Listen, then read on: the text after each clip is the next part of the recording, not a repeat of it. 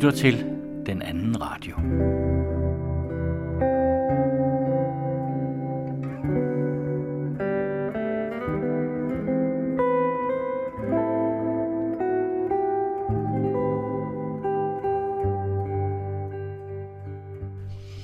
Velkommen til den anden radio her i april måned, og med Geomets som indgang med den ugenlige klumme Intermezzo. Frederik V kom til verden i disse dage for 300 år siden og døde af druk 42 år efter. Den franske billedhugger Salis rytterstatue på Kongens Nytorv fremstiller en lavbærkranset almægtig romersk imperator uden blister i ansigtet og rindende øjne. En af de fineste rytterstatuer i verden fremstiller bag paraden en magthaver, næppe ædru længe nok til at sidde på en hest. Statuen stod først færdig efter kongens død og fremstiller systemet enevælden, ikke personen. I disse dage, med beskeden fejring af Frederik 5., der uden veje promille over det livsfarlige måske kunne være blevet en god konge, drøftes, hvor længe den nuværende magtfuldkommende flertalsregering holder, eller om også den er et egentligt system. Ingen kan forudsige, om SVM-konstruktionen holder, eller om partiegoismen en dag slår hul i bunden af spanden. Men det er ikke sandsynligt. Den holder nok valgperioden ud. Måske længere. I det sjette program i serien om grænselandshistorier besøger den anden radios Jørgen Johansen og nu afdøde Finn Slumstrup den anden side af grænsen ved Kruså, nemlig Flegård ved Flensborg Fjord, og lige i nærheden ligger Kovermøllen og Kovermøllemuseet, hvor de taler med Bodo Dets på Kovermøllemuseet. Det antikke Grækenland er ikke et land i nutidig forstand. Det oldgræske landområde bestod af en lang række bystater, der havde egen forfatning og territorial grænse. Der var så at sige mange stater i det samme land. Bystaten var selvstyrende, men ikke nødvendigvis uafhængig. Og hvordan man skal forstå denne bystatskonstruktion, bliver vi klogere på i dette første afsnit af En verden af bystater.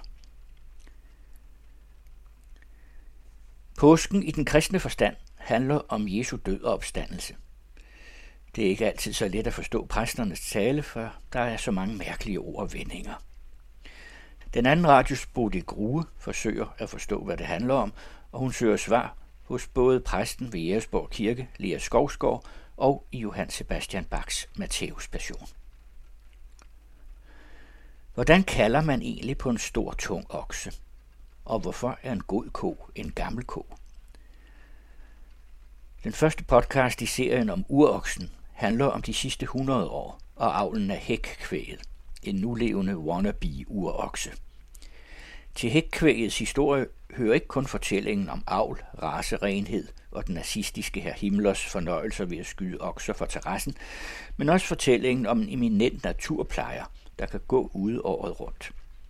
Vi skal sammen med dyrepasser Mia Carlsen møde uroksens fjerne efterkommere i den levende fortid i savnlandet Lejre, tæt ved Roskilde på Midtjylland. Dyrene har en vigtig rolle i museets formidling af forskning og fortid, ligesom de er en levende del af naturplejen. Komponisten Martin Hall og forfatter Søren E. Jensen præsenterer det andet program i serien 1970-1979, som denne gang dermed er nået til året 1971. Udsendelsesrækken præsenterer lytterne for en række nedslag og stemningsbilleder, samt et væld af historier fra og om perioden, der af en norsk barokgruppe er blevet kaldt årtiet, som den gode smag glemte. Musikalsk skal der tale om både popsange, som man havde glemt, om klassikere og eksperimenter, der kun kunne se dagens lys i 70'erne. Året har 16 måneder, hedder en almanak, som digteren Henrik Nordbrandt har lavet sammen med journalisten Jens Winter, begge nu desværre afdøde. Bogen har fået navn efter Nordbrands nærmest folkekære digt om november, november, november, og for fjerde gang november. Derfor har året 16 måneder. I denne uge fortæller de om april måned. Symbolismen i dansk litteratur affødte i 1890'erne nogle nye genrer, blandt andet den lyriske allegori, som for eksempel Sofus Clausen og Viggo Stuckenberg fik præget. I denne uge skal I høre Clausens lille kortprosastykke Valmue og Lærk, som i hvert fald på overfladen handler om en ung Don Juans møde med to kvindetyper i to dertil passende landskaber. Anne Eisensee har let mange steder i verden i folkemusikkens dyb efter sange og syngemåder og musikinstrumenter, der kunne inspirere hende til at finde sit eget musikalske udtryk. Indien, Bulgarien, Grækenland, Norden er nogle af de steder, hun har besøgt og deltaget i workshops og opsøgt lærere.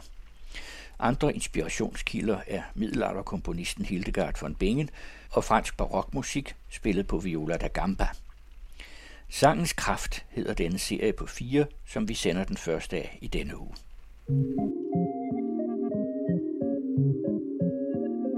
Den anden radio. I dybden, i bredden, i højden. Public Service Radio om kultur og samfund. Her er nu først det ugenlige intermezzo. Den 31. marts er det Frederik 5.'s runde fødselsdag. Frederik kom til verden 1723 og døde af druk 42 år senere. Det meste af hans regeringstid var han indisponeret, som bortset fra drikkeriet gik med uafbrudt fest og fornøjelser. Dertil rigelige seksuelle, nu er der voldelige overgreb ude i byen, samt avl af seks legitime børn med to på hinanden følgende dronninger, samt fem illegitime med den adlede Madame de Hansen. Frederik var søn af Christian 6. og dronning Sofie Magdalene. Hver for sig til sammen fik de pietismen i den gale hals og anvendte den enevældige magt til at afspore livsglæden og lukke teatret og andre forlystelser i den lille kedelige danske hovedstad. Da Christian om sider døde, vågnede danskerne op til død.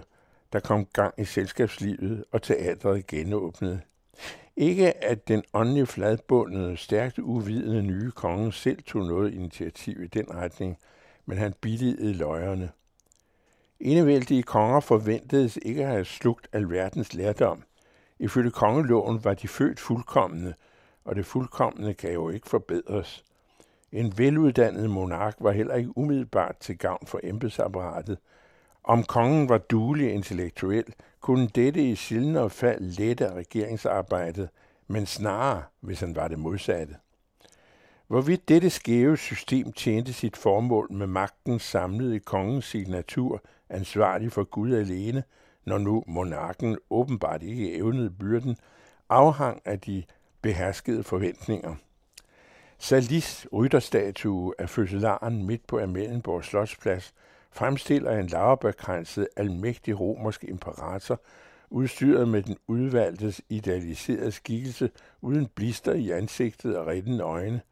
En af de tre fineste rytterstatuer i verden. Den fremstiller bag paraden en designeret magthaver, næppe ædru længe nok til at sidde på en hest. Pragtværket der først stod færdig længe efter Frederiks død, da folk havde glemt det værste om kongen, fremstiller ikke personen, men systemet enevælden, hvor et snævert embedsværk med forstand på stort og småt havde mest gavn af modelig indblanding fra Guds stedfortræder. Den besindige lensgreve Adam Gottlob Moltke, der helst ville have været amtmand på det fredelige Møn, var således, da pligten kaldte, fornøjet med, at magten var kapslet inde i en drukkenbold, hvis interesse for statssagerne indskrænkede sig til det omfang, der lettede hans egen adgang til flere udskejelser, og ellers ikke var af ond vilje i vågne øjeblikke godhedsfuldt glad ved undersåtternes ved og vel. Hvorledes et sådan system lader sig gøre, og det blev jo derefter, kan besvares i dets begrænsede holdbarhed – fra 1660 til 1849. Reelt vurderet var enevældens udløbsdato stemplet længe ind før afskaffelsen. Systemet kørte på pumperne i 6. Frederiks forbenede regime, af 8. Christians bredbringede Biedermeier kun holdt kunstigt i live. Til sidst nås den kritiske masse, og alternativet fortrænger det ufortrængelige, eller revolutionen flammer op og hovederne ruller. I disse dage med beskeden fejring af Frederik 5., der uden den hæftige promille måske kunne være blevet en bedre konge, drøstes, hvor kort tid den nuværende magtfuldkommende flertalsregering holder, eller om den er et egentligt system. I årtiers vane med mindretalsregeringer fægtende sig frem fra hus til hus, har SVM-regeringen i hvert fald skabt et regime.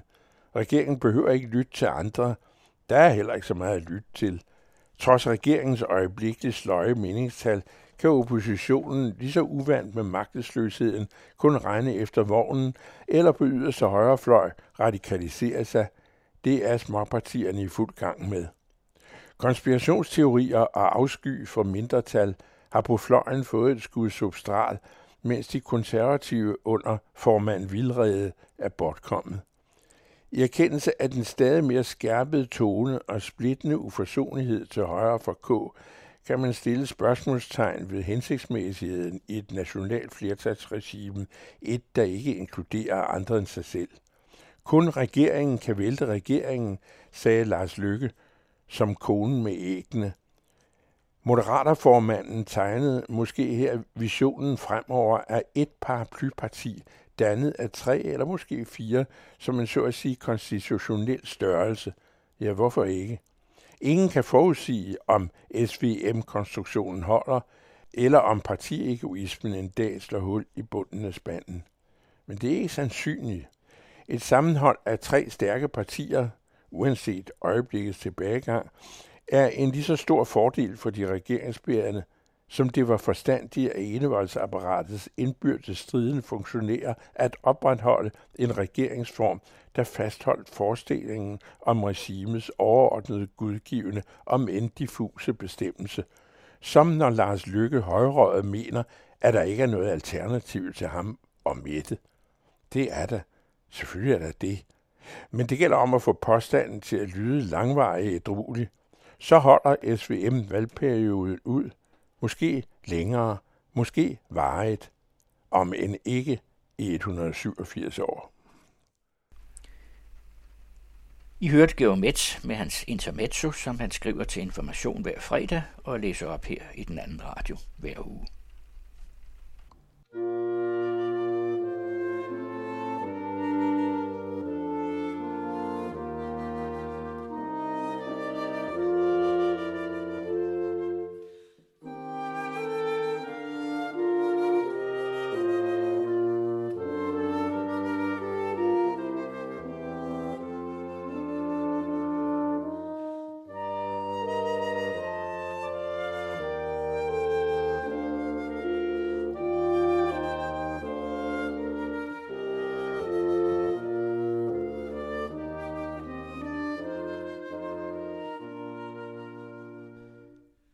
Velkommen til Grænselandet, og velkommen til det sjette program i serien Grænselandshistorier, der produceres med tilskud fra Grænseforeningen, og hvor jeg, Jørgen Johansen, besøger en række erindringssteder mellem Kongeåen og Ejderen sammen med Finslumstrup. Lige på den anden side af grænsen ved Kruså ligger Flækgård ud til Flensborg Fjord, og lige i nærheden ligger Kovermøllen.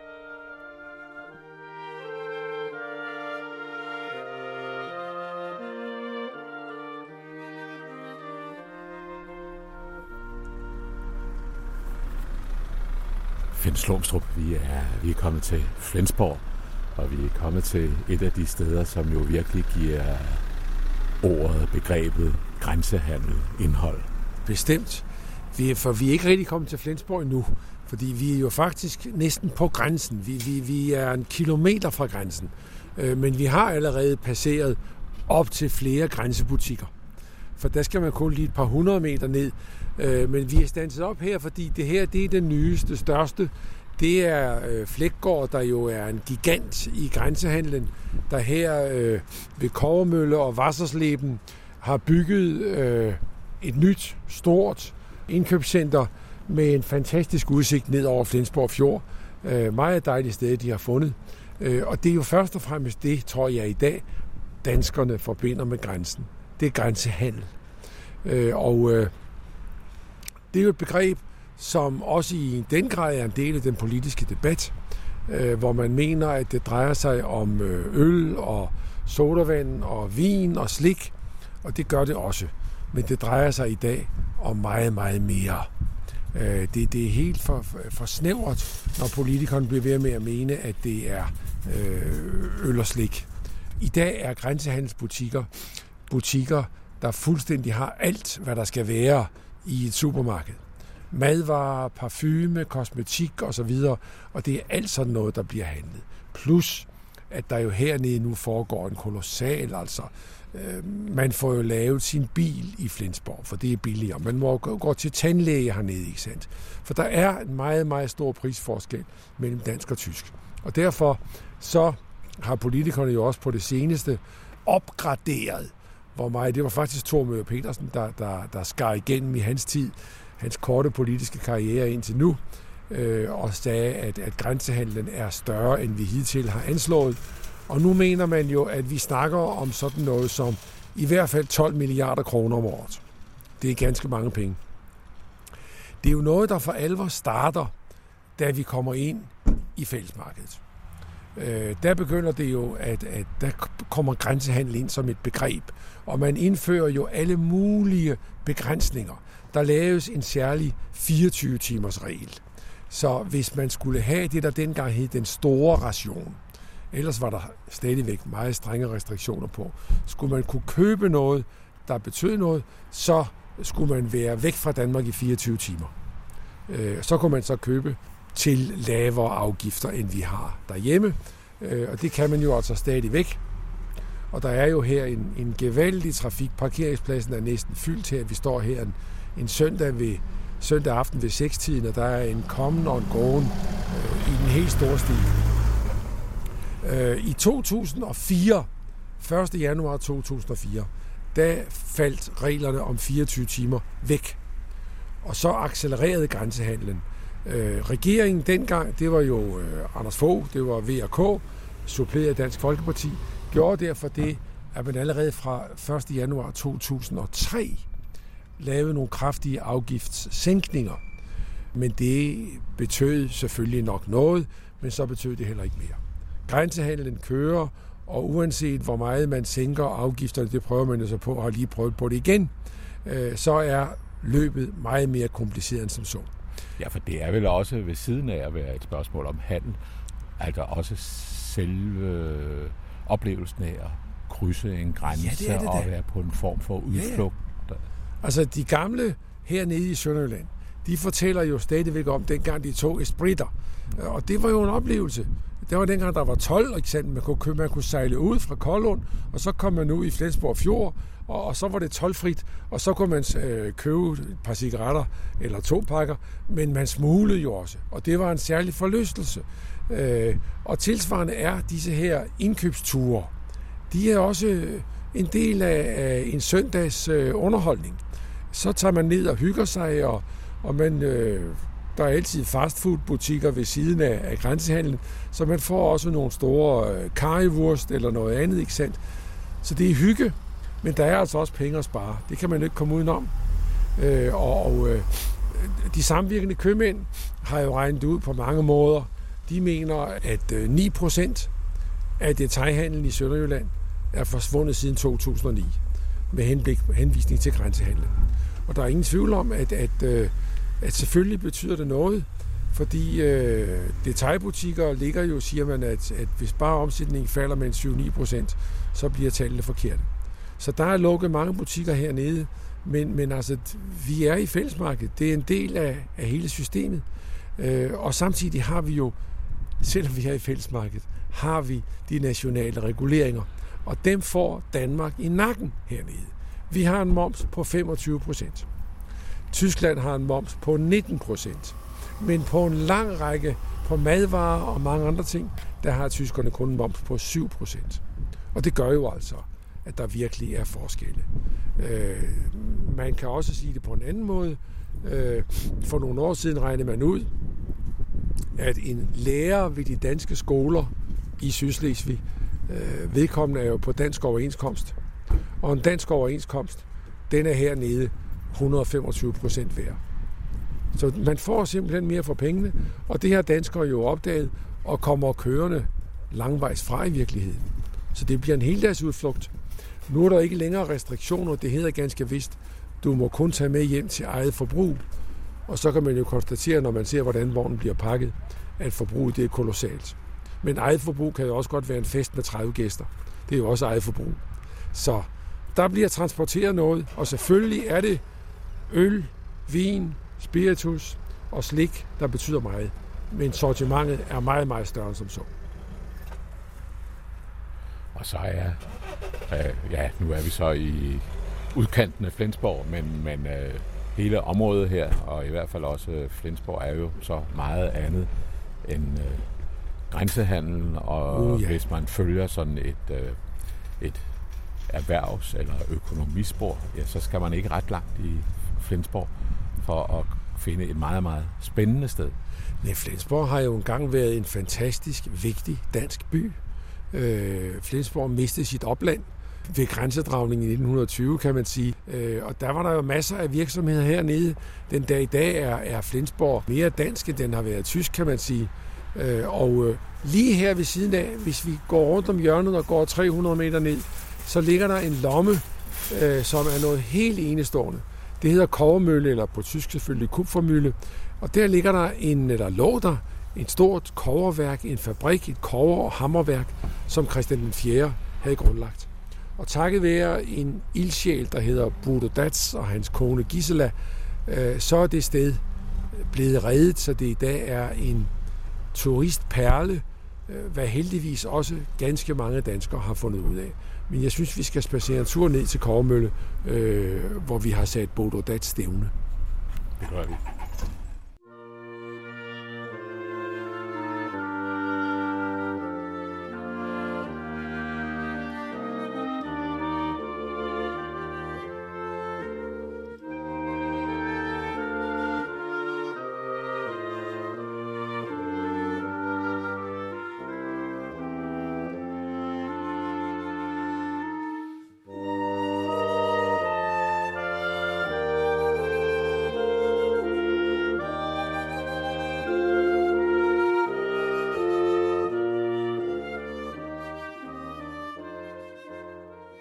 Jens Lovstrup.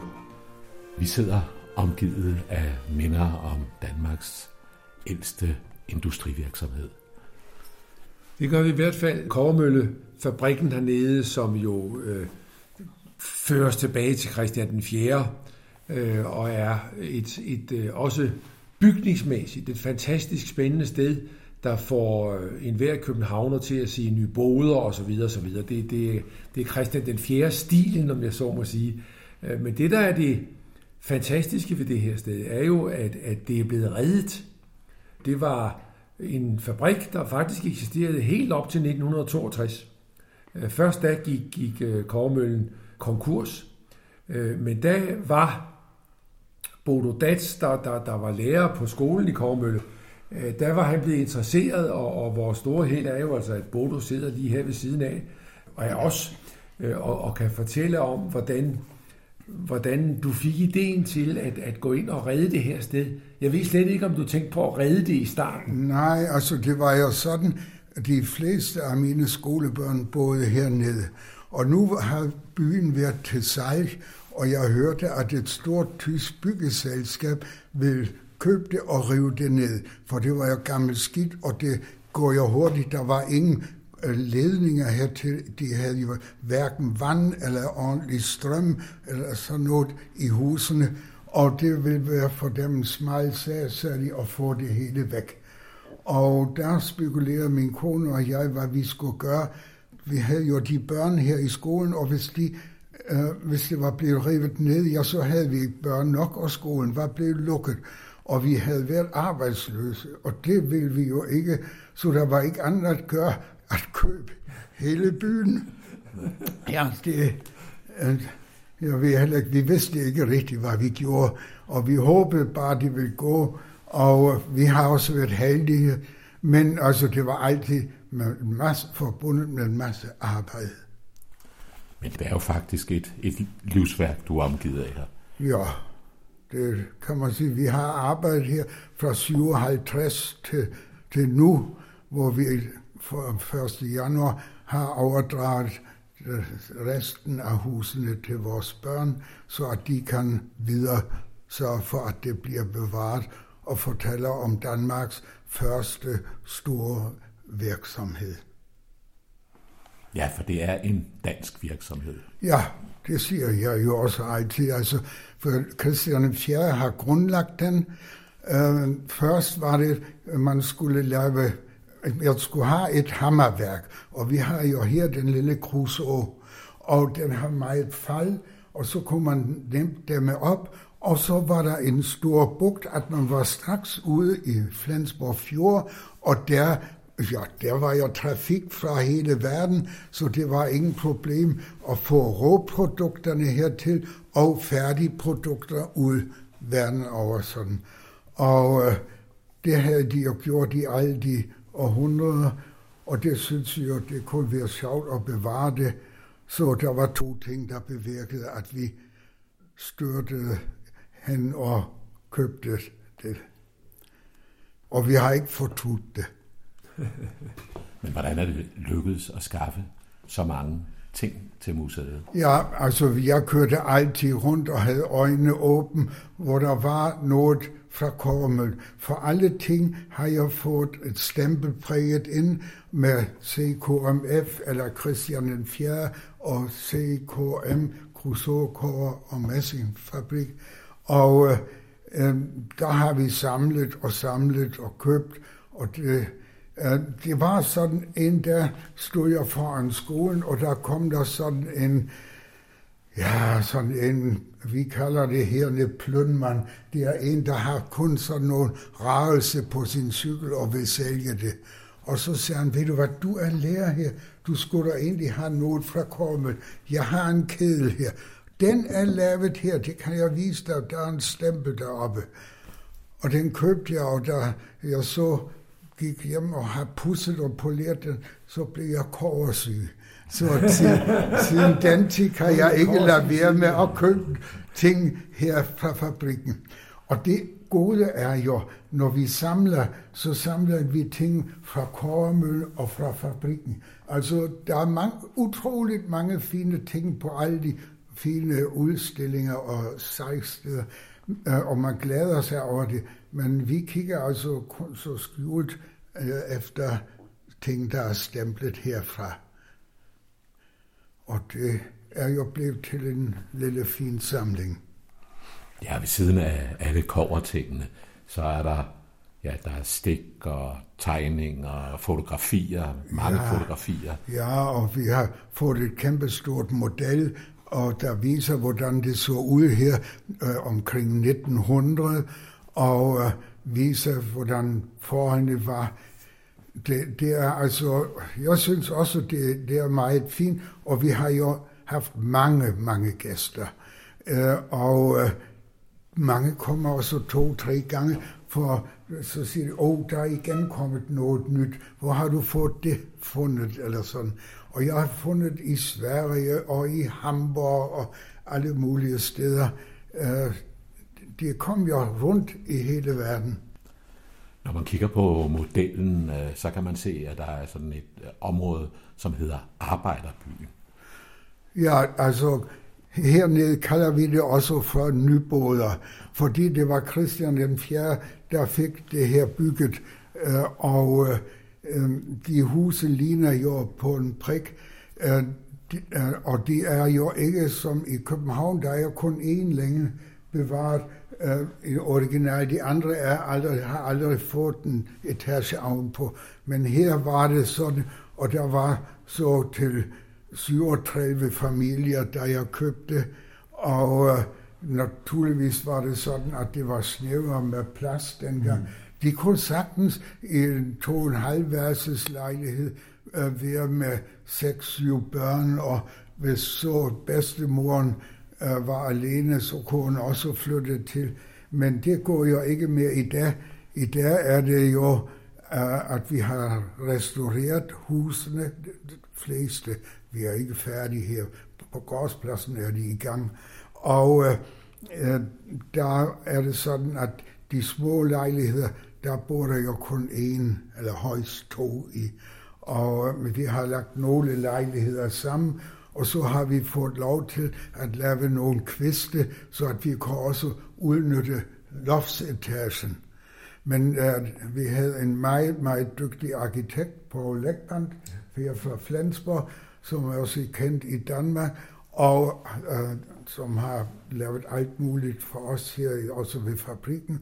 Og uh, han har fundet ud af, hvordan det kunne lade sig gøre at lægge to lejligheder sammen, uden at der bliver ødelagt noget. Og alle steder er det med trægulv og bjælkeloft, som fører. Så det er rigtig øh, efter den gamle stil.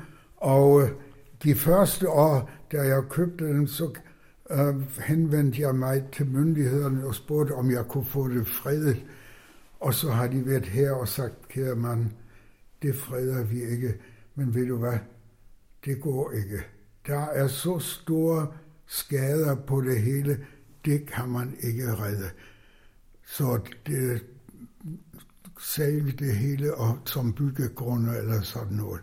Og øh, vi kan ikke hjælpe, så jeg fik ingen hjælp. Men øh, så har vi selv gjort noget, og de folk, der boede der i, de var jo glade for deres lejligheder, og så hjalp de med, så øh, havde jeg altid hjælp til de ting, vi lavede. Og i 1990, der fik jeg engang en bevilling til at kunne restaurere den midterste blok, det kom fra landet Slesvig-Holsten og fra den tyske regering i Berlin, og det var vi også, er vi stadigvæk meget glade for, at vi fik det ordnet. Men da vi så, det blev lavet en plan ved landsregeringen i Kiel, det hele skulle være i tre etapper. De havde lavet en Lex States, og så begyndte vi med den midterste, det var den største der, og øh, ja, så kom genforeningen, og så var der ikke flere penge. Nej. Sådan er det. Hvilken rolle spiller det for dig, at det er et, et stykke Danmark, der Og det er bevarer? meget, meget vigtigt. Jo. Hvorfor? Ja. ja. Hvad skal jeg sige? Vi vil ja gerne bevare det danske og kæmper for det. Vi har haft så meget modstand. Vi har altid sagt, det er dansk. Der kommer jeg i tusindvis af mennesker hernede fra Sydtyskland. Hvorfor har I alt på dansk her? Ja. Jeg siger, det er gammelt dansk land. Og så kommer der nogen fra Danmark og siger, hvorfor har Christian 4. bygget en fabrik helt i Tyskland?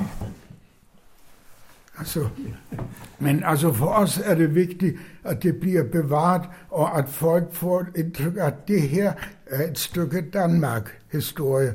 Og nu siger de jo, at grænsen spiller ikke så stor en rolle, men, øh, og jeg vil jo også gerne bevare skolen, og alt det, det har vi så kæmpet for, og det skal jo også gerne blive bestående. Og alt det her, øh, opbygning af museet, så det har vi betalt privat.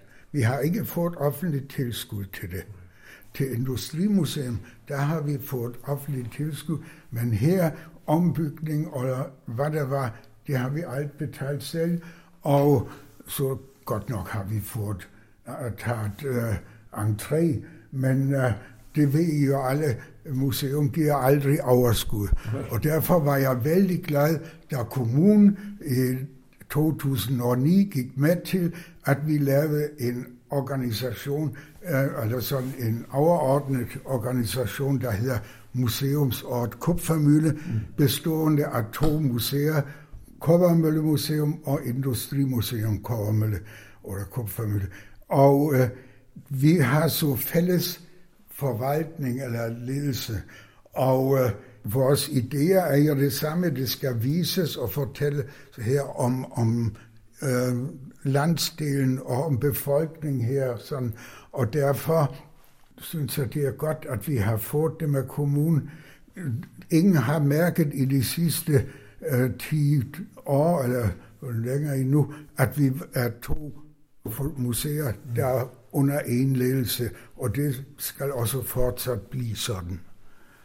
Og vi har mange gode medhjælpere, øh, der viser rundt, og de er alle dygtige til dansk og tysk, og øh, gamle lærer fra Duerskolen, vores præst Preben, Mogensen, og øh, også altså folk, der synes, det er en fantastisk idé, jeg vil også lave lidt, og sådan, og de kommer, og, og så øh, laver de rundvisninger.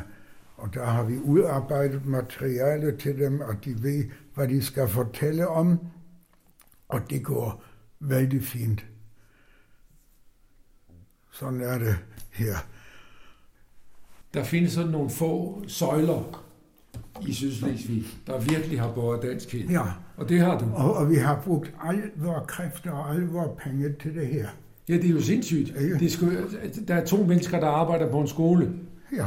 og så ved siden af at passe det arbejde, Ja. gør I det her. Og så voksede skolen, og Ja. det var jo også det gode, og vi blev flere lærere, og så blev jeg 1990 pensionær.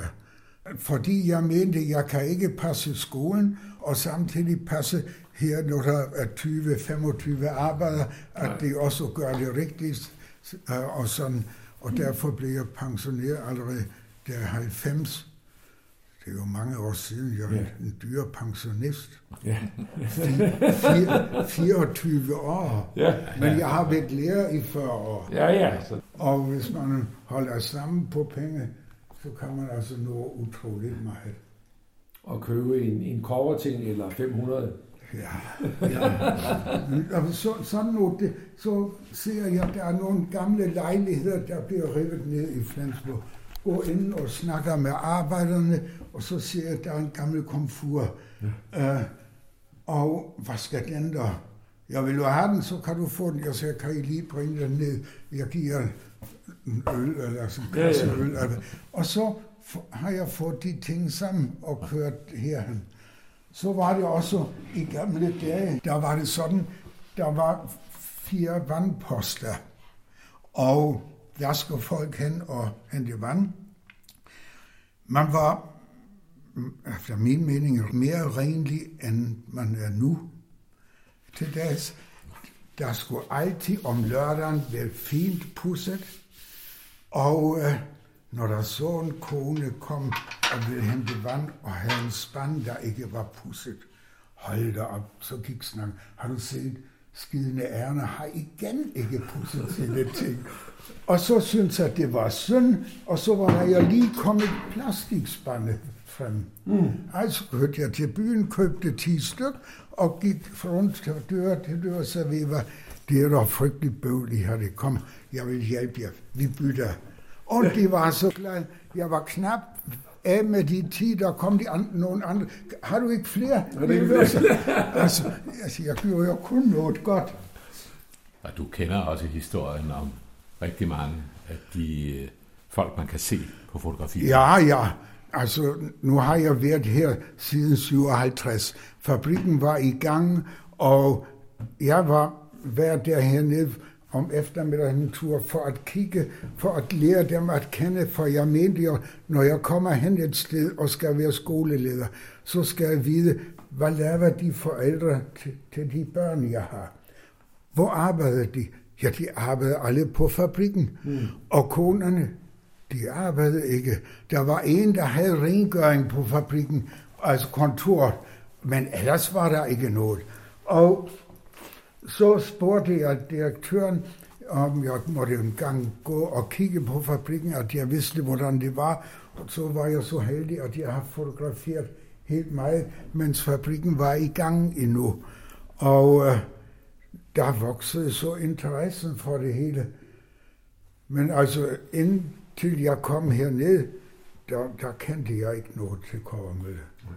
Men så har vi jo, ach, nej, det er jo ikke Kårmølle, men så er det jo kun en kilometer herfra. Vi har et andet historisk sted, Wasserslebe, hvor Joachim Wasserslebe, den konferensråd under Frederik den 5., havde bygget sit hus til øh, da han skulle forlade landet på grund af Strunersø. Og øh, det har vi også restaureret og sådan. Jeg har egentlig hele mit liv altid restaureret og restaureret, så jeg bliver aldrig færdig. Men det er sjovt, og hvor min kone er med, for det går kun, når hun trækker i samme Ja, lomme. ja så vil ikke gå Og børnene, de synes også det samme. Ja. de har altid hjulpet med, når de var i Danmark og læste og kom hjem om lørdagen, så et øjeblik efter, så hvad skal vi hjælpe, hvad skal vi gøre, for nu er vi her igen. Fordi de var opvokset med alt det der, med også de historier og sådan. Og så var det, jeg, jeg var jo efterhånden kendt, at jeg købte ting ja. Øh, fra Kormøl. Jeg kunne jo ikke gå hen, så steg det jo straks i prisen. Så jeg sendte mine børn afsted, og så, og jeg, og de skulle købe et eller andet. Deres far, øh, jeg fik, han er så mærkelig, han samler sådan noget. Øh, hvad hedder det egentlig, det her? Ja, det er kover. Ach ja, ja, sådan noget. Det tror jeg, han samler. Har I ikke sådan noget? Og sådan på den façon. Jamen, så, så hvis man alt skal betale sådan, som de straks forlanger, så ja, ja, er man jo straks fattig. Bodo, hvor, hvor, er, hvor er børnene henne nu? Ja, altså en datter bor, bor hernede, og hun er også formand, eller næstformand i Sydslesvig Forening, og alt har været formand i skolen, for skolen. Vores søn bor ved siden af os i Wassersleben. Ja, ja. Øh, der må jeg så, og der, han har fået det store hus. Vi havde restaureret Wasserslebes hus, og så var det jo en gang, at dronning Ingrid, øh, eller, ringede, eller hendes hofmaskal ringede, hun ville gerne besøge os og se på huset. Og så var det hun helt eftermiddag der med to hofdammer og hofmaskal, og vi skulle fortælle om alt det. Så det er jo også et stykke historie, Danmarks historie. Ja. Det var også glemt. Ingen huskede mere, hvad det var, og det hus skulle også rives ned. Så købte vi det. Og sådan er det blevet ved.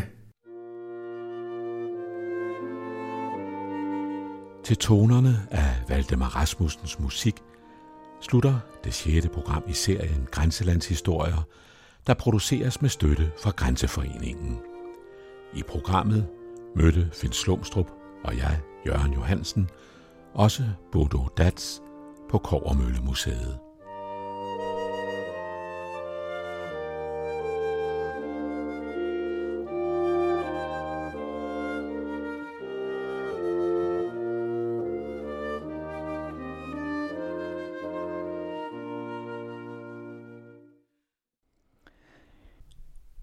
Den anden radio bringer nu udsendelsen En verden af bystater. Første afsnit tager udgangspunkt i, hvordan de oldgræske bystater både kunne opretholde et selvstyre og samtidig være dybt afhængige af de omkringliggende stater.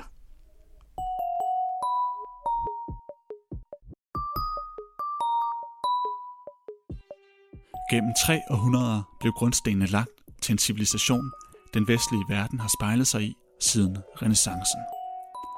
Med sin klare marmoræstetik fremstår det antikke Grækenland som et billede på en uspoleret samfundsform, og den dag i dag bliver den oldgræske verden stadig set som arnestedet for den vestlige kultur. Men under hvilke omstændigheder blev denne højt besungne kultur til? I sin indledning til Polis, den oldgræske bystatskultur, skriver antikhistoriker og filolog Mogens Hermann Hansen, at bystaten som stats- og samfundsform er grundlaget for hele den græske kultur. Og implikationen af denne påstand er, at man kun kan forstå den græske kultur, hvis man forstår den samfundsform, grækerne levede under, nemlig polis. Men hvad er denne polis for en størrelse, og hvordan kan vi bedre forstå den oldgræske kultur gennem dens bystats indretning? Gennem seks udsendelser taler jeg med nogle af landets førende forskere for at forstå denne verden af bystater. I denne udsendelse interviewer jeg lektor i antikhistorie Thomas Heine Nielsen ved Københavns Universitet om den oldgræske bystatsindretning og selvstyre. Mit navn er Mikkel Skovgaard.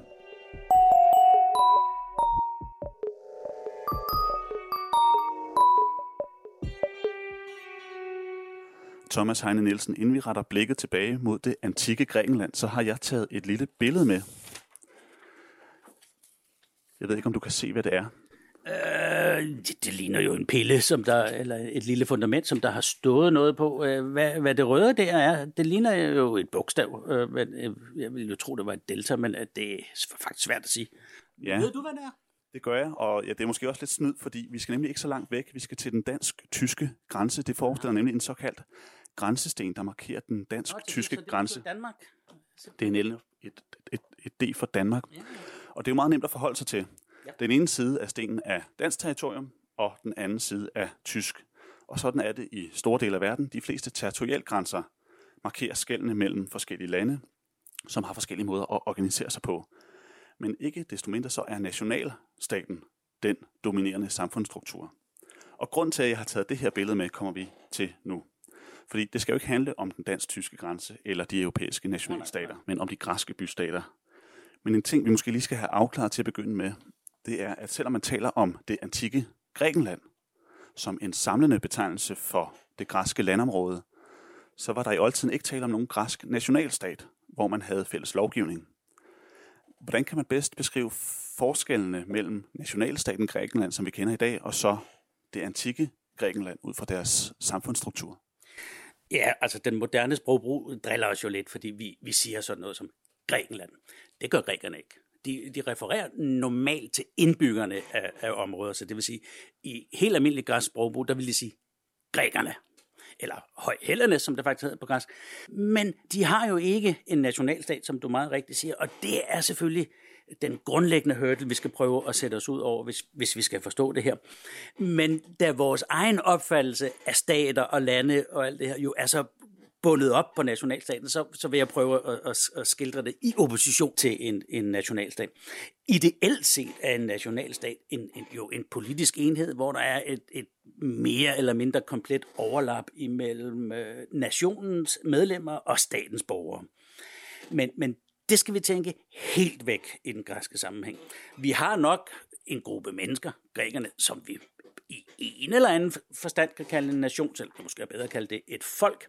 Men dette folk havde jo aldrig på noget tidspunkt i den egentlige græske historie en overordnet politisk struktur, der indbefattede samtlige medlemmer af folket. Derimod var der jo et utal af, af det, vi kalder mikrostater.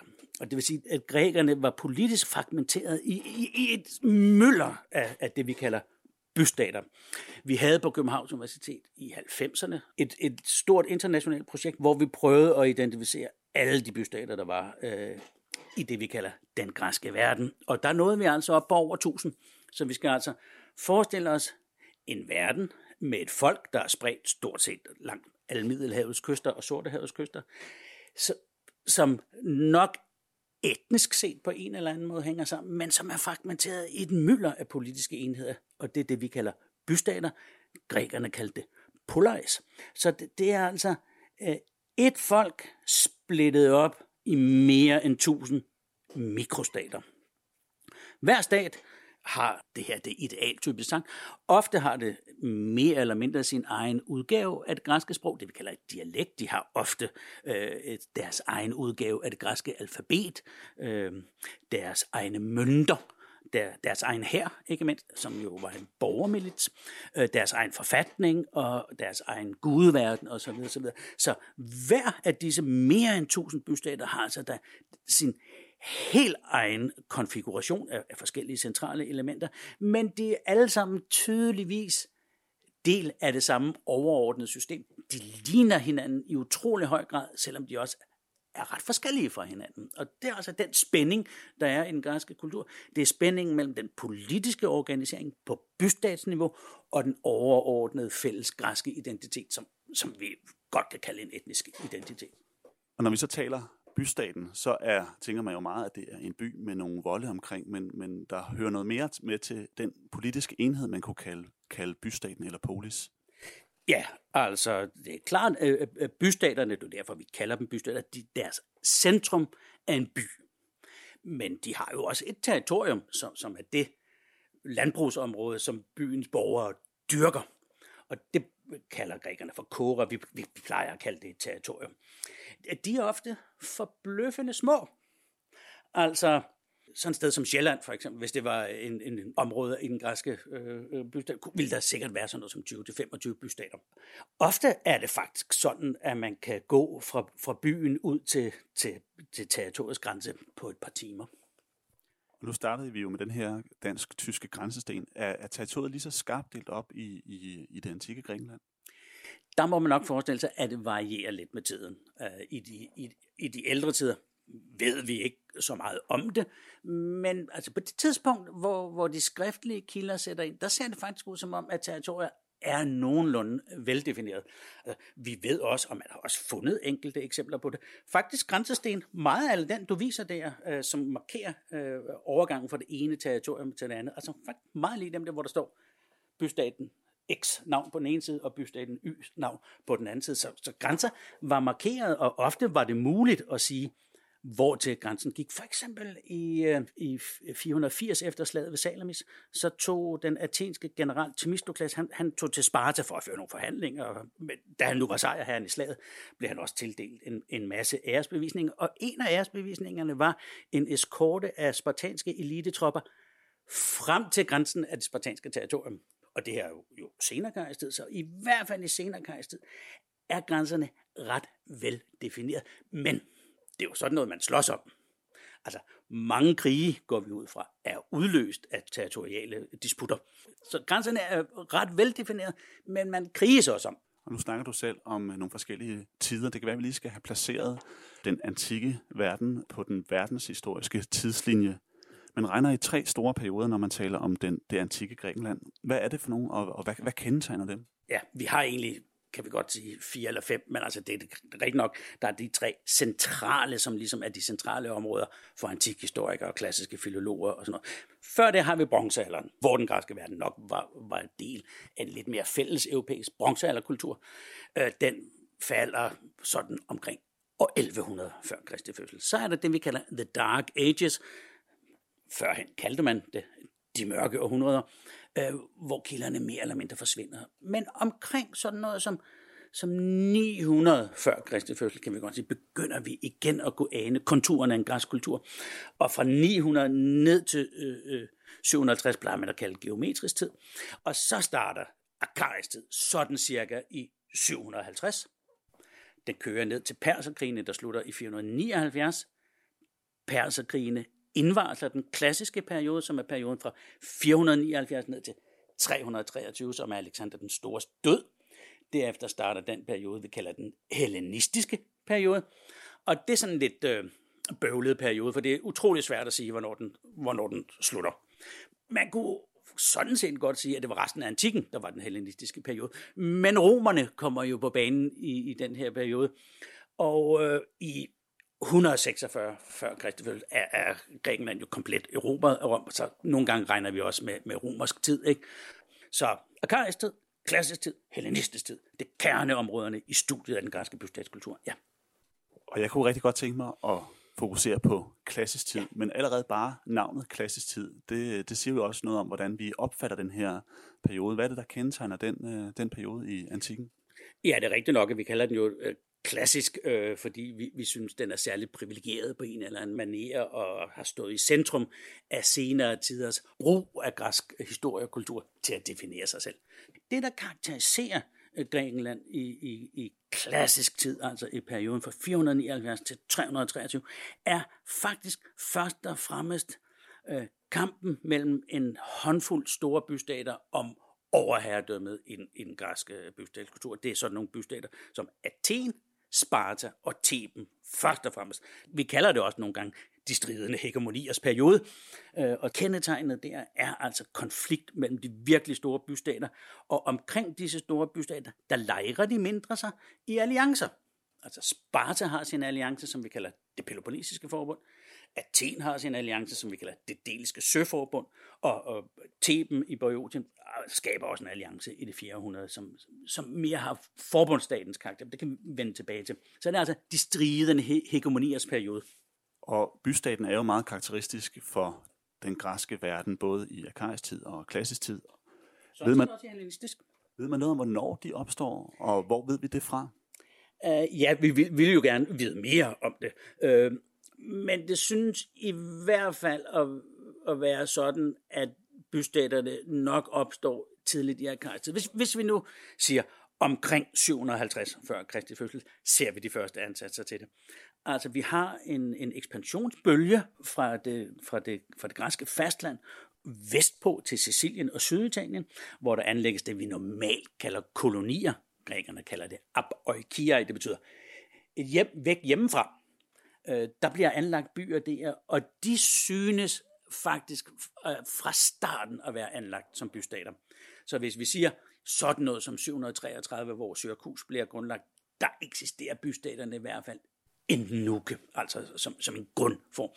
Det, der så nok sker, det er peer polity interaction, altså at de fors- forskellige grupperinger rundt omkring begynder lige så stille og roligt at spejle sig i hinanden. Men hvis vi siger omkring 730, øh, der opstår det. Vi kender dem jo sådan set ikke fra samtidigt kildemateriale, altså hvis vi nu tænker på det skriftlige materiale, der er jo arkeologisk materiale, der går helt øh, tilbage til grundlæggeren, for eksempel i Syrkus. Så er det sådan set senere skriftlige kilder, der udtaler sig om, at dengang skete det og det og det. Men grækerne var også ret øh, flinke til, at pleje at sige, de var ret flinke til at hugge forskellige statsakter ind på sten. Det er det, vi kalder indskrifter, og det var simpelthen den måde, man massepublicerede på i oldtiden. Så skrev man en tekst op på en sten og stillede den et sted, hvor man regnede med, at folk ville se dem. Og fra 600-tallet begynder den slags indskrifter på sten at dukke op på Kreta som viser fungerende bystater, som også i øvrigt kalder sig selv bystater, og er organiseret på en genkendelig måde. Så fra 600-tallet har vi dokumentarisk materiale til at etablere det her. For den tidligere periodes vedkommende bygger det altså på øh, senere kilders udtalelser om, hvad der kan være sket, og arkeologisk materiale.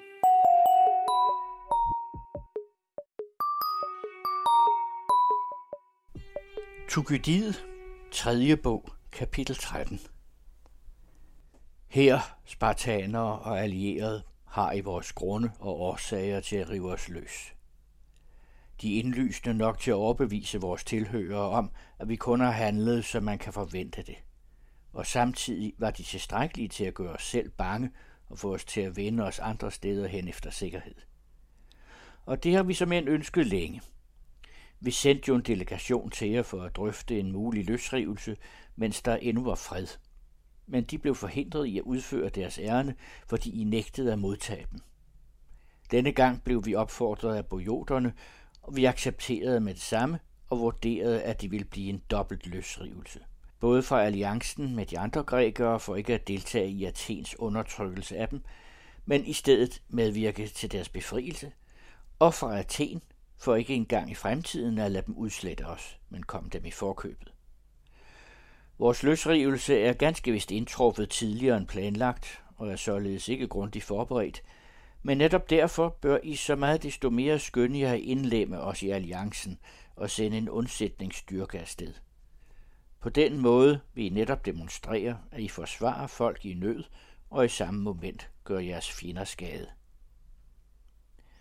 Og I vil slippe af med den anklage, der nu hænger over hovedet på jer, for ikke at komme dem, der river sig løs til undsætning.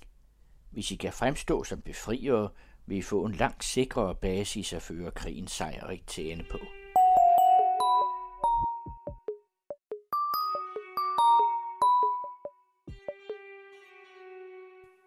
Thomas Heine Nielsen. Vi sidder her i Danmark og taler om noget, der ligger over 2.000 år og 2.000 km væk. Men som vi har været inde på, er det faktisk ikke så underligt. For der er nemlig en stolt tradition for at forske i det antikke Grækenland i Danmark, særligt i den oldgræske bystatsindretning. I perioden 1993 til 2003 ledede antikhistoriker og filolog Mogens Hermann Hansen det københavnske Poliscenter, der havde til formål at lave en altomfattende sammenligning af de kendte græske bystater. Ja. Og ud over en lang række værker og artikler er der blandt andet kommet denne lille grønne bog. Ja, den lille grønne. Hansens lille grønne. Lige præcis.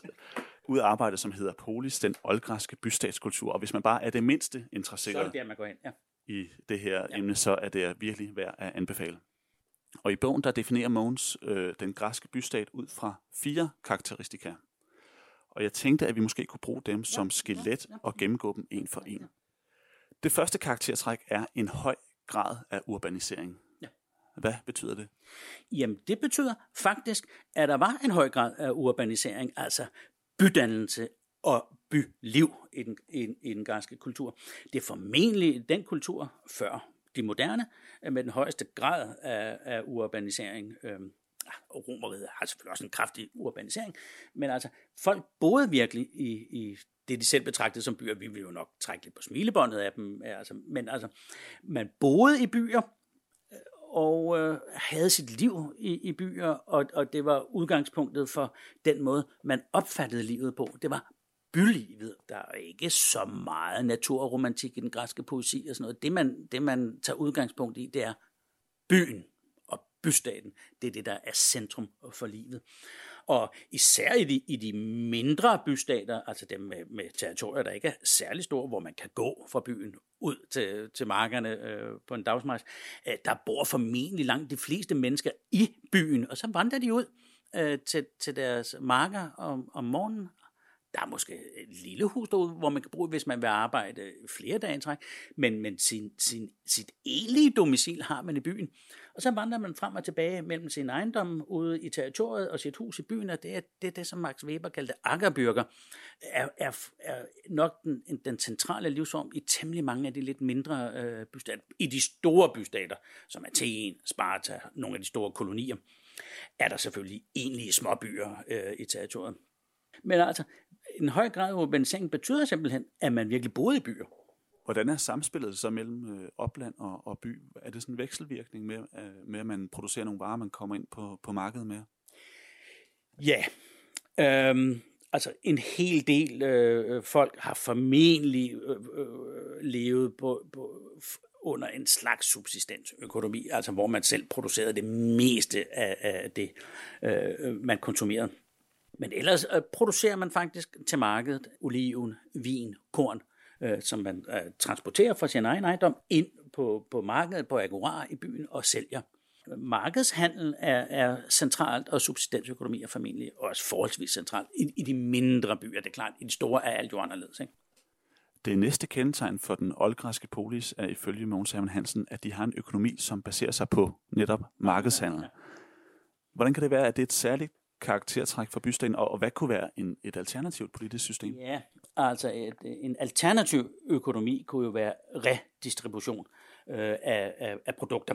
Og det er formentlig det, man ser i de store paladser i bronzealderen, øh, hvor man har virkelig en ekstremt centraliseret økonomi, hvor øh, øh, paladset øh, i, i, i et område suger den overskydende produktion fra, fra hele territoriet til sig, og det lagres og deponeres i, i, i magasiner øh, på paladset og redistribueres så ud til befolkningen. Det forudsætter jo en virkelig, virkelig central politisk magt den har man nok ikke længere i bystaterne, øh, øh, som jo ikke længere er, er centralistiske monarkier, men i højere grad republikanske øh, statsformer. Og øh, øh der er en hver herre over sin egen produktion og, og, og kan disponere over den. Der er ikke andre, der opsuger overskuddet af din produktion og din arbejde. Det tredje kendetegn ved den antikke bystat er noget, som de fleste nok har stiftet bekendtskab med før, nemlig sammenhængen mellem øh, de græske bystater og en anden form for republikansk forfatning, som giver borgerne en grad af medbestemmelse. Hvordan fungerer det, og gør det så gældende for alle de græske bystater? Altså, i den græske bystatskultur, der tages beslutninger i, i beslutningstagende forsamlinger. Og, og det hænger jo i nogen grad også sammen med fraværet af, af monarker. Så tager man altså beslutninger efter debat på forsamlinger ved afstemninger. Og øh, her handler det jo om, hvor mange der har adgang øh, til de beslutningstagende forsamlinger. I nogle bystater, øh, for eksempel Athen, er det alle frie mandlige borgere. Det vil sige, hvis, hvis, hvis blot du er født athener, og det vil altså sige, at din far og din mor var athener, så bliver du automatisk borger i staten og har adgang til de beslutningstagende forsamlinger. I andre bystater kan forsamlingerne være sammensat efter andre kriterier. I oligarkier, øh, siger Aristoteles, er det jo typisk sådan, at der er en eller anden formuesensus, altså det vil sige, at man skal eje så og så meget for at få adgang øh, til de beslutningstagende forsamlinger, eller man skal eje jord, eller sådan nogle ting eller skal have været soldat. Så det varierer lidt fra bystat til bystat præcis, hvilke krav der er til, at du er en fuldgyldig borger. Men det er altså aldrig sådan, at slaver eller kvinder har adgang, og, og, og unge mennesker heller ikke. Man skal, man skal være voksen. Så det hænger altså sammen med, hvordan man definerer statsfolket. Og inden for statsfolket, hvem har så adgang til forsamlingerne? Det er det, der er, er virkelig karakteristisk for de her republikanske statsformer. Vi har, vi har skrevet lidt sammen øh, forud for optagelsen her. Ja. Der havde jeg nemlig skrevet demokratisk organisering, og så sagde du, at oh, du synes, at republikansk øh, forfatning vil være en bedre beskrivelse. Er det netop fordi, at det ikke er, er alle øh, indbyggere, som har ret til at stemme, eller, eller hvorfor er det en bedre betegnelse end... Jo, men det er jo fordi, øh, at en, et oligarki jo også er en modsætning til et monarki. Altså et, et oligarki kan jo, kan jo enten være eksklusivt eller bredt funderet. Altså bredt funderede oligarkier er måske ikke nemme at skælne for snævert definerede demokratier. Der er selvfølgelig en glidende overgang mellem, mellem de her. Ikke? Så jeg synes godt, man kan tage oligarkier med under republikanske øh, statsformer. Og i klassisk tid er det jo nok sådan, at cirka halvdelen af bystaterne er demokratier i en eller anden forstand, og halvdelen er oligarkier i en eller anden forstand. Men, men det vi ved mest om, er faktisk øh, demokratierne, altså de, de oligarkiske statsformer, at, at er desværre dårligere kendt.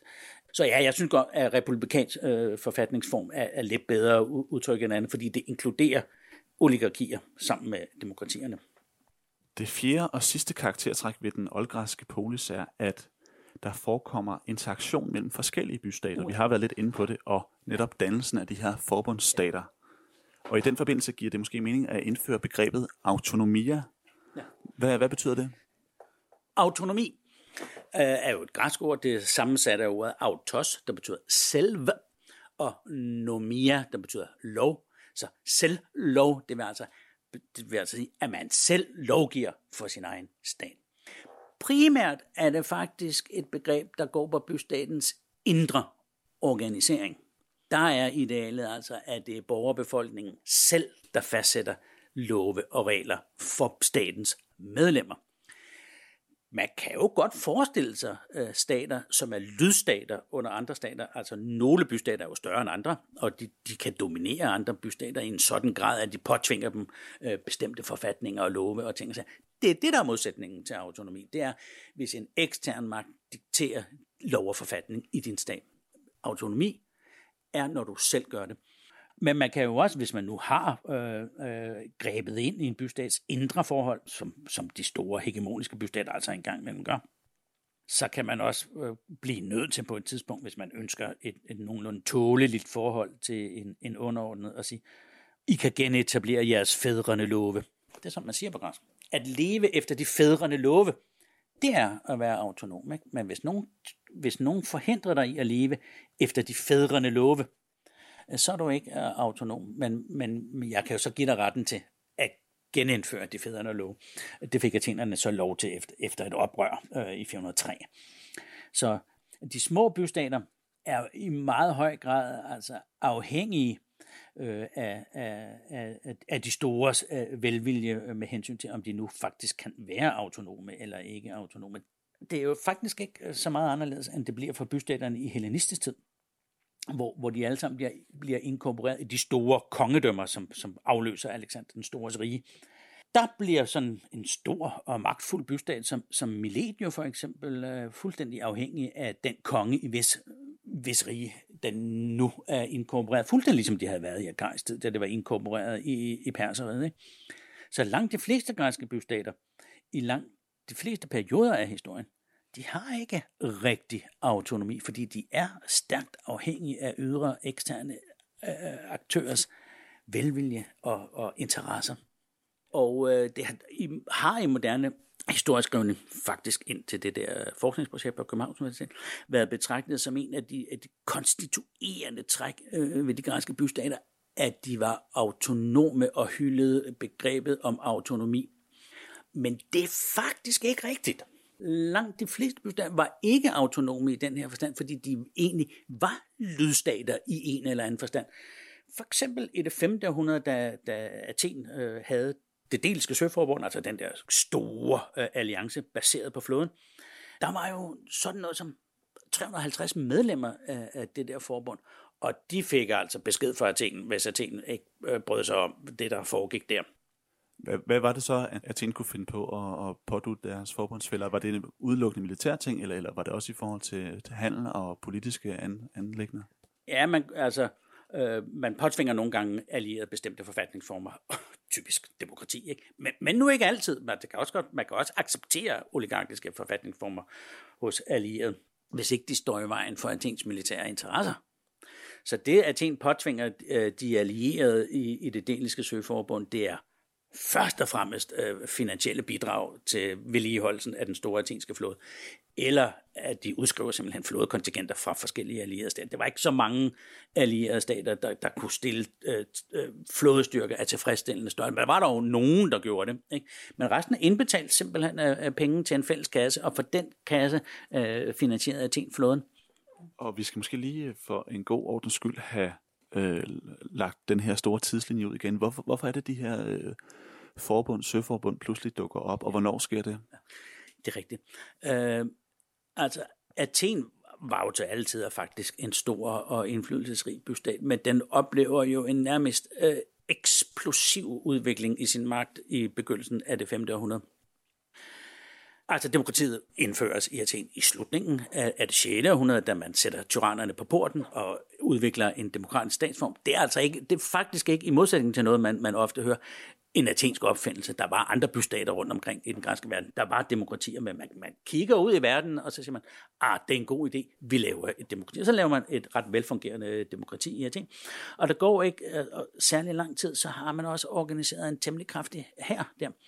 Og øh, den, den athenske hær, fra sådan noget som 508 til 490, vinder nogle ret store og spektakulære sejre. Det er altså en, en fodfolkshær, en landhær. Blandt andet slaget ved Marathon over, over, over en persisk invasionsstyrke, der kommer der. Men denne persiske invasionsstyrke kommer jo tilbage i 480, og der slår 31 græske bystater sig sammen under Spartas ledelse øh, og, og, og banker øh, den øh, øh, øh persiske invasionsstyrke der at den athenske flåde spiller en ret øh, central rolle i, i nedkæmpelsen af den persiske øh, invasion, fordi Athen havde allerede på dette tidspunkt en ret stor flåde.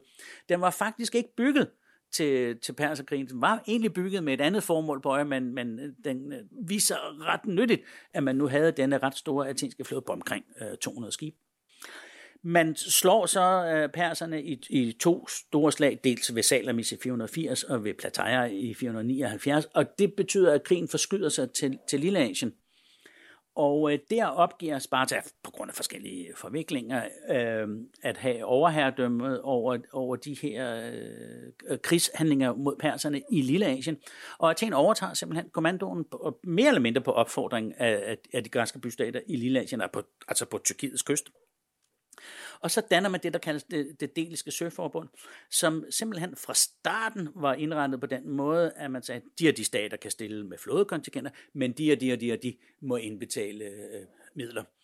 Så allerede i 478 har man altså dette søforbund, som bliver en lynhurtig udvikler sig altså til en massiv magt, og Athen sætter sig altså benhårdt på lederskabet af, af, af, af, af søforbundet, og, og det udvikler sig til det, vi kalder et athensk imperium. Det er derfor, at Athen er, er så magtfuld en bystat i det 5. århundrede, for det er sådan set baseret på en slags udbytning af, af, af de allierede i forbundet. Ikke? Men altså, altså, de blev jo ved med at eksistere, så det var jo ikke sådan, at de, at de blev slavegjorte eller, eller noget med, man opsuger en del af deres overskud til sin egen kasse. Det gør man. Kan man sammenligne lidt med, med NATO eller Varsava-pakten, det her med, at man ligesom indgår nogle, nogle mere små stater, indgår et samarbejde med, en større mægtig stat for at sikre sig, at, at fjenden på den anden side ikke kommer og tager en. Det er lige præcis øh, det, man gør nu. Helst ikke sammenligne med moderne forhold, men ja, altså disse alliancer, det er jo netop som regel en større, magtfuld og stærk bystat, der har en række allierede, som ser en klar fordel i at være ven. Det er det bedste at være venner med den stærke dreng i skolegården, ikke? så man ikke får tæv hele tiden. Og ingen af disse bystater vil jo have en chance over for Athen på egen hånd. Dem, der forsøger oprør, de bliver nedkæmpet altså, altså med rå magt. Og nu sidder vi her og kigger på et billede af den, af den græske verden. Og når vi sidder og kigger på kortet her, så kan det godt se lidt spøjst ud, når man kender øh, nutidens ja. Europakort, at landegrænserne ikke sådan er defineret ved søgrænsen, men at der ligesom er en lille tange hele vejen ned af Lille Asiens vestkyst, som er defineret som hørende til den græske verden, altså som en del af Athens allierede. Platon siger et sted i en af sine dialoger, at de græske bystater, de sidder øh, omkring Middelhavets kyster, ligesom frøer omkring et gadekær. Og det er ret karakteristisk. Vi ser bort fra, fra, fra Centralgrækenland, altså Peloponnes og Centralgrækenland med Attika og det der, så er det en kystbaseret kultur, hvor de græske bystater ligger langs med kysterne, og grækerne trænger først i hellenistisk tid ind i baglandet. Øh, forud for det er det altså en kystbaseret kultur, fordi der alle steder er virkelig stærke øh, imperiale statsdannelser i baglandet.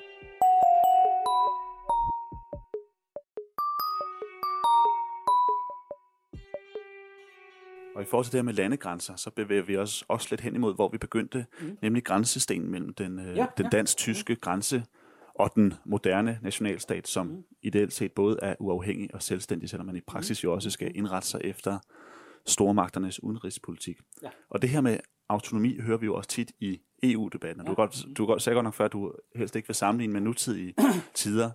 Det er ofte... Jeg ikke ved så meget om nutiden som om oldtiden. Det er selvfølgelig lidt pinligt, men, uh, så. men der bliver det ofte brugt som et, et argument, at nationalstaten med et eller andet nyt lovforslag kommer til at afgive ja. suverænitet. Mm, mm, ja. Ja, altså som jeg sagde tidligere, altså udvikler der sig fra det sene 6. århundrede med, altså med, med virkelig momentum i det 4. århundrede, øh, øh, forbundsstater øh, i den græske verden. Altså, den græske verden er jo, er jo opdelt øh, delt i alle kysterne der, men i, i den centrale græske verden er opdelt i det, vi kalder landskaber. Der er for eksempel Boeotien og Fokis og Lokris, Arkadien, Elis, Messenien, Attica og så videre, Thessalien øh, og Kalkidike. Og det, der sker der, det er, øh, her, her taler man for eksempel en let afvigende variant øh, af græsk, altså det vi kalder dialekter. Bystanerne derude har varianter af den græske kultur. Altså det, det, man kan godt betragte det som, som underetniciteter inden for en overordnet græsk identitet. Før eller siden sker der i næsten alle tilfælde det, at bystaterne i et sådan område, for eksempel i Arkadien her, danner en forbundsstat, hvor ideelt set alle, men meget ofte langt de fleste af bystaterne i sådan et område, hvor man deler denne underetnicitet af den græsk, overordnede græske etnicitet, de slår sig sammen i en, by, i en, i en forbundsstat.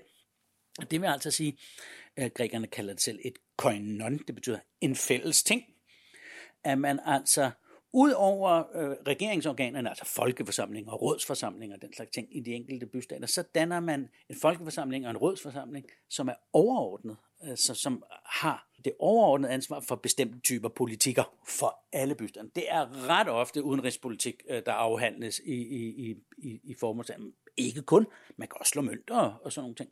Men ret ofte er det, er det udenrigspolitikken, og grækerne plejer at udtrykke det på den måde, at forbundet hersker over krig og fred, og så kan bystaterne øh, herske over, over deres ting. Og der varierer det altså lidt fra forbund til forbund, øh, hvor centralistisk anlagt de er. Øh, det arkadiske forbund her, som bliver dannet i 370 øh, før Kristi fødsel, er forholdsvis egalitært. Det vil sige, at alle bystater har nogenlunde den samme indflydelse i kraft af den repræsentation, de har i de overordnede føderale øh, regeringsorganer. Et, et forbund som det boiotiske forbund, der hvor Theben er hovedbyen, er stærkt centralistisk. Øh, Øh, for eksempel ligger alle forbundets øh, bygninger og regeringssæder og sådan noget i byen Theben. Og byen Theben er overrepræsenteret i forhold til, altså det var også den største byområde, men selv på den baggrund er den overrepræsenteret i de forskellige regeringsorganer. Så det er lige før øh, i de perioder, hvor, hvor forbundet fungerer virkelig godt, og Theben er rigtig stærk, at det bliver til en enhedsstat. Ikke? Det er ikke tilfældet herude. Det, det er mere i Arkadien, det er mere egalitært. Øh, og mange områder, Logris, Fogris, Thessalien, Kalkedike osv., de opretter den slags øh, forbund der. Man har også øh, ø-forbund herude i det ægæiske hav, der, der slår øerne sig sammen øh, i ø-forbund og, og, og sådan. Øh, så det er formentlig, det er i hvert fald en, en, en, en frugtbar måde at betragte det på, synes jeg. Det er øh, sådan set en oversættelse af allianceprincippet til et, et politisk princip. Altså, hvor man førhen havde disse øh, hegemoniske øh, forbundsdannelser, det deliske søforbund og, og, og, og det spartanske forbund, altså det peloponnesiske forbund, så laver man nu øh, forbund her, som omsætter allianceprincippet til et politisk princip, så det vil sige, at alle bystaterne i sådan et område som Arkadien, der, de stiller jo også soldater til en fælles her. Nogle af bystaterne laver, eller nogle af forbundsstaterne laver ligefrem professionelle her. Det gør man i Arkadien, der har man en stående her på kilderne varierer lidt. Øh, men det kan måske have været så stort som 5.000 mand, altså en stående her på 5.000 stærke hoplitter. Det er alligevel noget, der vil noget, ikke? Og øh, den boiotiske her var, var jo berømt øh, og kunne slå selv den spartanske her. Så det er sådan set øh, øh, allianceprincippet omsat øh, til et politisk princip. Fordi grund til også, at jeg indledte med den her dansk-tyske grænsesten, er jo, der, er jo netop, at vi har en forståelse af nationalstaten som sådan den, den egentlige politiske enhed, og det kan være meget svært at forstå det der med, at det er den enkelte by, der er en politisk enhed, mm. hvor de her alliancer jo minder lidt mere om, om øh, et landområde med nogle forskellige byer.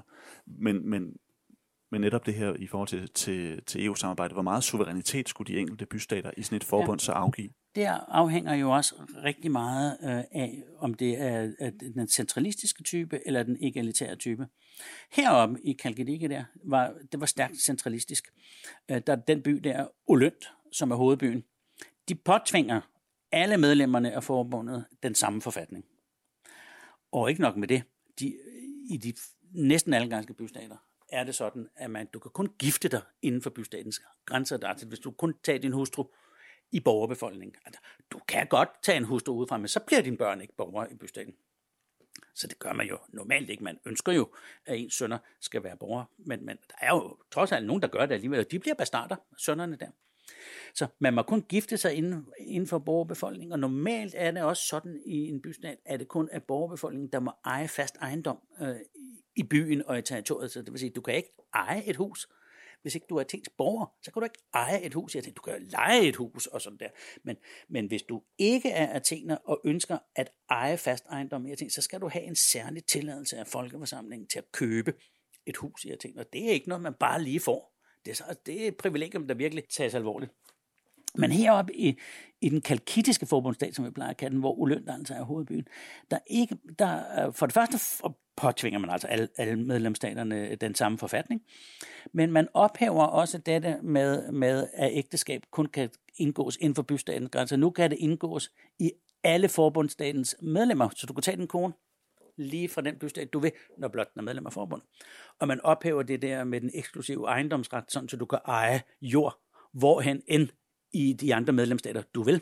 Altså, der er ingen øh, slænger i valsen her. Xenofon, en græsk historiker fra det 400, han er helt klar i mail. Han siger, hvis dette havde fået lov at eksistere, var det blevet en bum stærk øh, forbundsdag. Men spartanerne rykket op og, og ødelagde den. Men kan man så overhovedet tale om det som en bystat, eller er det på vej hen imod imod der noget andet? på vej hen imod, øh, øh, at, det, at det er forbundet, der er det vigtige, og, og bystaterne bliver øh, mindre vigtige. Men altså i det arkadiske forbund, som er, er den egalitære type, der er bystaterne stadigvæk vigtige. Flere af dem, vi kender, er altså ret centralistiske, så der, der træder der træder bystats eksklusiviteten i baggrunden for, for forbundet i, i de områder, og i, især i senklassisk tid. I hellenistisk tid, der bryder man øh, det, det der princip ned med, at det primært er bystaterne i det samme område, der indgår øh, i forbundsstater.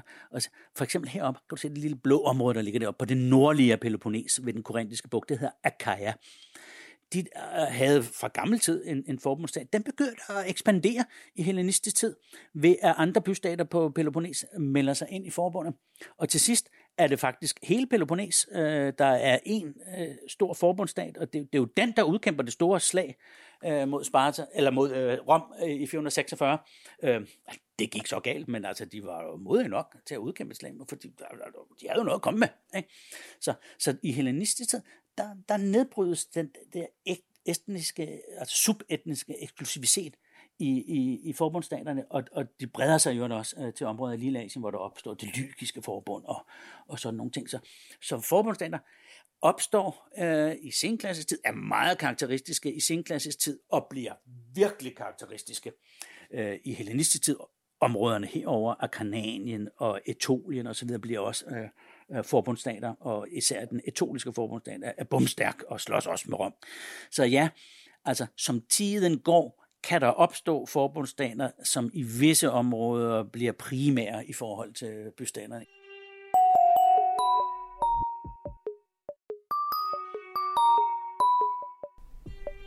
Tukidiet, 5. bog, kapitel 91. For nuværende agter vi at demonstrere, at vi så afgjort er her for at fremme vort imperiums interesser. Men at de forslag, vi vil fremsætte, også sigter mod jeres stats overlevelse. Vi ønsker dels at få jer bragt under vores herredømme så gnidningsløst som muligt, dels at sikre jeres overlevelse på en måde, der er til fordel for os begge. Melierne og hvordan skulle vi dog kunne have samme fordel af at ende som slaver, som I er at blive vores herre? Athenerne.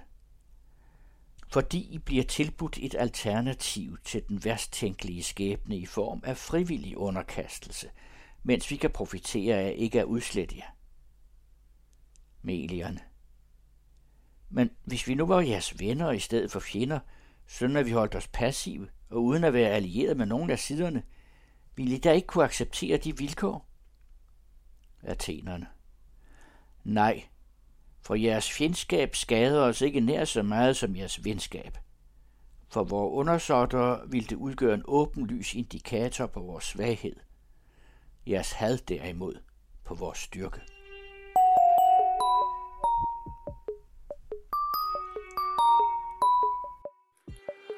Og her til sidst vil jeg gerne stille dig et spørgsmål, som jeg kommer til at stille alle de ja. forskere, jeg interviewer i denne her udsendelsesrække. Som jeg indledt med, så skriver antikhistoriker og filolog Mogens Hamel Hansen, at bystaten som stats- og samfundsform er grundlaget for hele den græske kultur.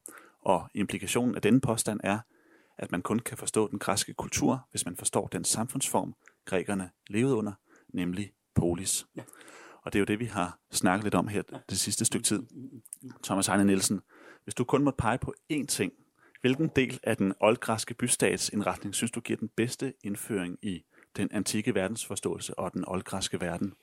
Ja, der vil jeg nok øh, være ked af at skulle vælge én ting. Ikke? Men hvis jeg, nu, nu peger du på mig, ikke? Med, og sætter den lige for panden, så, så tror jeg, jeg vil vælge den institution, som grækerne kalder Proxenia-institutionen. Øhm, hvis, hvis man studerer Proxenia-institutionen, så vil man faktisk komme, blive tvunget til at forstå, hvad en bystat er. Proxenia-institution er følgende. I gammel tid, dengang der var aristokrater over hele den græske verden, hvor bystaterne stadigvæk var lidt, lidt svage øh, og ikke var så velkonstitueret endnu, der havde aristokraterne netværk med hinanden rundt omkring i hele den græske verden, ved at man udnævnte hinanden til venner. Også selvom man faktisk ikke var det, så kunne man sige, du er min ven. Det hed en xenos, det betyder egentlig fremmed. Øh, på dansk plejer vi at kalde det en gæsteven. Så, så det vil altså, lad os nu sige, at jeg er spartaner og bor i Sparta, men jeg faktisk også en gang imellem skal rejse øh, til Bojotien, eller jeg har interesse deroppe, eller familie deroppe, eller, øh, eller skal tage en kone deroppe, eller whatever. Så siger man, jamen jeg må have en ven, i, i Theben, fordi jeg får brug for hjælp i Theben. Så udnævner man en tilbaner til sin xenos, og så har man så altså for, for, forskellige hævdvundne forpligtelser over for hinanden. Hvis du nu er min xenos, og jeg kommer til dig, så giver du mig mad, husly, penge til at rejse videre, og, så, og, og sådan nogle ting. Ikke? Og jeg giver dig de samme ydelser, når du kommer til mig i Sparta. Det er det system. Overtager bystaterne, og de, de udvikler, de kalder den ven, som de udnævner rundt om, kalder de en proxenos. Det betyder, i stedet for en xenos, det vil altså sige, det er statens officielle ven i en anden bystat. Altså, hvis Athen udnævner en proxenos i Mantinea, så har denne, denne Mantinea, han har ikke nogen officiel status set fra sin egen bystats synsvinkel, selvom det er ret godt at have, pro- have borgere, der er proxenøj med de store bystater, men set fra Athens synsvinkel, der er det, det er vores officielle ven i Mantinea, og vi kan forvente, øh, at han assisterer os på forskellige måder, hvis vi rejser, eller øh, hvis, hvis han kommer undervejs med, med information, som er vigtig for os, så sender han den til os, og sådan nogle ting. Se den, den lille ø derude, ikke? Keos hedder den. På den er der faktisk fire bystater. Prøv at se den lille knallingø der, den er der fire bystater på. En af dem hedder Julis. der har man fundet en indskrift, som er sådan en katalog over bystatens proxenøj rundt omkring i den græske verden over, de har proxenøj overalt. Så selv sådan en lille bystat der mener altså, at de har interesser, eller at bystatens egne borgere har interesser så mange steder i den græske verden, at det er værd at have officielt udnævnte proxenøj stort set overalt. Og det viser meget godt, at den græske verden ganske vist er der, er der bystater og bystats territorier. Hvis vi nu øh, bruger en analogi, så vil vi sige, det minder lidt om celler. Ikke? Men der er permeable membraner i disse celler, altså de er gennemtrængelige. Du kan godt komme fra en bystat hen i en anden. Altså, det er ikke sådan, at du bliver sat på porten eller noget. Og se nu, hvis du skal rejse fra Athen til Sparta, så kommer du først herhen til Megara, Korinth, Argos, Mantinea, og der ligger faktisk en, der ikke er med på kortet her, der hedder Tegea, før du er i Sparta, så vil sige 1, 2, 3, 4, 5 bystater rejser du igennem for at komme fra Athen til Sparta. Der kan du nok have brug for hjælp på vejen. Men nu hvis du bliver røvet af, af banditter, så er det da rart at kunne gå ind i Mantinea og sige, jeg er blevet røvet, hvor er min proxen også hen? Så det er en vidunderlig institution, øh, Proxeni-institutionen, som virkelig viser noget om bystaten som, som den dominerende enkeltcelle, men at det faktisk indgår i et system med en enorm interaktion, hvor, hvor borgere fra de forskellige bystater må vi forestille os, jeg forestiller mig altid en myretue, når jeg, når jeg tænker på det her ting. De farer rundt omkring og har alle mulige øh, ærner rundt omkring. Ikke? ofte kan det jo også være at rejse til helligdom, øh, øh, altså til Delphi eller til Olympia, ikke? så får man også brug øh, på, øh, for hjælp øh, på vejen. Så Proxeni-institutionen altså, øh, viser meget godt den enkelte bystats øh, forankring i et system af tusindvis af bystater. Den er også ret velbelagt, fordi sådan nogle kataloger der, som jeg nævnte forkert, der finder man også andre steder. Og at blive udnævnt til, til Proxenos er også en ret stor ære. Så det er også noget, folk øh, skilter med, når, når de er øh, Proxenos. Og bystaterne ærer jo også øh, deres Proxenos rundt omkring ved at opstille indskrifter i deres egen by, hvor der står, vi Athen har udnævnt den og den for den og den my til vores podcast, fordi han er en prægtig og hederlig mand, øh, som har assisteret os mange gange, og nu skal han have denne æresbevisning. Så derfor er den ret kendt, fordi den på en gang er praktisk, men den er også, øh, også prestigefuld. Så den har givet så mange udslag i kildematerialet, så vi kan, vi kan studere den ret godt. Det vil jeg sige. Hvis man vil, hvis man vil trænge ind i den græske bystatskultur, så prøv at øh, studere Proxenia-institutionen. Det, øh, det, det kommer der meget ud af.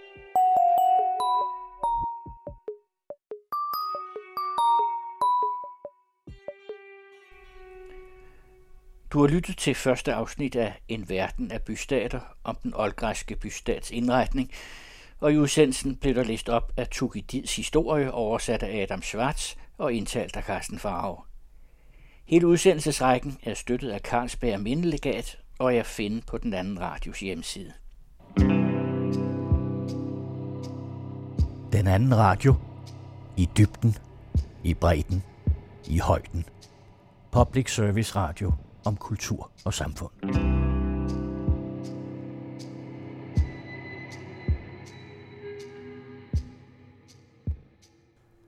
Påsken i den kristne tradition handler om Jesu død og opstandelse. Det er ikke altid så let at forstå præsternes tale herom. Der er så mange mærkelige ord, og i den næste times tid forsøger Bodil Grue at forstå, hvad det handler om, og hun søger svar både hos præsten ved Eresborg Kirke, Lea Skovsgaard, og hos Johann Sebastian Bachs Matthæus Passion.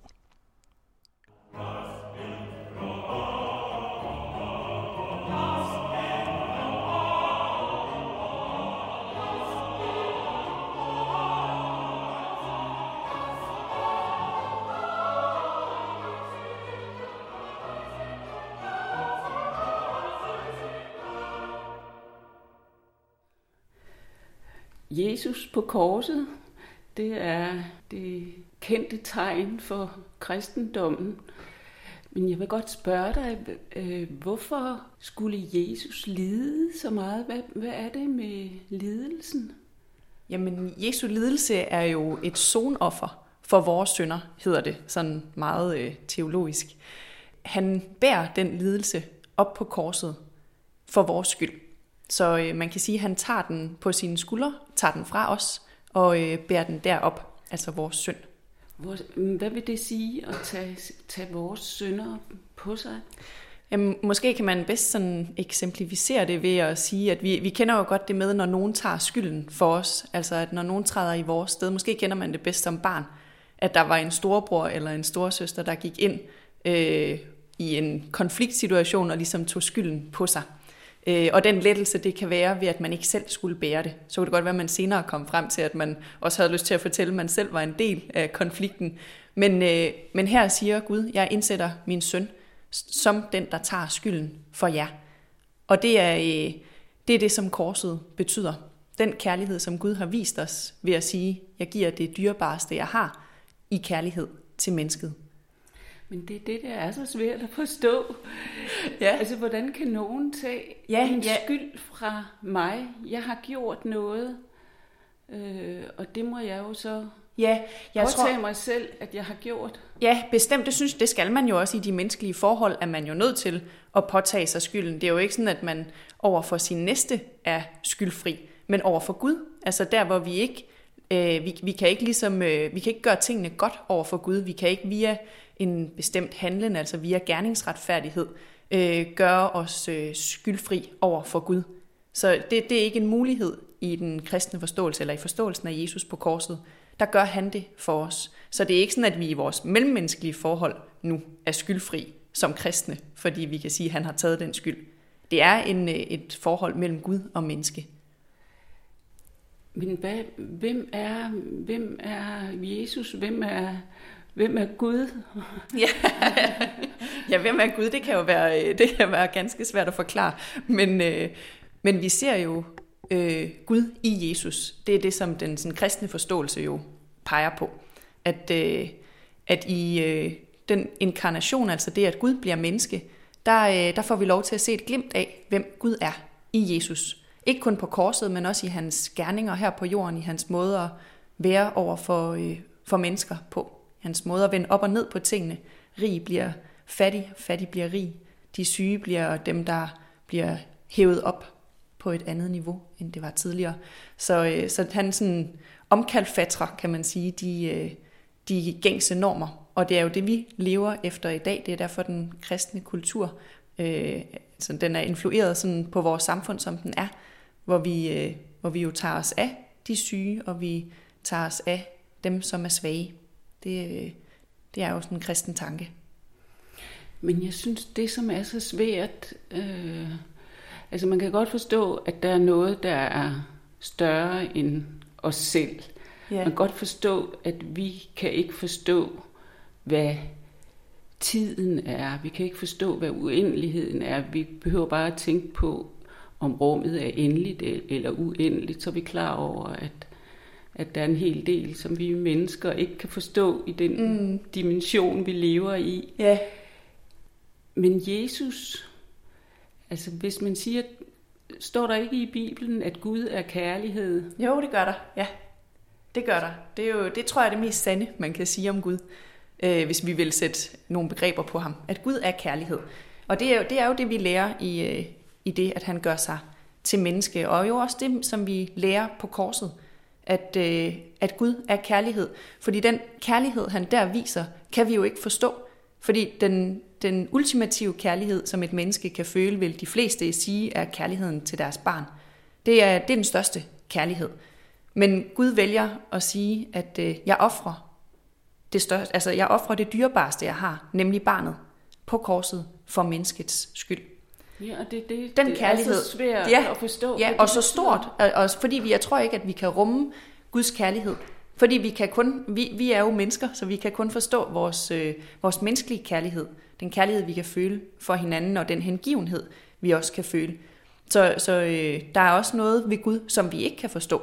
Der er også sådan en, en uforklaret natur ved ham, som vi bare må sige er en gåde for os. Derfor siger man også, at korset er en gåde, fordi vi ikke, øh, vi vil aldrig kunne forstå til fulde, hvad det er, der sker. Det er som, øh, som et, øh, et mirakel, man ikke kan forklare som man må gribe, når man, øh, når man oplever det. Men kan man også forstå Jesus som altså Guds søn, og øh, moren er en fattig jomfru, øh, at, at han ligesom er halv Gud og halv menneske. At, ja, eller at, man siger jo sådan rent dogmatisk, at han er helt Gud og helt menneske. Det er jo øh, et paradoks, men, som vi netop ikke kan begribe. Man, man siger ikke, at hans natur på den måde er halv-halv, men helt helt. Men i hvert fald øh, kan man så forstå det sådan, så, så mennesket også har, altså ligesom Jesus er, er en del af det guddommelige og også er menneske, sådan er alle mennesker også øh, har en del af det ja. guddommelige. Ja, bestemt. I bestemt. Sig. Ja, vi er jo øh, i skabelsen hedder det, at der bliver pustet livsånde i mennesket, øh, og at vi er skabt i Guds billede. Så, øh, og hvordan vi skal forstå det, det kan man jo diskutere længe. Men at der er øh, sådan et glimt af Gud i et hvert menneske, tror jeg øh, helt bestemt. Netop også øh, vist i kærligheden. At vi har mulighed for at vise kærlighed til hinanden. At øh, hvis Gud er kærlighed, så er han jo også i de relationer, hvor vi nærer kærlighed for hinanden. Kærlighed kan selvfølgelig være mange ting, men, øh, men jeg tror på, at øh, i det ser vi et glimt af Gud, der hvor vi nærer kærlighed for vores ja, familiemedlem eller vores næste, og viser det. Men hvorfor skal, øh, hvorfor skal Jesus dø en lidelsesfuld død for at for at vi kan have med vores øh, syndefulde, skyldige liv at gøre? Det, det er jo for at sætte os fri i forhold til relationen til Gud. Så vi, ikke, øh, vi har ikke et... Øh, vi behøver ikke at være bange for Gud. Vi, han, han er ikke sådan, det er ikke sådan et herre-tjener-forhold med, med, med øh, Jesu komme til jorden, for vi at vide, og hans ståb, for vi at vide, at vi er alle børn af Gud. Vi må være brødre og søstre, vi må være børn af Gud. Og på korset bliver det jo ultimativt fastslået, at øh, herre-tjener-forholdet er ikke af, øh, en sådan karakter, at vi skal være, øh, at vi sådan er slaver af Gud, og at vi skal være bange for ham, frygte for hans straf og hans dom, fordi vi er sat fri i forhold til Gud. Vi må øh, alene være bundet til ham i denne her kærlige relation, og ikke som, som en, sådan, en straffer eller en dommer, som sidder og skal, skal veje vores gode og dårlige gerninger på dommens dag. Den, den frygt kan vi slippe, og derfor være frie i vores gudsforhold. Men hvorfor skulle det være så lidelsesfuldt? Det, jeg, altså, jeg tænker, at kors, øh, selve, selve korsdøden og det, der foregår på korset, er jo også en måde at vise, at, at Gud er nær i det lidelsesfulde. Det er også for at vise mennesket, at der er ikke noget sted, hvor vi er overladt til os selv.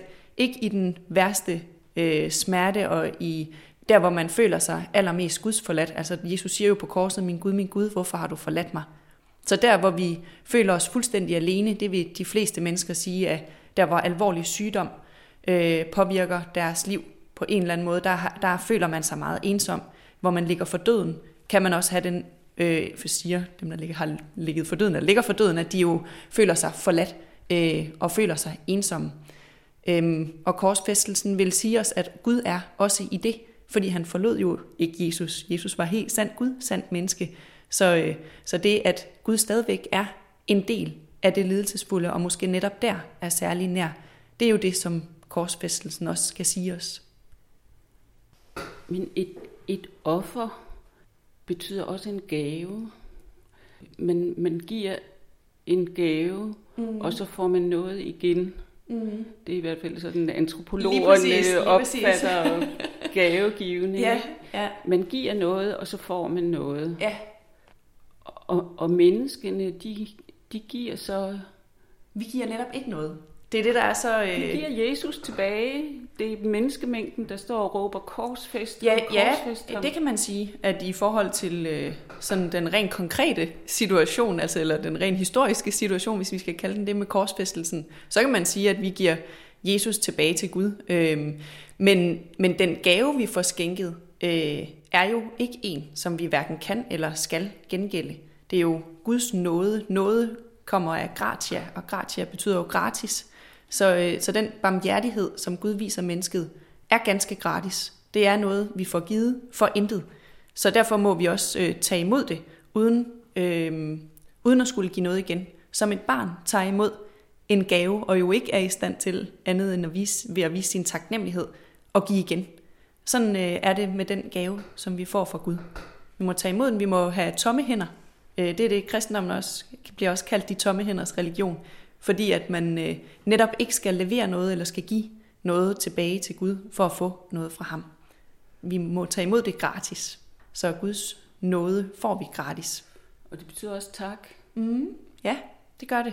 Så, så det vi giver tilbage, kan man sige, er jo, det kan jo være taknemmeligheden, som, som udtrykkes i, øh, ja, i henvendelsen til Gud, i bøn, i øh, gudstjeneste, i, øh, i at bruge sin øh, ja, tale om Gud øh, og, og udvikle sin tro på den måde.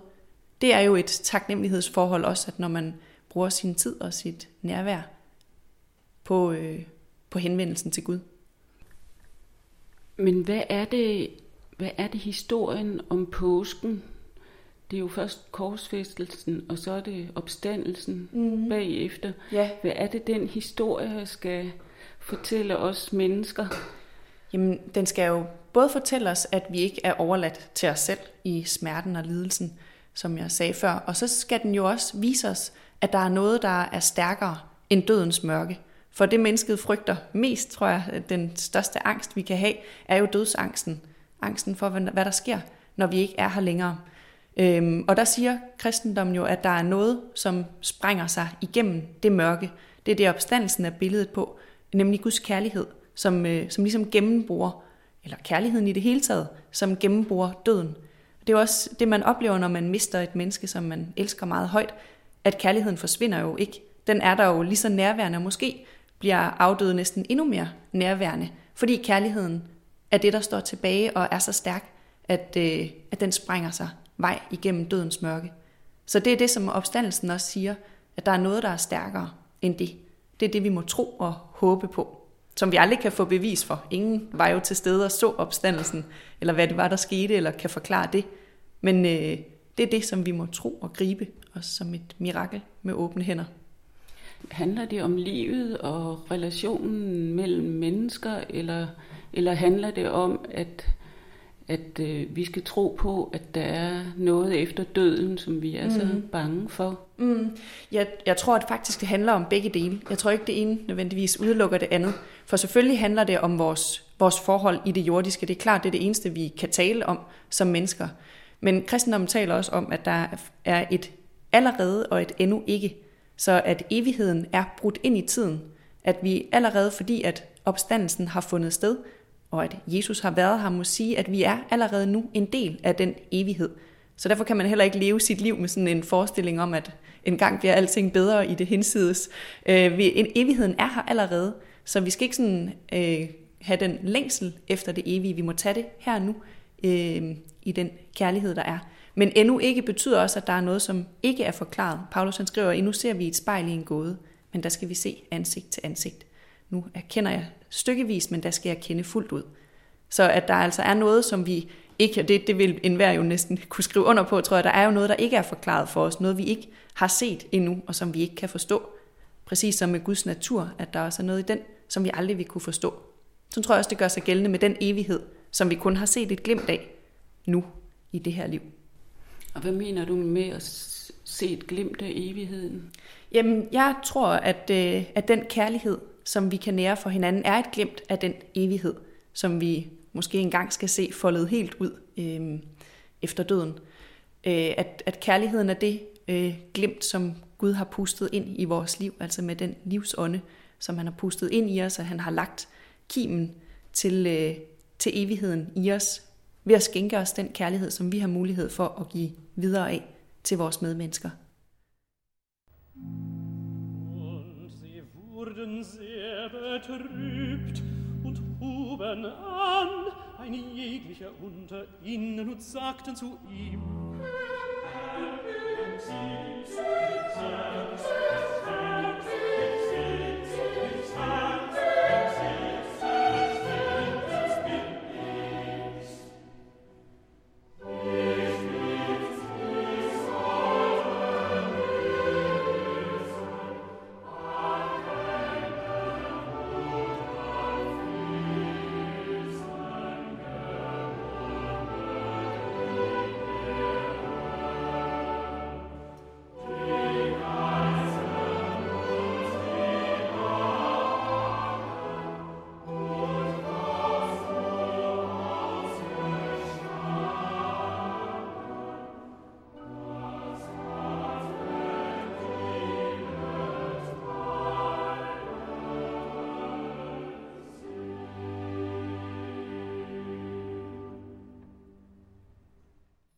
når man læser de forskellige evangelisters historier om påsken, og der er jo fire forskellige versioner ja. af den mm-hmm. fra de fire evangelister, så forekommer der i flere af dem det, at, at Jesus siger, det skal ske sådan, fordi det er skrevet. Det står skrevet, at det skal ske sådan.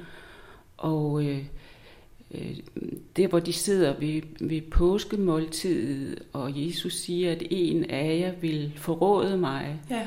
så spørger de alle sammen, er det mig? Ja. Er det mig? At øh, det er som om, Jesus ved alt, hvad der skal ske. Mm, det siger han også, ja. Øh, og, og, og efter skriften, ja, at det er ja. nogle gamle profeter, der engang har sagt, at sådan skal det ske. Ja. Men altså betyder det, at, øh, at alting er ligesom forudbestemt? Altså det virker som det, om, at det, det, det sker ligegyldigt, hvad I mennesker så gør eller ej, og ligegyldigt, hvor meget umage I gør jer med at holde jer vågne i Gethsemane have, så falder I altså i søvn, ikke? Ja, jeg, jeg tror, at i forhold til det, beretningen om Jesus, må man jo, øh, kan man jo tænke, at det var forudbestemt, hvis man vil se den gamle testamentlige beretning som en, øh, en forudsigelse af det, som Jesus ville komme med. Sådan kan man jo læse den. Øhm, men, men jeg tror, man skal forstå, at det skal holdes inden for, i den kontekst, og ikke bredes ud til os og gøre sig gældende i vores liv. Fordi hvis vi begynder at tænke, at, at Gud han øh, styrer os som marionetdukker øh, rundt på jorden, og vi i virkeligheden øh, ikke har noget at skulle have sagt selv, så, øh, så, så synes jeg egentlig, man har gjort Gud lille. øh, fordi det, der jo sker med, altså hvis man skal forstå øh, paradisberetningen og uddrivelsen af Edens have, så er det jo, at Gud giver mennesket fri. At han siger, at, øh, at han slipper os, og at den øh, relation, der skal være mellem Gud og menneske, er utvungen. Så, øh, så jeg tror ikke på den måde, at Gud er sådan en, en skæbne Gud, der føre os igennem. Vi kan jo sagtens øh, bruge øh, Gud til at komme med gode forklaringer på noget, der sker, og når vi ikke kan være i meningsløsheden, så er det jo også meget menneskeligt, at man begynder at komme med, med forklaringer. Og det, skal man, det er man jo i sin gode ret til, og det, hvis man bruger sin tro på den måde, så kan det jo også, det kan for nogen være meget givende, men det kan også være givende at prøve at opholde sig i meningsløsheden, øh, og netop ikke stille Gud øh, til ansvar over for det, der sker, imellem os mennesker. At det ansvar må vi også tage selv, øh, for ikke at komme til at leve fuldstændig ansvarsløst. Men fortællingen er så, at, at det at være menneske er at, at være synder. Altså det er sådan et begreb, som jeg tror, ja. der er mange i dag ikke rigtig kan lide, Nej. Øh, og måske heller ikke rigtig kan forstå, og det kan være svært at forstå, men det betyder vel, at Altså, at vi, vi, vi kan ikke altid gøre det gode. Ja, ja nemlig. Selvom vi gerne vil. Altså, ja. Peter, der forrådte Jesus inden hanen galede. Ja. Øh, han ville så gerne. Ja. Men han kunne ikke. Nej, nemlig. Og, sådan, og det ved vi jo, sådan er det at være menneske. Vi er jo, øh, der er noget i os, som, øh, som både øh, altså fordrer livet, men som også er livsødelæggende. Der er noget i os alle, som, øh, som, som kan være svært at styre, og som ikke nødvendigvis altid vil det gode, eller kan det gode, er i stand til det. Og det, øh, det er jo afsynstanken, som jo selvfølgelig er et helt vildt svært begreb, og måske både fortærsket og ikke særlig rart. Men, men det er jo det, som, øh, som kristendommen også ligesom bygger videre på, og når vi døber de små børn til søndernes forladelse, som jo kan virke fuldstændig absurd, så er det jo for at, altså i erkendelsen af, at intet menneskeliv er fuldstændig godt og rent. Vi er også indfældet i en verden, hvor, hvor der også øh, er krig og vold og ødelæggelse. Og det er vi, al, vi som mennesker jo også en del af. Så, øh, så på den måde øh, kan, tænker jeg også, at det kan være en befrielse for mennesket at sige, at det, eller en, og en fin erkendelse at sige, at vi er ikke kun gode, og vi er hele tiden nødt til også at kæmpe imod det, for at komme til at, at leve et godt liv. Men vi er ikke, det, vi er ikke øh, alene ansvarlige for det. Og derfor er arvesyndstanken også, tænker jeg, i vores tid en god ting at have med sig, fordi vi er så gode til at pålægge os selv alt skyld, øh, og vi vil gerne tage hele ansvaret for, øh, ja, for alting. Og her kan vi måske sige, at at der, der er noget i mennesket, i menneskets natur, som ikke altid vil det gode. Og det er det, som korsfæstelsen giver os tilgivelse for. Det er det, som det vi ikke selv heller kan kæmpe imod, som Gud siger, jeg tager det fra jer. Og det er så også det, måske øh, historien om uddrivelsen af paradiset handler om, at altså, mennesket er skabt til at ville tage æblet ja, og spise ja, af det. Ja, og er, øh, og er til at friste. Vi kan nemt fristes. Så uddrivelsen af paradiset og inddrivelsen i livet her på jorden. Ja, ja. Det, det tænker jeg er en, øh, en vigtig ting i forståelsen også af forholdet mellem Gud og mennesker. Øh, så den historie med Peter, der, der forrådte Jesus inden hanen galede, mm. Så hæfter man sig ved den historie, men den fortsætter jo ved, at han, da han ligesom erkender, at det er sket, fordi han hører hanen gale, og der ja. har han lige forrådt ja. Jesus, og så gik han ud og græd bitterligt. Mm. Ja. ja. Og det der med, at han gik ud og græd bitterligt, mm. at det er måske lige så stor en del af, af historien om Peter og, og hanen. Ja. Og det er så den, som i Matteus passionen bliver udtrykt ved den meget fine ej, der hedder Abarme dich.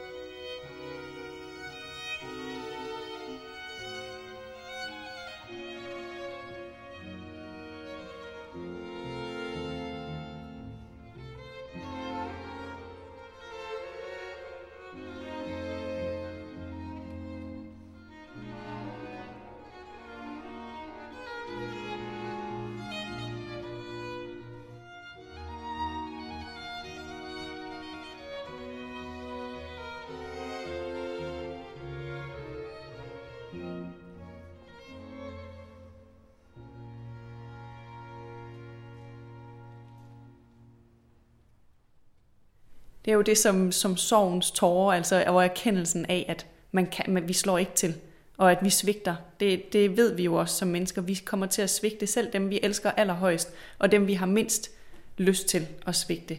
Der kommer vi jo til at gøre det gang på gang, og må bare sige, forbarm dig over mig, altså tilgiv mig. Jeg er bare et menneske, og det tror jeg også er det, Peter gør, og det er, derfor er det også så fint, at Jesus siger, at du er den, som jeg vil bygge min kirke på. Det, det menneske, som også fejler, og som, som ikke er fuldkomment, fordi det er ingen. Det er stadigvæk så stærkt, at det skal kirken bygges på. Så hvis man skal lære noget af det som menneske, ikke, så kan man sige, man skal man kan erkende sine sønder. Men hvorfor har vi så brug for, at Jesus skal lide på korset for at tage vores sønder fra mm. os? Det vi har brug for, det er vel at erkende og, og, og bede om tilgivelse ja. hos Gud og mennesker. Ja, ja. Og, men, men så er korsdøden jo billedet på, at den tilgivelse får vi. Fordi hvor, altså, vi kan jo godt bede om tilgivelse over for Gud, og, og vi kan være bange for den straf, som han vil give os. Men så er det, at vi hver gang må se hen på korset og, og se på Jesus, der hænger der, og tænke, at det, vi har fået den tilgivelse. Vi skal ikke frygte Gud. Vi må tro på, at han, han har øh, i netop i smerten og i lidelsen taget det fra os. Så det er den måde, vi kan bruge korset på. Hvad skal vi så gøre selv? Ja, ja vi, skal, vi skal selvfølgelig forlige os med vores medmenneske, det er klart. Vi skal ikke bare slippe, øh, altså slippe ansvaret over for vores næste. Løstrup har jo det her fine billede med, at vi altid holder noget af den næstens liv i vores hånd. Så hver eneste mellemmenneskelige relation, om det bare er den, vi går forbi på gaden, der, der har vi et ansvar. Og det øh, er vi jo nødt til øh, at leve ud i sådan en næste kærlig gerning, eller det bør vi gøre.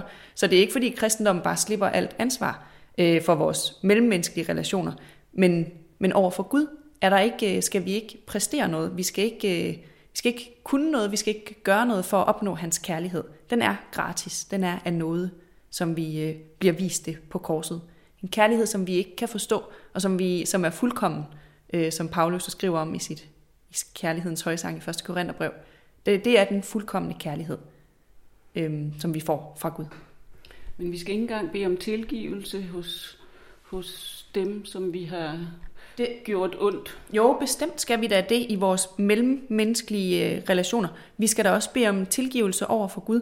Der er jo, det, det er jo også for at lægge det fra os, fordi hvis vi, hvis vi, ikke, øh, hvis vi ikke tager den med i, øh, ind i vores, vores trosliv eller i vores sådan, mellemmenneskelige relationer, så, så vil den jo stadigvæk ligge der som en byrde på vores skuldre.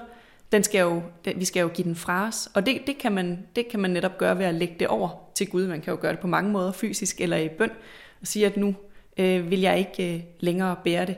Og det kan godt være, at vi ikke kan slette det helt, men bevidstheden om, at der er en, der bærer med for os på det, som vi, altså på, på alt, den, alt det, vi svigter, alt det, vi ikke kan klare. Der er en, der har der bærer med på de her byrder for os, så vi ikke skal gøre det selv. Det, øh, det er også det, vi ser i korset.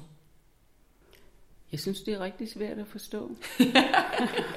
Åh oh, ja, jamen det er det også, og det er jo korsets gåde, det er jo kristendommens store øh, ja, drama og kristendommens store sådan, skisma. Som det, det er jo det, der sker lige der. Men, men måske er det nemmere at forstå det tomme kors så. Fordi nu præsenterede du jo fra starten af, at det er korset, hvor Jesus hænger. Og det kan vi jo, øh, det, det ser jo dramatisk ud, og det er et menneske, og, og på en eller anden måde er det det, der er historien er let at forholde sig til, den er nem at fortælle for børn, og den er dramatisk, og der sker en helt masse. Men når så det tomme kors står tilbage, som jo er det flest, altså de fleste smykker for eksempel, er jo det tomme kors. I mange kirker står der det tomme kors tilbage. Så er det for at sige, at det slutter jo ikke ved korsfæstelsen. Det slutter ikke med den mand, der hænger der og er Guds forladt, og som opgiver ånden Guds død korset. Det slutter ikke der, fordi der kommer noget efter. Jeg vil opbygge et nyt tempel, siger han, på tre dage, altså hans læme. Der er, når han opstår fra de døde, og øh, altså påskemorgen, symboliseret ved det tomme kors.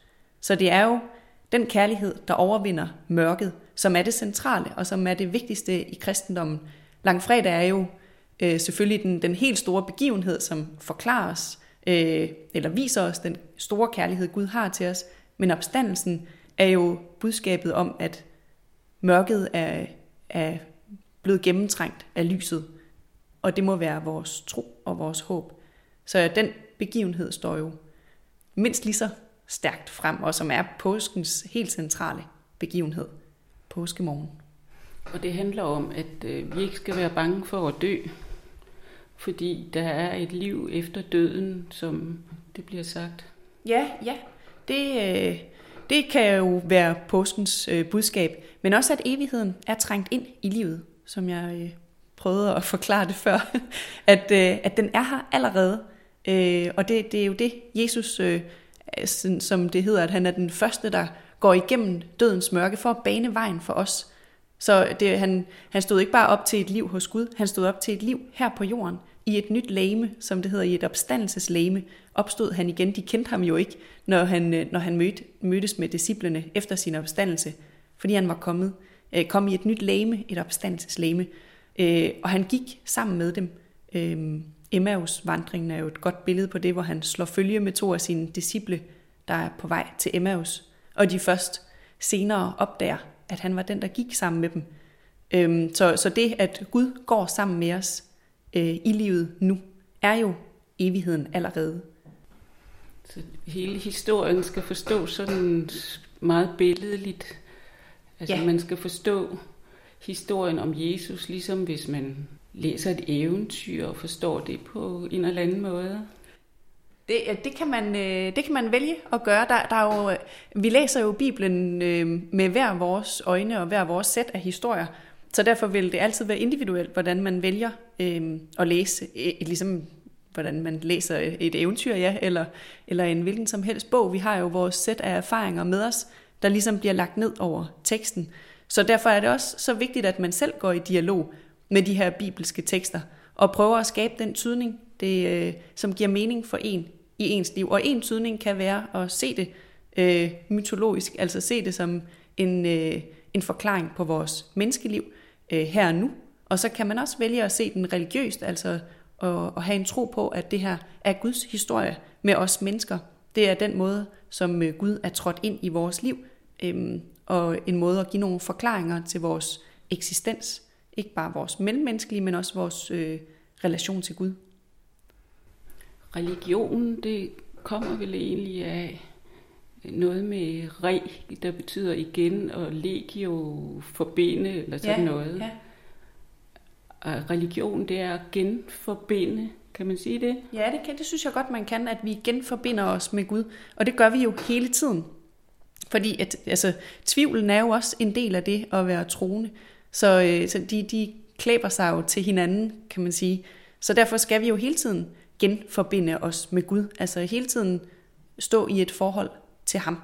Øhm, og det, det kan vi jo gøre på mange måder. Der er jo mange måder at udleve sin religiøsitet på. Nogle bruger kirken, nogle øh, går en, en tur ud i skoven og synes, at det er der, de bedst møder Gud.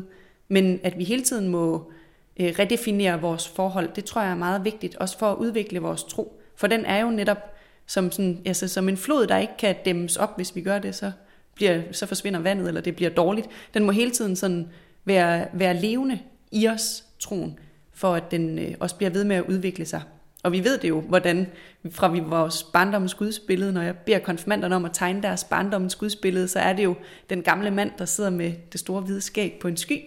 Men allerede når de bliver 14-15 år, så skal de jo, har de jo et nyt gudsbillede, og er nødt til at tænke Gud på en ny måde, fordi det ikke rigtig virker, det med, eller man kan ikke helt forholde sig til den mand, der sidder deroppe i himlen på en sky. Og sådan er det jo hele livet, at vi er nødt til at, at forholde os til Gud på nye måder, øhm, i takt med den udvikling, vi står overfor som mennesker. Bibelen siger, at Gud er kærlighed. Vi ved, selvom det er svært at definere, hvad kærlighed er, så har vi dog en fornemmelse af, hvad det vil sige, og noget, der betyder noget i vores mm. liv. Men er der ikke også et sted, hvor der står at øh, om Gud, at han er den, der er? Jo, jo. Jave, altså øh, navnet Gud, betyder jo, at jeg er. Det vil sige, at det er selve livsprincippet? Ja, det synes jeg bestemt, man kan sige. Selve grundlaget for liv, det, øh, det er jeg er, altså ligger i, i forståelsen af Gud som opretholderen, skaberen af livet, men også som opretholderen af livet. Det, ja, det vil jeg bestemt sige. Og så er vi bare nødt til at personificere det lidt for at, at, ligesom at forstå det ud fra noget, vi kender fra vores eget liv, og vi kender Ja. øh, far og mor. Det kunne jo lige så godt være en mor som en far. Ja, og ja, det må Hvor mor som er i himlen. Ja, det kan man. Hvis man har et kompliceret forhold til sin far, så kan man bestemt bruge den formulering. Det er der ikke noget i vejen for. Men, øh, men ellers er det jo også fordi, at Jesus, øh, i, altså i den måde, han peger på Gud, er det jo ved at sige min far i himlen, at det kan sagtens være min mor i himlen, det skulle ikke være det. Men, øh, men, men for, øh, for at lave, give det billede af, at øh, Gud må være som en forældre, altså som den, der nærer den ubetingede kærlighed til øh, barnet, til trods for altså, de forældre, der øh, har fået børn, som udøver voldsom kriminalitet eller vold eller andet, vil jo stadigvæk elske deres barn. Det er klart, det, øh, det, ændrer, det ændrer måske deres kærlighed, men det ødelægger ikke den sådan, fundamentale kærlighed. Det vil nogen i hvert fald sige. Øh, og sådan er det også øh, med den kærlighed, som Gud føler for os. Og ikke mindst ganske vigtigt, at vi er hans børn. At vi er ikke Guds voksne. Vi skal ikke forsvare ham. Vi skal ikke øh, på den måde øh, retfærdiggøre ham. Vi må være øh, hans børn, som, som beder ham om det, vi har brug for, og som også øh, som ikke skal kunne en helt masse over for ham. Det, øh, det er jo den vigtige relation. Og derfor er det godt at, at bevare billedet eller forståelsen af Guds kærlighed som kærligheden mellem forældre og børn, tænker jeg. Og det er vel også kærligheden, som er her på jorden, der er det, den samme kærlighed, er det ikke? Jeg tror, øh, det, det, jeg tror, hvis man læser øh, Paulus' første brev til korinterne, øh, og læser om Guds kærlighed, som, øh, som jo er idealet for kærlighed, så vil vi alle sammen kunne sige, at det, den kærlighed er, er vi ikke i stand til øh, at udleve. Det er simpelthen ikke muligt, fordi vi kommer til at misunde, vi kommer til at svigte selv det, vi elsker allermest. Så derfor må vi se på Guds kærlighed som idealet for vores kærlighed. Det, der er blevet lagt i os, og som vi kan give ud af. Men vi bliver jo ikke på den måde guddommelige. Vi har ikke en guddommelig kærlighed, øh, som er det eneste, der eksisterer i os. Det, øh, så var vi jo guder. Men vi har den, og vi kan så bruge ja. den til at stræbe ja, det, ja, bestemt. efter at gøre ja. det gode, øh, som vi gerne vil, og har ja, så svært ved. Ja, og det er jo også det, Jesus, øh, Jesu liv på jorden peger på. Han viser jo den guddommelige kærlighed i sin måde at være øh, med mennesker på. Så på den måde kan man sige, at det kan jo være sådan et helt et, et fysisk forbillede for os, øh, og derfor er det godt at have et menneske, som man kan forholde sig til, som du nævnte før, at, øh, at vi, bruger, vi har brug for øh, noget menneskeligt, vi har brug for et billede på den måde at se hen på. Og det er jo det, som Kristusfiguren kan bruges til, at vi, øh, vi kan have lov til at stræbe efter det, og se, at det er, øh, der ser vi idealet for kærligheden. Mm. Aus Liebe will mein Heiland sterben, øh, synger det i Matthäus passion, Bachs Matthäus passion. Min frelser vil dø af kærlighed. Det er jo smukt. Og det bliver faktisk øh, sagt i Matthæus passionen på et tidspunkt, hvor Pontius Pilatus står med Jesus og prøver at få folkemængden til at løslade ham. Mm. Men øh, de vil have røveren Barbas løsladt og råber korsfest ham. Ja. Og så kommer den her arie afslibe mm. af kærlighed ved min frelser dø. Jeg ved så ikke, hvordan man skal fortolke, hvad det er for en stemme, der siger det, men så Nej, fortsætter ja. Matteus passionen videre med korsfest ham. Ja. Så det er sådan et mellemspil mellem råbende korsfest ham, ja, at ja. den her ja. arie kommer. Min frelser vil dø af kærlighed.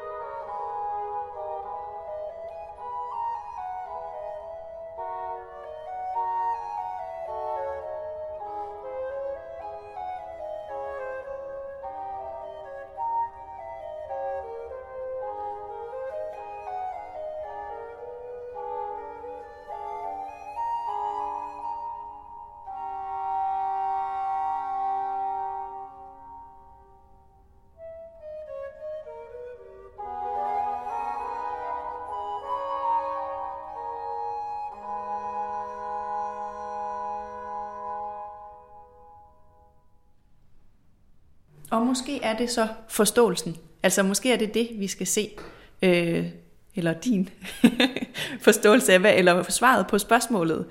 Altså af kærlighed vil han dø for os. Så, øh, og, og, som, og den ligger jo som et meget fint, fint mellemspil imellem øh, de to korsfæstelsesråb, som jo kommer fra befolkningen. Øh, og som en forklaring, måske også på deres råb, eller på menneskets råb, korsfest ham, vi forstår det ikke, vi forstår ikke denne her kærlighed, det vi ikke forstår, har vi så nemt ved at, at ønske væk. Vi kan ikke øh, forholde os til det fremmede. Og den kærlighed er fremmed for os, fordi vi ikke, vi aldrig vil blive i stand til at forstå den. Og måske derfor øh, var vi nødt til at, at slå den ihjel, for at den kunne opstå i en ny form øh, i vores liv med hinanden, med evigheden, der bryder ind i tiden i opstandelsen. Det er jo lidt sådan, når man, når man hører præster tale, og når man sidder i kirken, så, så hører man alle de ord ja. for vores sønders skyld, ja. og øh, overvinde døden, og det bliver til sådan nogle, ja. det bliver til sådan nogle ord, som man bare, man ved bare, de er der, og man hører dem igen og igen. Ja. Men ja. det er bare så, så svært at forstå, hvad, ja. Ja, og det, hvad bliver det meget, handler om. Det bliver meget nemt også for tærsket jo, alle de her ord, som er sagt så mange gange, og som vi hører, og så kan man kan godt se, at folk sådan, øh, går ind i deres egen verden, kan man sige. øh, og det kan selvfølgelig være rigtig godt, at man også nogle gange slår fra, og måske har sine egne tanker omkring det, fordi det her nemt bliver præstetanker, og, øh, og en masse, der, der, der jo dybest set ikke skal forstås med forstanden, men som skal mærkes i sit hjerte. Lidt ligesom når man står ved dåbsvandet, øh, og man kan godt tænke, at det er jo fuldstændig, øh, altså hvor er det dog mærkeligt, at jeg står der og putter tre bitte små håndfulde vand i hovedet på et lille spædbarn, og siger i faderens og søndens og helligåndens navn. Altså hvad betyder det? Og, og, vi, og jeg kan jo prøve med alle mine ord og fornuft øh, og, og forklare, øh, hvad det er, man får en forståelse, man vil lægge ned over det ritual. Men at, at ritualet virker, det, det, øh, det behøver jeg ikke forklare, for det, det mærker dem, der er til stede. Der sker simpelthen noget i det øjeblik, og det, det kan jeg ikke sætte ord på. Og det er det, som, øh, som jeg tror er de største ting i vores liv, dem må vi bare tage imod. Og mærke inden i os, at her sker noget, som vi ikke kan forklare. Og sådan tænker jeg det faktisk også øh, meget i forhold til korsdøden. At vi må også prøve at, øh, altså prøve at mærke den smerte og, og den lidelse, som er i korset. Og, og tænke, øh, hvor stort det er, at, øh, at nogen vil gøre det for os. At nogen føler en kærlighed til os, at man vil gå ind i den smerte, gå ind i den, den værste torturform, siger man jo, det er korsfæstelsen, øh, som gør det. Altså, Jesus beder jo, lad dette bæger gå mig forbi, dog skal ikke min, men din vilje. Altså ønsket om, at det ikke måske, og dog alligevel gå ind i det, uden protest. Det, det synes jeg i sig selv, som sådan konkret handlen, at det der er meget stort. Og så kan vi intellektualisere en hel masse over, hvad skal vi forstå ved det, og der kan være forskellige teologiske retninger, der siger det ene og det andet. Men, øh, men smerten i korset er øh, i sig selv, synes jeg, værd at gå ind i rent følelsesmæssigt. Og så leve, altså prøve at være med i de her påskedage, hvor man øh, går fra jublen, øh, palme søndag, og så over den sådan begyndende, ulmende angst, sker torsdag, til smerten lang fredag, og så sidde der påskemorgen og mærke forløsningen. Fordi der sker noget øh, i rummet, i kirkerummet og i ritualerne, når vi, øh, når vi lader os føre af dem og går ind i dem, som vi ikke kan forklare med ord. Så nogle gange er det også okay at slå fra og bare mærke det store, der sker. Men altså, de fleste, de fleste mennesker til alle tider og alle steder på jorden har haft en religion. Mm så har der været sådan nogle små øh, glimt øh, af ateisme. Ja, som jo også er religion. Ja, det kan man så diskutere, hvad det er, men ja. hvor man ikke har øh, nogle ritualer. Ja, det ved altså Humanistisk Selskab har jo ritualer. Øh, de laver jo også non-firmation, og de laver navngivningsritualer. For mennesket har brug for ritualer. Det ved, altså det tror jeg også, at ateisterne tænker, at det, de prøver så at løsrive det fra øh, fra noget guddommeligt eller fra øh, religion, og siger, at men, ja, det er jo derfor, man kan diskutere, om det er religion, eller hvad det er, de praktiserer. Men jeg tror, at til alle tider har mennesket jo haft brug for ritualer. Ved fødsel, overgang til voksenlivet, bryllup og begravelse. Og et er så, at mennesker til altid har undret sig over livet og døden, og især over døden, mm. og hvad skal der ske med os, og hvad forsvinder vi helt, eller religionen er vel også sådan en sådan en slags trøst til mennesker om at sige, bekymre dig nu ikke om det. Altså, det kan godt mm. være, der eksisterer nogle andre dimensioner end dem, som ja. vi lever i her, men, øh, men bekymre dig ikke om det. Helt sikkert. Ja, at religion giver jo en ro øh, for det menneske, der ligger for døden, som, øh, som jo kan, kan være rigtig værdifuldt. Mm. Vi ligger jo alle sammen i en eller anden forstand for døden. Ja, det gør vi. Ja, det gør vi. Det, øh, det var der måske flere, der skulle øh, forholde sig til. Men øh, ja, det gør vi selvfølgelig hele livet. Vi ved aldrig, hvornår det sker. Men jeg tænker, i det øjeblik, hvor man ved, at nu er der en kort tid tilbage, så, øh, så kan religionen jo virkelig være en støtte. Men også der, hvor man mister, der hvor man mister et elsket menneske, er det jo en utrolig ro at tænke, øh, at vi ses igen, eller at døden er ikke det endelige. Det kan jo, det, det kan jo være en, ja, en befrielse for mange at tænke sådan, fordi smerten er for stor ved den, den fysiske afsked. Det er, øh. det er svært at tale om. Ja, det ved jeg ikke, om det er. Øh, fordi det er jo også, altså, der er jo også de helt konkrete billeder i påskens øh, beretninger, som jo er, er fine at tale om, eller nemme at tale om, men det er jo ligesom den underliggende dagsorden i det hele, som jo godt kan blive kompliceret af ordene, synes jeg. Måske er det derfor, mange holder liturgisk lang fredag, Altså at man holder en gudstjeneste uden prædiken, men hvor man læser øh, teksterne fra lidelseshistorien i kirken, afbrudt af musik og salmer. Ordene er ikke altid det, der laver forbindelsen. Ja, jeg ville jo nok altid selv gerne ville prædike, eller har altid selv gerne ville prædike langfredag, fordi jeg også synes, at det er en meget, meget vigtig dag, og netop prøve at sige noget om, øh, om, hvad det er, der sker. Men nej, jeg synes ikke altid, at ordene er det, der forklarer. Altså, jeg synes faktisk, at musik jo også kan gå ind og tale til, øh, til religiøsiteten i mennesket, og kan med, altså, kan, musik kan også forklare en hel masse ting for os, synes jeg. Og kan sætte os i en stemning og skabe øh, skabe en forståelse på den måde, i at noget er større end os.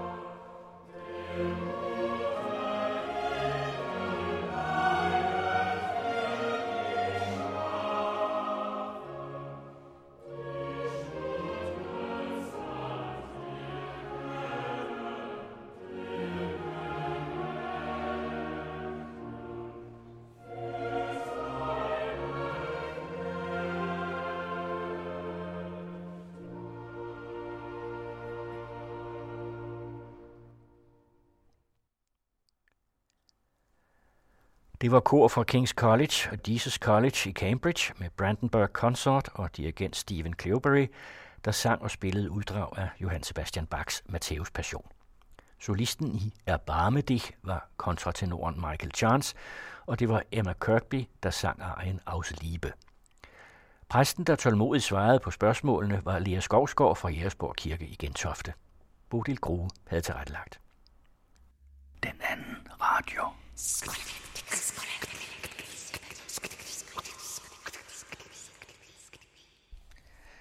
Fascinationen af uroksen lever, og det to millioner år gamle urdyr kan stadig trække overskrifter i medierne, når nye fund bliver gjort. Uroksen fandt efter sidste istid vej til de nordlige himmelstrøg i ældre jægerstenalder og uddøde i Europa i starten af 1600-tallet. Den første podcast i serien om uroksen handler om de sidste 100 år og avlen af hækkvæget, en nulevende wannabe-urokse. Til hækkvægets historie hører ikke kun fortællingen om avl og racerenhed, men også fortællingen om naturpleje og formidling af fortiden. Den anden radios reporter, Abelone Brejninge, har besøgt den levende fortid i savnlandet Lejre, tæt ved Roskilde på Midtjylland, hvor vi skal møde uroksens fjerne efterkommere.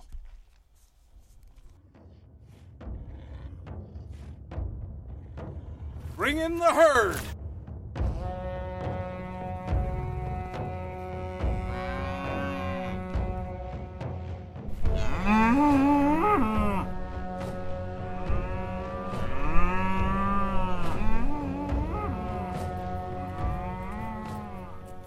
Nogenlunde sådan cirka lyder det, når staben i savnlandet lejre flytter rundt på deres urokser. Resultatet er snart 100 års avlsarbejde af robuste kvæg, der går ude året rundt. Sammen med dyrepasser Mia Carlsen skramler vi rundt i en lille elbil i et stenalderlignende dødislandskab mellem hatformede bakker.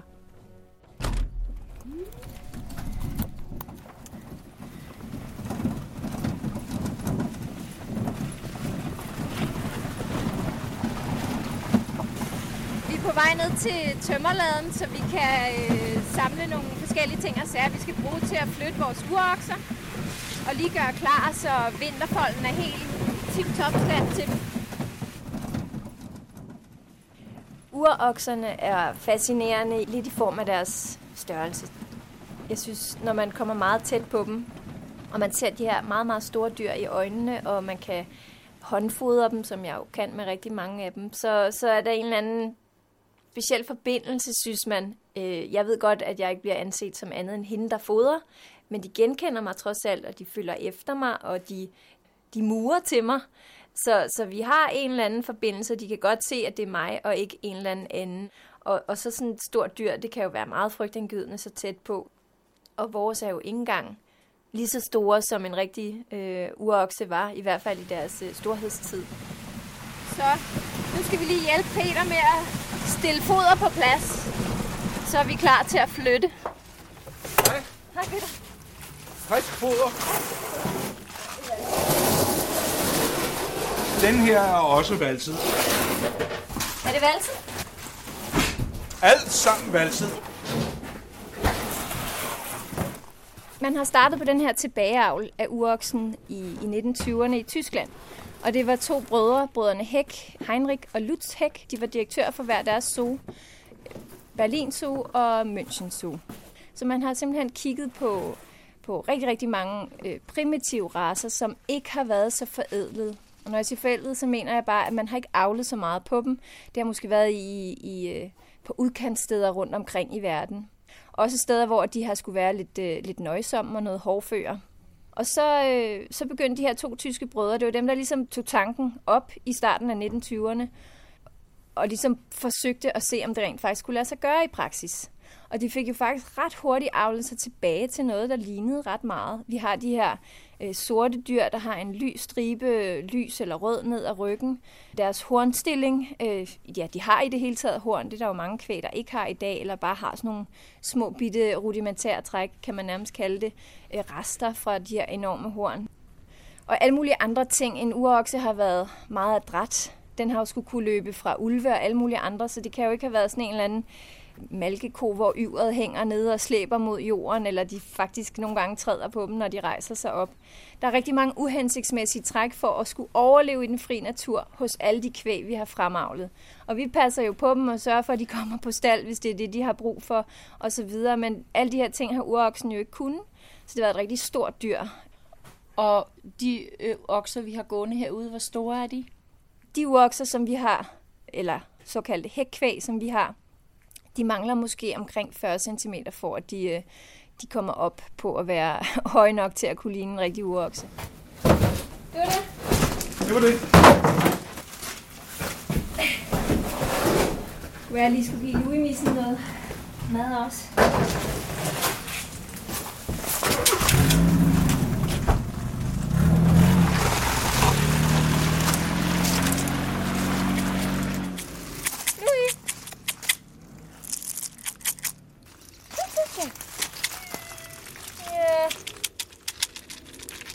Man mener, at øh, de her to tyske brødre, brødrene Hæk, deraf også hækkvædet, at de startede avlen, fordi at man jo på det tidspunkt har haft nogle strømninger i samfundet, der gjorde, at man har tænkt, hvad skal man sige, ren avl, ikke?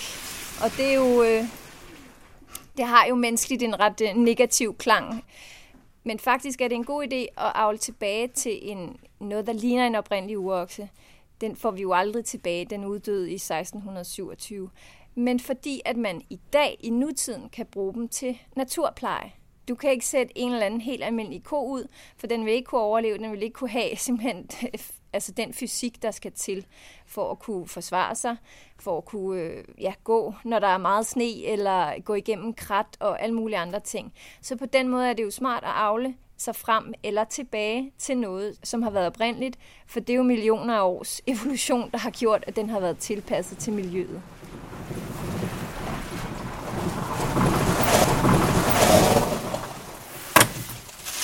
Vi har nogle fodervæv til.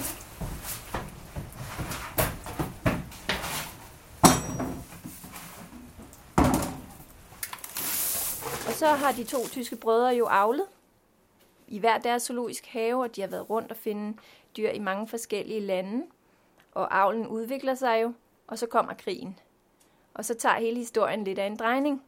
For så ved vi jo godt, hvad for nogle tendenser, der har været i Tyskland, og hvad for nogle tanker, racerenhed osv. Og når krigen bryder ud, så tager de tyske brødre faktisk med rundt og er med til at stjæle dyr fra andre zoologiske haver, som de synes passede ind, både til deres urokseavl, men også bare til zoologiske haver, sådan af andre arter. Og det er jo en lidt mørk side af historien, kan man sige. Og så er den her avl jo gået lidt i glemmebogen. Men på det tidspunkt under krigen, og da det var på sit højeste, og da det, hvad skal vi sige, kørte for Tyskland, der øh, fandt Himmler, Hitlers højre hånd, ud af, at det her projekt kørte, han var øh, stor fan af det, og det endte faktisk med, at han fik en hel masse af de her urokselignende kvæg ud på sine egne private jagtmarker. Så det er lidt, lidt interessant, at, at øh, den her storhed, det har han godt kunne, øh, kunne gå ind for, og, og et eller andet øh, primitivt oprindeligt, tænker jeg også, at han har synes om. Og det fører lidt tilbage til historien om, om adelen i Europa, som har været med til at udrydde uroksen i, i resten af Europa, så historien den fortsatte. Der har jo været et eller andet øh, stort ved at få lov til at nedlægge en urokse, og det har Himmler jo kunne se, og det er jo også derfor, at øh, uroksejagt og det samme med kronhjorte, at der er mange forskellige lande, hvor at det er kun adlen, der må jage de her store dyr af forskellige slags. Så det har jo været sådan enorm, kan man sige, at det har været kongelige og adelige, der har kunne jage, og det har nok passet Himmler meget godt, at han havde den mulighed også. Så afskærmning med her i nogle hestebånd og noget, vi kan hænge op, så de ved, hvad for en vej de ikke skal gå. Vi skal øh, lige lave en lille korridor, sådan at kvægene kan gå fra den ene fold til den anden, uden at komme alt for meget på afveje. Men de plejer at være gode til det. Eller det vil sige, den gamle ko ved lige, hvad hun skal. Må vi se, om de andre følger med. Det bliver spændende. Det er altid spændende. Har du prøvet, at de har stukket af nogle gange? Ja, de har været stukket af, men ikke under sådan en flytning. Det har været på andre tidspunkter, hvor at, ja, et hegn har væltet eller et eller andet, så har de været stukket af. Men de kommer tilbage, når man kommer med foder, så det er jo dejligt, at de er, er vant til det, og det er også en af grundene til at fodre hele året rundt, selvom det ikke er nødvendigt om sommeren, så har de jo græs nok, men simpelthen for at vende dem til at komme, når jeg, når jeg kalder. Så det har heldigvis virket og givet pote. Men ikke når vi sådan flytter dem der ved de lige præcis, hvor de skal hen, så det plejer at gå godt.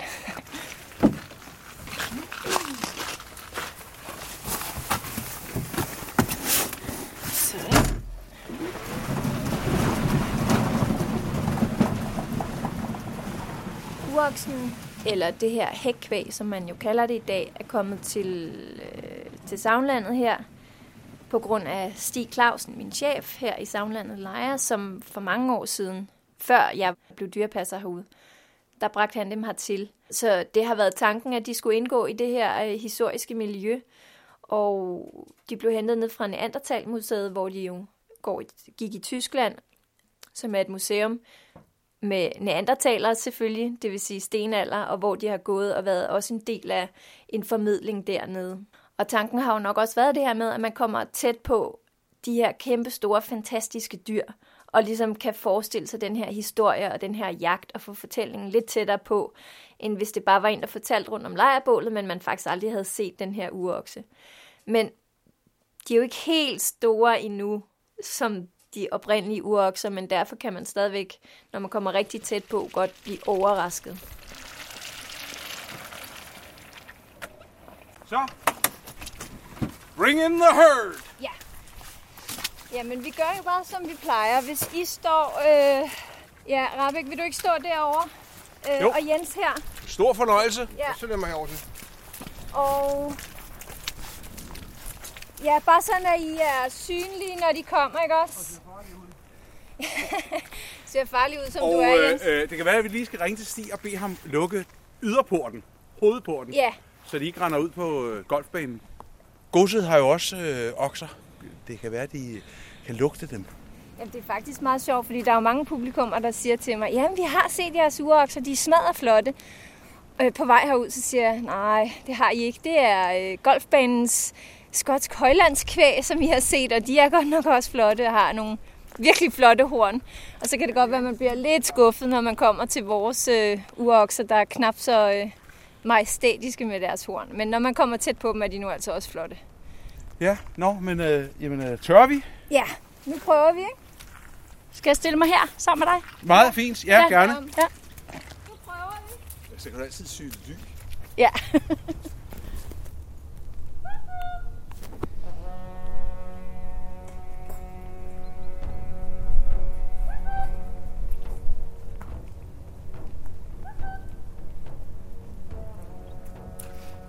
bliver råbt kuk-kuk efter en stor okse. Jeg, jeg, jeg ved ikke, ikke, hvad man egentlig skal råbe. Nå, nu kommer de. Og nu, vi skal bare stå, vi skal forholde os i ro, sådan så de ikke bliver distraheret.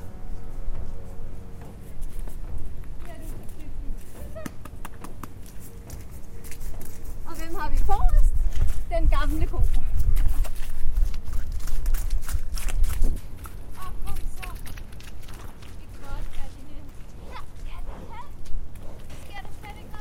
En god ko. Hvis en, en ko har god erfaring og kender stedet og kender menneskene, så er der ro på, og så er der ikke så meget panik til de forskellige ting og sager, der kommer til at ske. Og så kan man meget bedre, bedre håndtere dem, uden at det bliver farligt. Og det er egentlig derfor, at en god ko er en gammel ko. Det giver jo masser af erfaring, og hun har prøvet det hele før. I forhold til en ung en, som jo skal være ops på det hele. Ja, det er en god ko. En gammel ko.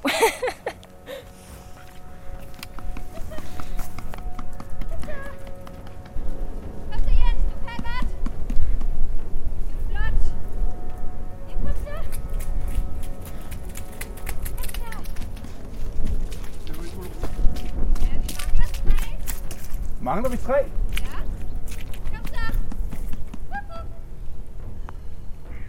Og det er lidt sjovt at se, for vi har haft nogle oplevelser herude med en meget stor, flot tyr. Han er så blevet slagtet nu, vi har en ny tyr. Men den meget store, flotte tyr, han var... Han kunne godt være lidt besværlig at arbejde sammen med. Han ville gerne vise, hvem der er bestemt. Og da vi kommer herned til at skulle øh, gå over her, den her korte overgang fra de to lover, så var det koen, der gik aller forrest. Den gamle ko, stille og rolig. Og resten af flokken, der trippede lidt nervøst med. Og tyren, som stod allerbagerst, og nærmest hvis han havde været et menneske, stod og vrede sig i hænderne. Han var simpelthen så nervøs, og han dansede i cirkler rundt der bag op på sommerfold. Men til sidst så kunne han godt se, der var de gået over, og så blev han nødt til at følge med, fordi det var trods alt mere farligt at være alene, end det er at være i en flok, selvom de andre gør noget, man synes, der er lidt farligt, så det er bedre at være i flok han spurtede over til sidst. Men øh, der er det meget sjovt at se, hvem der er den, den modige, ikke? Jens, er du klar på at åbne her, når jeg ja. kommer tilbage med dem? Ja, kom så. De andre, de står herovre.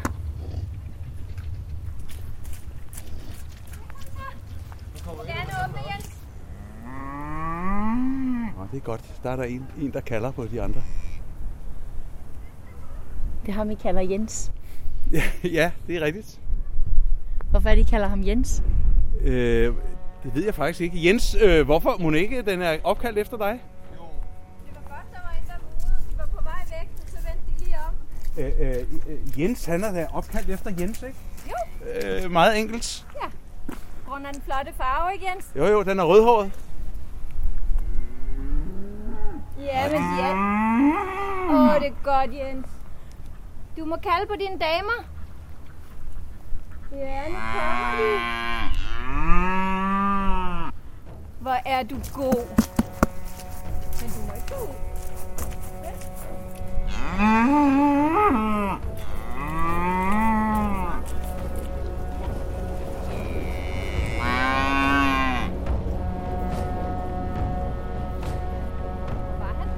Det var spændende, var?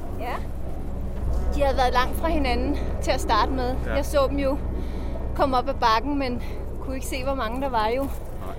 Og det er bare med at få den gamle dame med over med det samme. Men hun har simpelthen ikke været tæt på de andre til at, at kunne... Øh, så de opdagede lidt for sent, at de er, er løbet, ikke? Så øh, hun skulle lige være sikker. Ja, det var sjovt at se, hvordan Jens han ligesom løb ud af folden igen for at beskytte dem og få dem med ind. Det var rigtig dejligt at se. Det var også ham, der svarede, da de kaldte.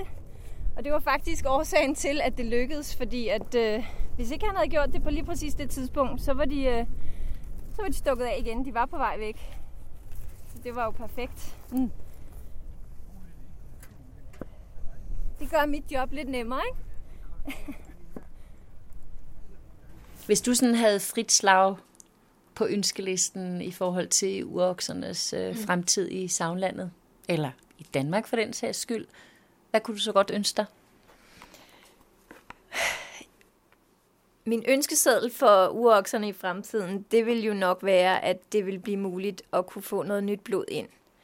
Men det er også en lidt spændende avl, fordi at dem, som der er blevet genudsat her i 2015, er jo endnu mere urokselignende end dem, vi oprindeligt fik. Og på et eller andet tidspunkt, så tror jeg ikke, Savnland kan følge med med vores forhold for at kunne holde sådan en inde, simpelthen. Der skal noget mere til, hvis de bliver meget store og meget farlige, så, så øhm, det ligger lidt i vente på en eller anden måde, hvad det kan blive til. Og det vil selvfølgelig være rigtig, rigtig ærgerligt ikke at kunne fortsætte med at have dem. Det vil jeg blive, blive rigtig ked af, fordi det er selvfølgelig noget specielt, og det giver et rigtig godt perspektiv, og det gør tingene mere virkelige at kunne se nogen, når man hører en historie om jagt og urokser, altså have noget ved siden af.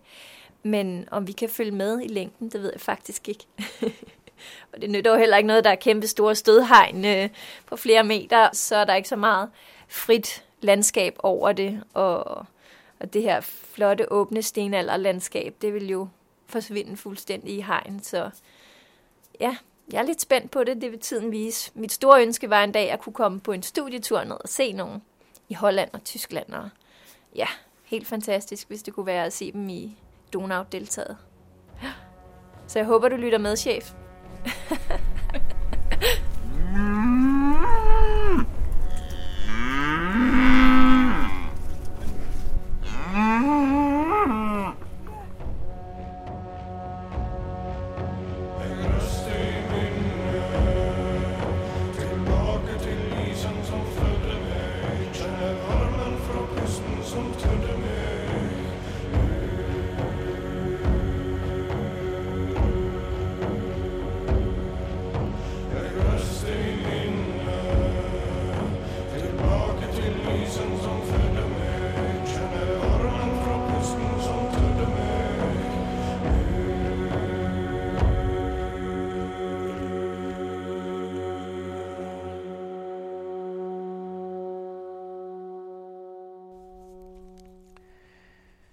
Hermed giver vi opfordringen videre til selv at hilse på de smukke dyr i senistidens bakkede landskab.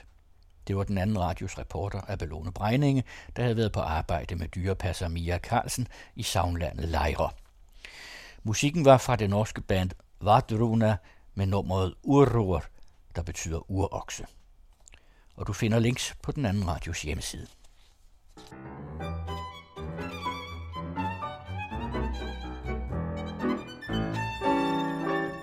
Det her er den anden radio. Komponisten Martin Hall og forfatteren Søren E. Jensen præsenterer det andet program i serien 1970-79, som denne gang er nået til året 1971. Udsendelsesrækken præsenterer lytterne for en række nedslag og stemningsbilleder samt et væld af historier fra og om perioden, der af en norsk barokgruppe er blevet kaldt årtiet, som den gode smag glemte. Musikalsk er der tale om både popsange, man havde glemt, samt om klassikere og eksperimenter, der kun kunne se dagens lys i 70'erne. thank you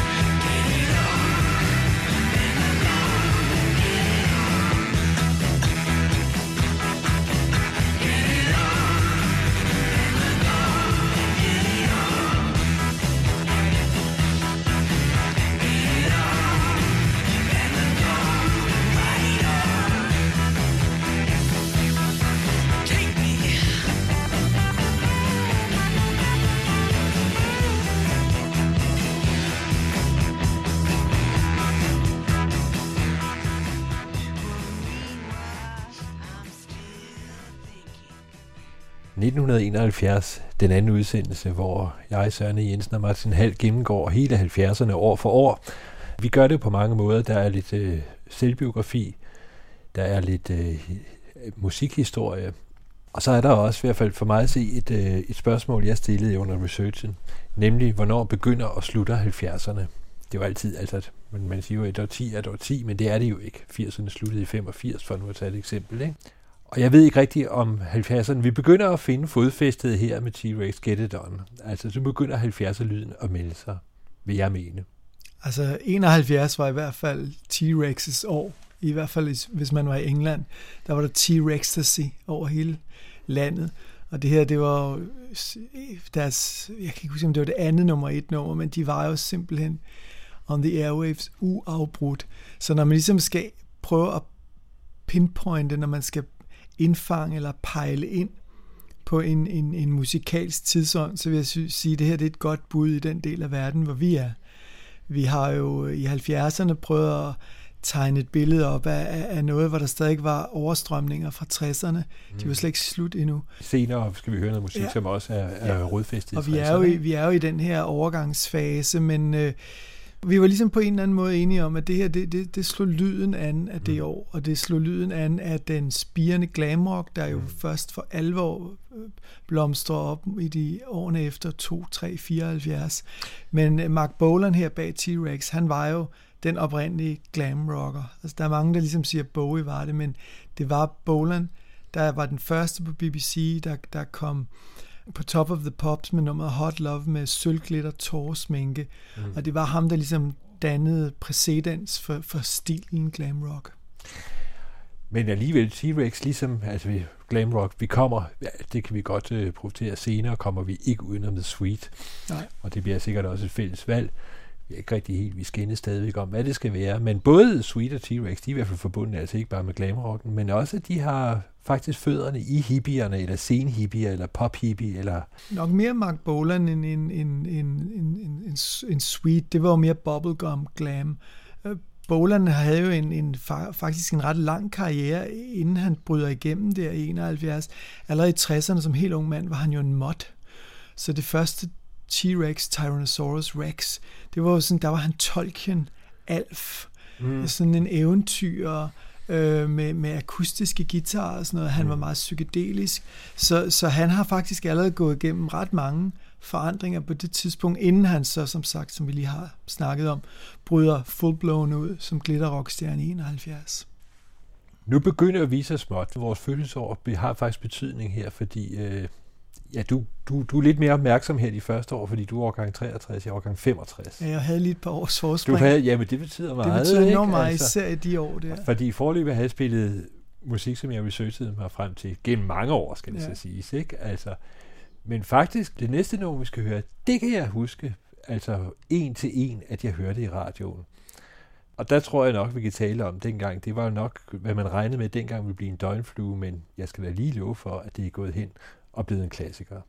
Der er noget galt i Danmark, dybbelmølle maler helt af helvede til. Bare tegne drengen er i orden, kan man få det som man vil. Blæse vær med andres mening, selvom det er dem, der står for skud. Der er noget skævt i toppen, noget der trænger til at skiftes ud. Jensen går ned til en å for at fange sig en fisk, hvad han ofte har gjort. Men der er ingenting at hente, en industri har fyldt åen op med skidt og lort. Før gik han tur langs med stranden og nød de vilde fugle i 10.000 vis. Nu kan han få dem i olie, men til for høj en pris. For der er noget galt i Danmark, Dybølmølle maler helt af helvede til. Bare tegne drengen er i orden, kan man få det som man vil. Blæse ved med andres mening, selvom det er dem, der står for skud. Der er noget skævt i toppen, noget der trænger til at skiftes ud. Prøv blot at se, hvad der sker i de gamle gader midt i vor by København. Hæslige kasser skyder op, nu er turen også kommet til det kære Christianshavn. Lastbil på lastbil skal larme, og rose langs kanalen hver andet minut. Dem må vi stanse i tiden, og må det være slut. Her er jo noget galt i Danmark, Dybbølmølle maler helt af helvede til. Bare tegne drengene i orden, kan man få det som man vil. Blæse vær med andres mening, selvom det er dem, der står for skud. Der er noget skævt i toppen, noget der trænger til at skiftes ud. Der er noget galt i Danmark, Dybøl Mølle maler helt af helvede til. Bare tegne drengen er i orden, kan man få det som man vil. Skide være med andres mening, selvom det er os, der står for skud. Der er noget skævt i toppen, noget der trænger til at skiftes ud. Ja, nu er der så.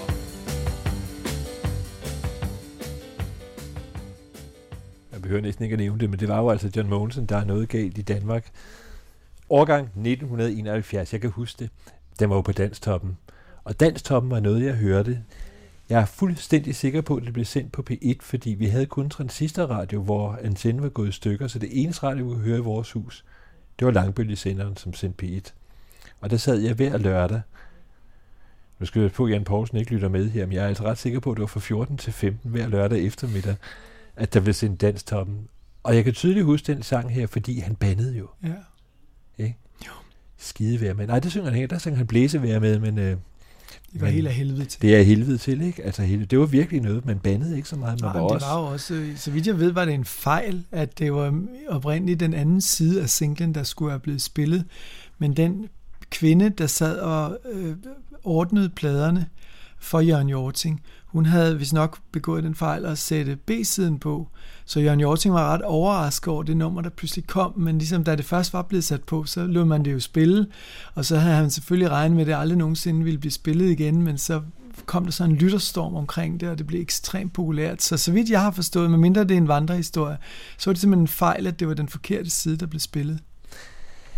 Men det er jo en protestsang, og sikkert også, fordi det var det jo dengang, sikkert også en øh, venstreorienteret protestsang.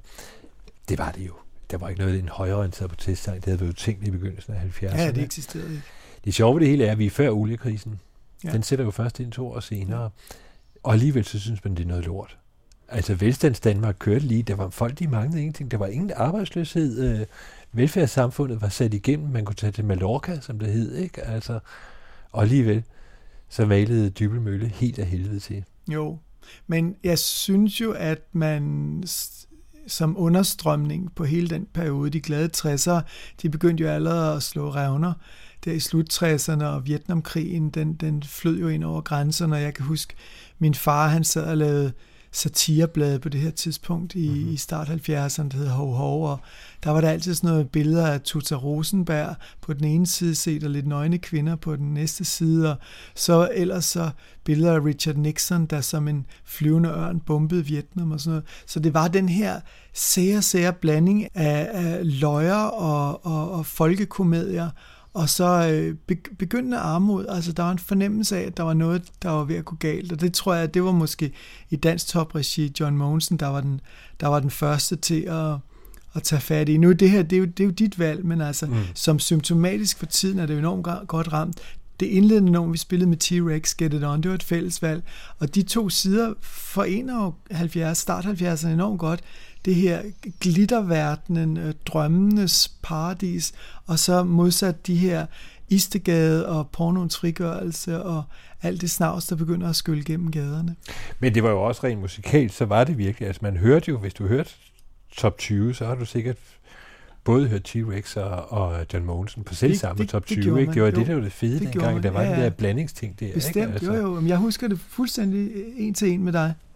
Men det var så også, du skal man så lige, altså, jeg synes ikke, det her det er den største John Mogensen sang, men jeg synes faktisk heller ikke, den er dårlig, altså, fordi, altså, grundlæggende er budskabet, det hele er noget lort. altså, dybelmøller Der er med. noget, der laves om, hvert Men de, de eksempler, han så nævner, det er jo trods alt kun, altså, det er miljøet, ikke? Altså, at der er kommet forurening. Det kan jeg huske, når man legede, nu var det også fra Esbjerg, de, de var, ja. altså miljø var ikke særlig interessant, men det var jo rustrøde bækker simpelthen, ikke? Altså, man kunne ikke bade i Ho Bugt, som var derude, fordi det var gennemforurenet. Man kunne jo heller ikke, altså her i København, det, var, det gik jo mange år, Altså, jeg tror da slet ikke, man i 70'erne havde tanken om, at man nogensinde skulle komme til at bade i Københavns Havn. Ikke? Nej, det, man kunne se det med det, det blotte øje. Ikke? Jo. Og så var der så den anden, som med byfornyelsen, der med, at man øh, river ned. Og det var man jo også godt i gang med på, på det tidspunkt. Altså, man jo har lavet en motorvej simpelthen hele vejen gennem København, altså der, ind, til, ind forbi Rådhuspladsen, det var meningen. Ja. Og der er stadigvæk visse steder, altså der hvor Han Heinsen har sin skrå betonsøjle tæt på søerne, der, der er jo det der mærkelige hul, når man kommer til søerne. Det er jo, der rev man jo simpelthen en boligblok ned. Det var en del af den motorvej, der så skulle have kværnet derigennem, altså Lyngbyvejen, der skulle fortsætte langs søerne ind til, til Rådhuspladsen. Det blev så stoppet af folkelige protester. Men det var jo altså noget, som, som altså moderniteten gik for stærkt, tror jeg. Ja. Simpelthen, ikke? Martin, hvad er du i godteposen? Jamen, så er det jo så mit første reelle valg nu, og, og nu skal vi så til Amerika. Jeg har øh, taget en gruppe, som, som nogle år senere for alvor bryder igennem, men det her nummer, det, var, det blev jeg først bekendt med, efter de var blevet kendte, men Sparks, det band, der slog igennem i England i 74, de opstod de amerikanske, to amerikanske brødre, der har skabt gruppen, de var jo allerede i gang der i, i, i start 70'erne og udgav i 71, som er vores år, et album, der oprindeligt blev kaldt Half Nelson, sådan et brydegreb. Det var deres navn i stedet for Sparks. Og nu har jeg gjort det sådan, så vi ikke gentager os selv for meget, fordi i løbet af vores serie om 70'erne, der vil de muligvis på min liste dukke op en gang til. Muligvis også på min. Så nu har jeg ligesom pædagogisk gjort det, at jeg har taget et af de mest musikalsk interessante numre for det her debutalbum, øh, med dem. Men det er faktisk skrevet af guitaristen Earl Mankey, øh, hvor, hvor det jo altid normalt er Ron Mail, og nogle gange Russell Mail, hans bror, sangeren i gruppen, der har skrevet det. Men det her nummer, jeg har valgt ud, det er sådan for at indikere lidt de understrømninger, der også sker i, i rockmusikken, den lejesyghed, der jo begynder at sprede sig til, til, til radiostationerne. Øh, det her nummer nåede aldrig så langt, men det er et nummer med Half Nelson Sparks, der hedder Biology 2.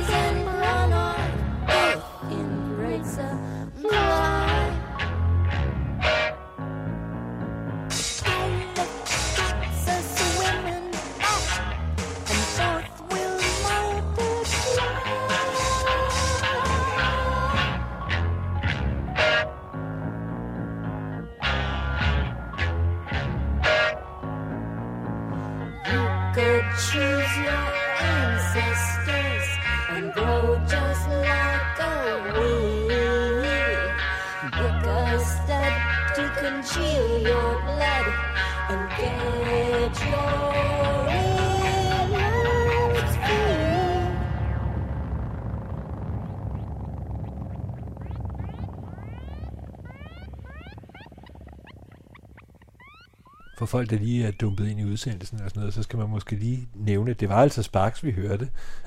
En tidlig udgave, og jeg ved ikke, at det, det er jo ualmindelig opfindsom musik.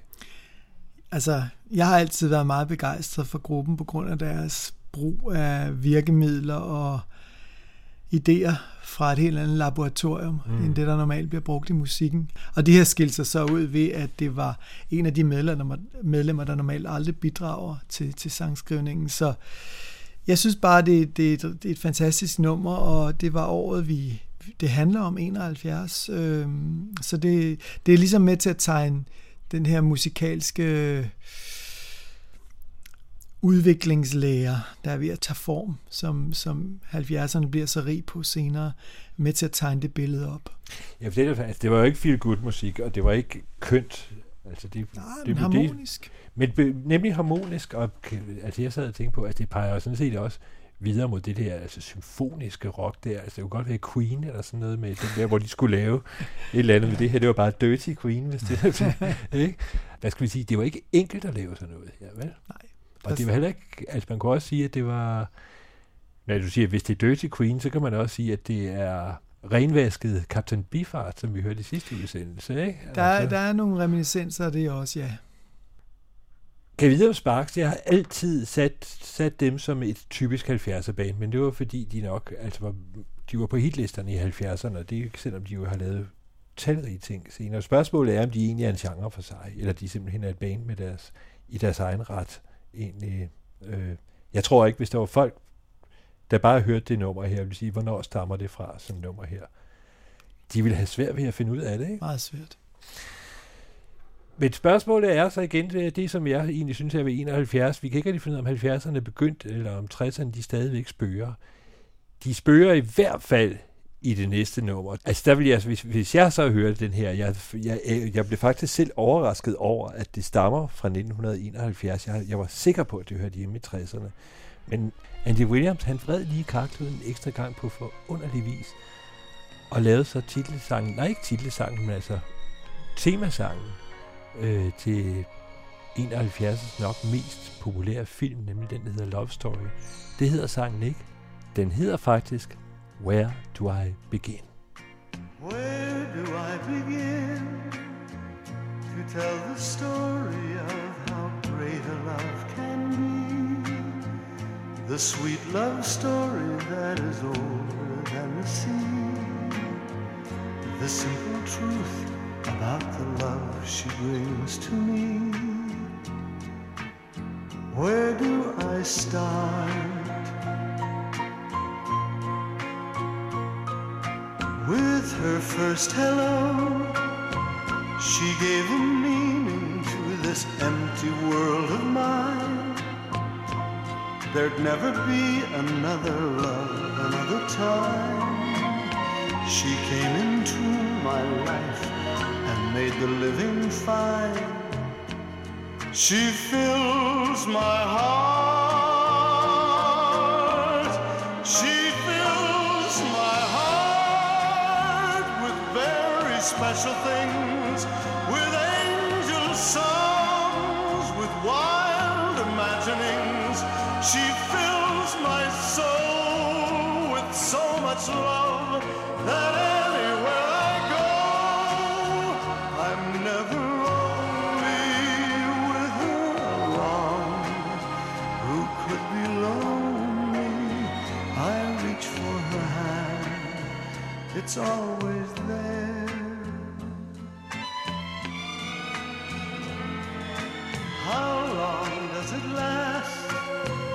Can love be measured by the hours in a day? I have no answers now, but this much I can say. I know I'll need her till the stars all burn away, and she'll be there.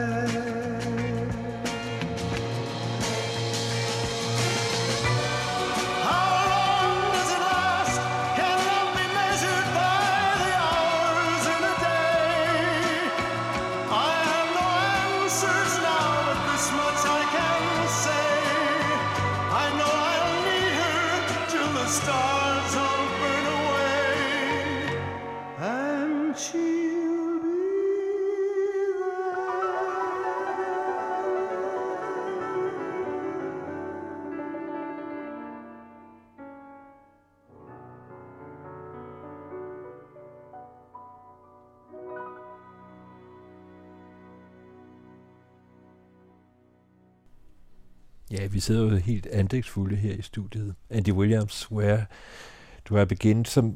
Ja, det, det drillede mig lidt, fordi... Øh, altså, det, der står jo, det Theme from Love Story, men, ja. men mm. den stammer jo fra 1970. Ja, filmen er nemlig fra 1970, og der var et instrumentalstykke, der også blev meget populært. Så min søster, hun hørte igen og igen. Ja. Og så Andy Williams går så ind, fordi han er så betaget af det her nummer, og skriver en tekst til nummeret, og får som en måned senere, jeg mener det var januar 71, det var lige inde i det år, det handler om nu, fik det her store, store hit med sangen Where Do I Begin, som så også blev kørt frem som temaet for Love Story, hvilket jo også er sandt nok. Ikke? Love Story var jo den her kæmpe film, en tragedie med Ali McGraw og Ryan O'Neill, som solgte masser af billetter. Sådan mm. en tragisk kærlighedshistorie, jeg kan huske. Alle græd i stridstrømmen, når de var inde og se den. Jeg fik aldrig set den dengang. Jeg har aldrig fået den. Nej, jeg er heller ikke sikker på, at jeg har lyst Men til jeg at se havde, den jeg igen. tænkte faktisk på at se den som del af research, det fik jeg så ikke gjort. Men jeg tjekkede så, øh, hvad var det, den kvindelige skuespiller hed? Ali McGraw. Ali McGraw, så skulle jeg lige tjekke, altså, hvor lang tid siden er 71 egentlig, eller 70, hvor den så kom frem, ikke? Altså, kan jeg vide, hvor gammel hun er i dag? Hun er 81. Ja. altså. Tiden går. Men der er noget i forhold til det billede, vi er ved at tegne med den her udsendelse. Altså, vi, vi er gået no, noget godt rundt ikke? med T-Rex og John Mogensen, og nu er Andy Williams her, fordi det her nummer, det er jo simpelthen så drivende romantisk og melankolsk. Altså det, det minder mig virkelig om 70'ernes melankolske forfald. Mm. Altså mine forældre forestående skilsmisse, og det opsummerer den tristesse, der også lå i luften på det her tidspunkt, som jeg opfattede som barn meget tydeligt. Øhm, så jeg synes, det var et, et fremragende valg, du har taget. Ja, vi nævnte jo så også, at det egentlig altså Andy Williams. Jeg ved ikke, hvor, hvor mange der egentlig lytter til ham herhjemme, altså, men øh, jeg kan huske, jeg så for nogle år siden, det var dengang med altså Fona til sidst, du ved ikke, altså en eller anden greatest sidst til 29 kroner, tænkte, gud, jamen han, det er da sikkert meget rart, ikke? Jo, jo. Og så fandt jeg, nej, hvor har han lavet meget godt. Han var altså. jo kæmpe stjerne. I USA havde han jo sit eget tv-show, og havde jo hit efter hit, og der er også masser af easy listening klassikere, der kører, som folk står og fjoller med på, når de skal karikere perioder, som er hans numre. Jeg kan simpelthen ikke huske titlen. Hvad er det? Music to watch girls goes Ja, by det- to bam, bam, bam. Ja, ja, det er ikke, så, så det, Men også, han laver, han, han får faktisk senere, øh, altså laver også temaet til Godfather. Ja, nu ved jeg ikke engang, om det er temaet. det har jeg ikke, det har jeg ikke, det kan jeg ikke Øh, huske, men det skal også nok en eller anden passe. smuk melodi, nu kan jeg heller ikke lige huske, den, hvad den hedder, som Otto Brandenborg jo øh, Mm. laver en dansk version af. Og man kunne også godt forestille sig, altså at lave en dansk udgave med Otto Brandenborg, som, Det kunne jeg som sagtens sang den der love mig, ja. story der, Ja. ikke? Nå, det var jo smukt og dejligt, og, og, Jamen og i ørefald, så nu skal vi garanteret ned i regnestenen igen, ikke? Ja, ja, ja, fordi nu er det jo mit valg, men jeg synes på en eller anden måde, der er en god glidebane her fra den her, det her melankolske forfald, fordi nu skal vi så ned til, til Leonard Cohen. Nu skal vi bare, ja, fra sorg til selvhed, ikke? ja, eller hvad, hvad som helst, vil jeg sige, i hvert fald længere ned i dønnet, som du selv var inde på, men det er jo så Leonard Cohen, der i 1971 udgiver sit tredje album, Songs of Love and Hate, og det er jo en titel, der er klokkeklar. Mm. Og den kan jeg huske, at en fyr i parallelklassen, hans mor, hun lyttede til, øh, til Bob Dylan og Leonard Cohen, og det stod for mig som noget meget eksotisk. Mm. Så når jeg var hjemme og besøgte dem, så kan jeg huske, sådan, så spidsede man ører, hvad var det her for noget? Dylan sagde mig ikke så meget på den tid, han var den her raspende troubadour. Men der var noget dragende ved Cohen, som jeg i kraft af, at jeg kun var otte år, ligesom ikke helt havde formået at sætte fingeren på. Men øh, det var en plade, som jeg sidenhen tog op med stor fornøjelse, og det nummer, som jeg gerne vil spille, det, det nummer, der hedder Avalanche, som er med, som, øh, som åbner øh, det her album, hvor teksten, synes jeg, er, er, er virkelig den dag, der er rystende. Altså, der er blandt andet en, et, et citat, der hedder, you, who- you who wish to conquer pain, You must learn what makes me kind. The crumbs of love that you offer me, they are the crumbs I've left behind. Igen, det er et valg, vi er fuldstændig enige i. Her kommer Leonard Cohen, når han er angiveligt allerbedst. Thank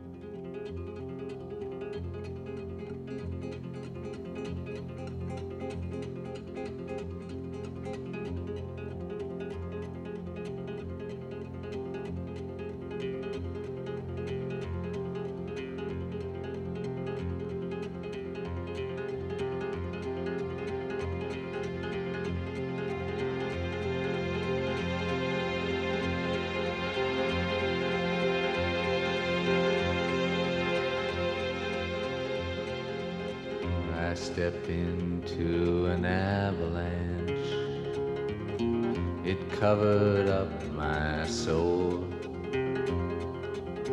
When I am not this hunchback that you see, I sleep beneath the golden hill. You who wish to conquer pain, you must learn, learn to serve me well.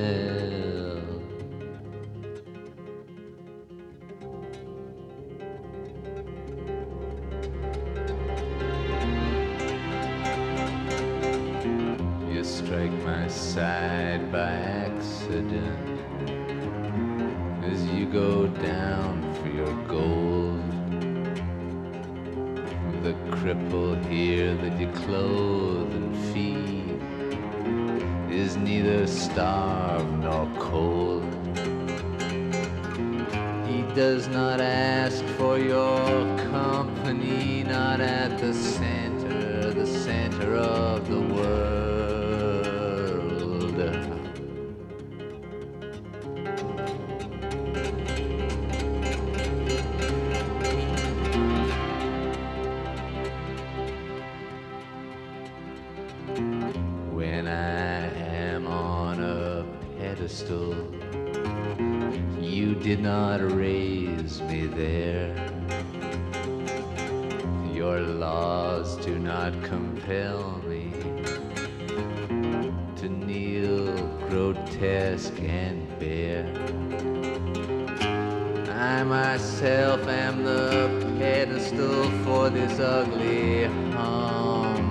which you stare.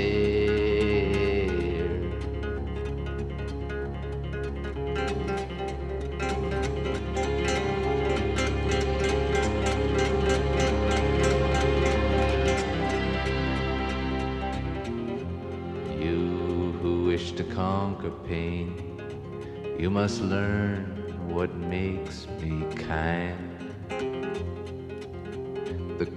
crumbs of love that you offer me, they're the crumbs I've left behind. Your pain is no credential here, it's just the shadow, shadow of my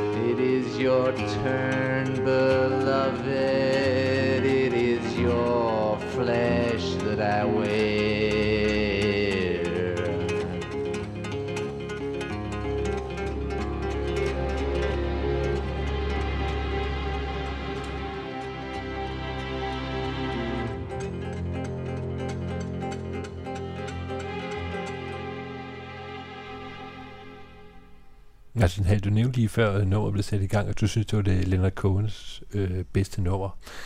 Jeg kan supplere, fordi for en del år siden, så kørte jeg rundt i min daværende gamle bil, hvor der kun var kassette, hvor jeg så havde et mixbånd i, hvor jeg kørte sammen med Knud Øje. Der var det her et af numrene, og så sagde det Knud Øje, det her, det er Leonard Cohens bedste sang. Og så sagde Knud Øje, ja, det er det. Og så, så var den samtale ikke længere. Jamen, så er vi jo enige. Der er vi så enige. Jeg har så også en personlig historie til lige præcis den plade, altså Songs of Love and Hate. Der er et andet nummer, det sidste nummer side 1, det hedder Diamond in the Mine, som er bare en lang opremsning af, af hvor elendigt det hele er, ikke? Altså, der er ingen kul i, ja, der er ingen diamanter i minen, der er simpelthen ingenting. Alt er helvede til. Men det havde jeg fået optaget på natradio, som var på det tidspunkt, men jeg havde ikke fået, fået fat i titlen, jeg havde ikke fundet ud af, hvad det var. Jeg havde kun nummeret, og øh, dengang det var Al Jones, der havde bestyret den natradio, så tænkte jeg, at jeg var helt vild med det nummer der. Så det sidste så gjorde jeg simpelthen det, jeg var skoledreng, gik på efterskole, at jeg ringede skulle til Al Jones, og så citerede jeg øh, for teksten, og så kom der, and there are no diamonds in the mine, det er Leonard Cohen.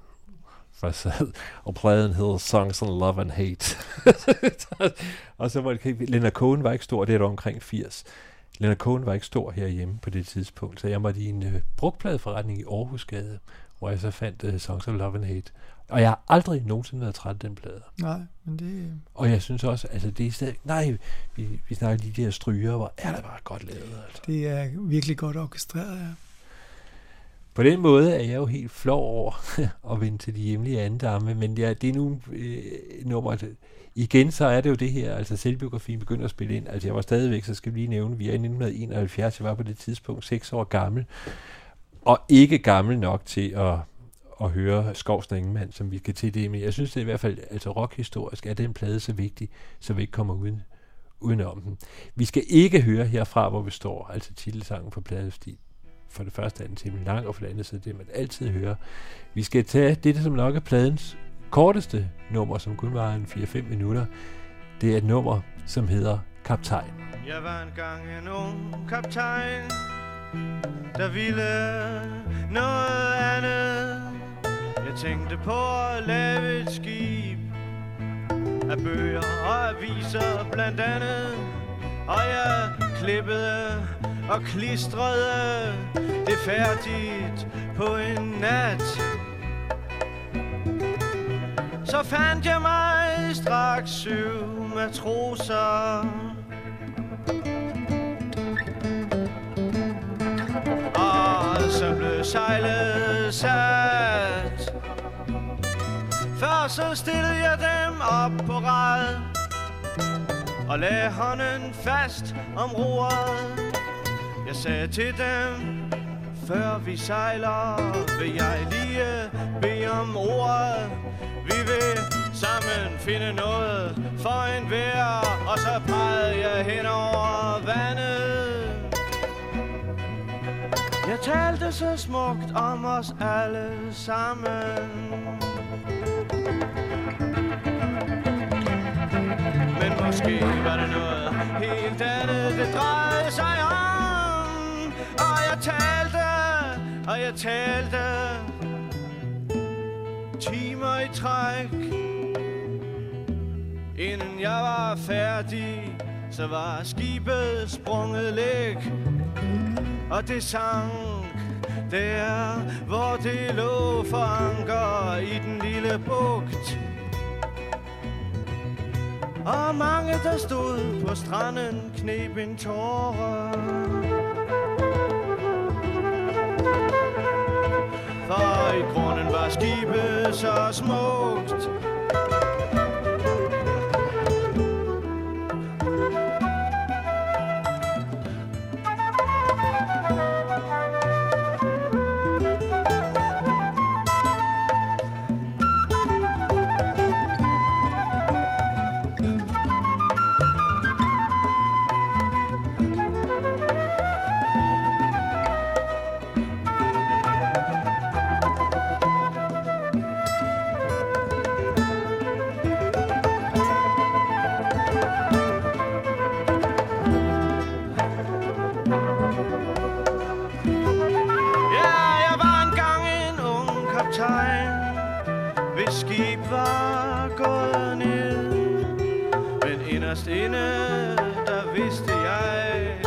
Jeg havde fået fred.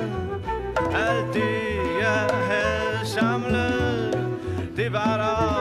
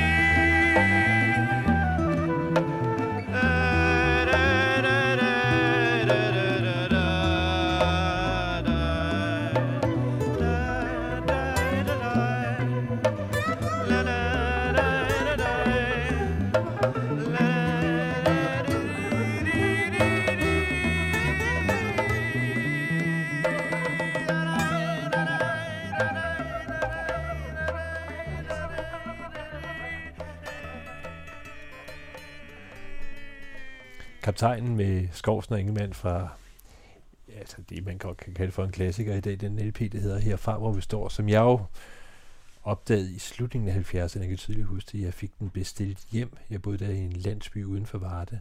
Og så ringede de og sagde, at nu var den kommet herfra, vi står. Og jeg blafrede ind i snestorm, fordi jeg kunne ikke, altså det var simpelthen, det, det, den, når den var kommet, så jeg, jeg kunne eje den, jeg måtte blafre mig igennem snestorm. Og hørte de der tekster. Jeg kan huske, du i det interview engang har sagt om bogesangen Sigtet Comedy, at der var, det var første gang, hvor du ikke rigtig kunne overskue noget. Og sådan havde jeg det også, lige faktisk lige præcis med den her tekst, jeg tænkte, hvad fanden er det, der sker? Mhm. Men senere har jeg så tolket den plade som, altså her dør i hvert fald den danske himmelbevægelse. Ja. Herfra forstår Det bliver jo så også sagt. Og jeg kan huske det her med, øh, i 80'erne, jeg så var optaget, der mener jeg faktisk, du lavede pangdangen, eller du, du, du så lavede gravstenen over, over punk og new wave tingen med Apparently All the Same i 84.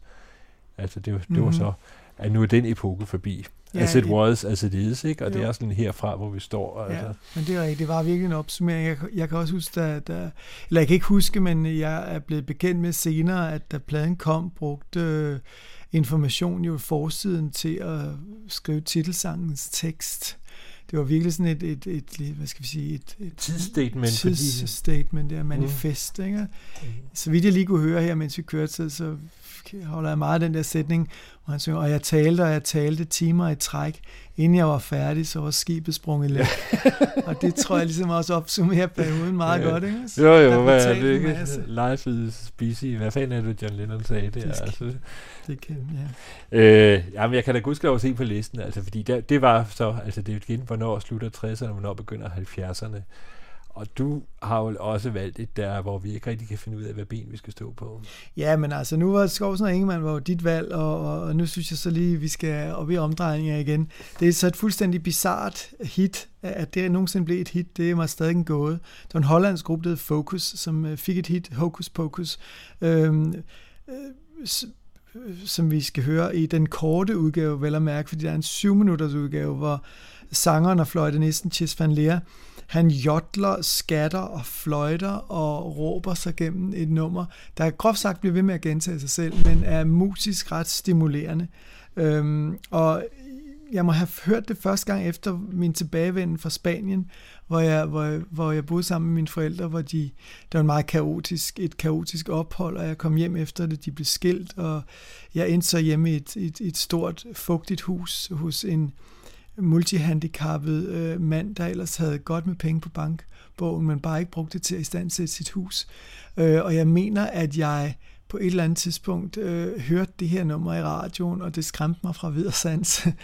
Så øh, lad os ligesom straks øh, skifte fuldstændig boldgade i forhold til Skovsen og Ingemann og høre Focus, Hocus Pocus. Focus,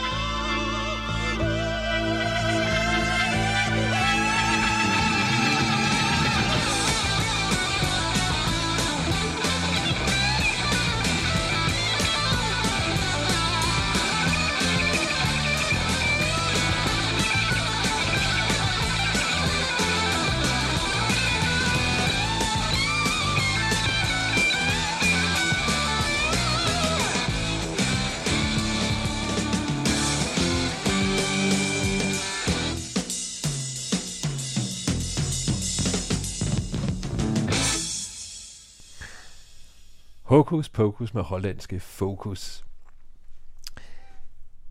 Og med fløjte. Var du sagde, du var forsangeren, øh, han var også fløjtenist. Ja, Chess van der, ja. Det er en mærkelig ting med øh, den fløjte der. Den er jo, jeg er bestemt ikke beklager, forsvundet ud af, af, af rockmusikken. Det var meget populært i de år også. Det var sindssygt populært. Fordi en plade, som virkelig var, altså som jeg egentlig burde men, have, have taget med, men jeg, der er jo altid fravalg, men altså, det er faktisk en øh, polsk plade, der hedder Corrode med Mike Krakuta, som bliver nævnt som den største polske plade nogensinde. Nå. Men selve titelsangen, Corrode, det var 10 minutter, hvor i hovedparten er en lang blokfløjte solo. Puh, Jeg kan også godt finde en liveudgave, der var et kvarter, fordi der er blokfløjte solo Åh, lige blevet lidt længere. Men, øh, men øh, den venter. Jeg tror, det første liveudgaven er fra 74, så der dukker den stærkt op igen.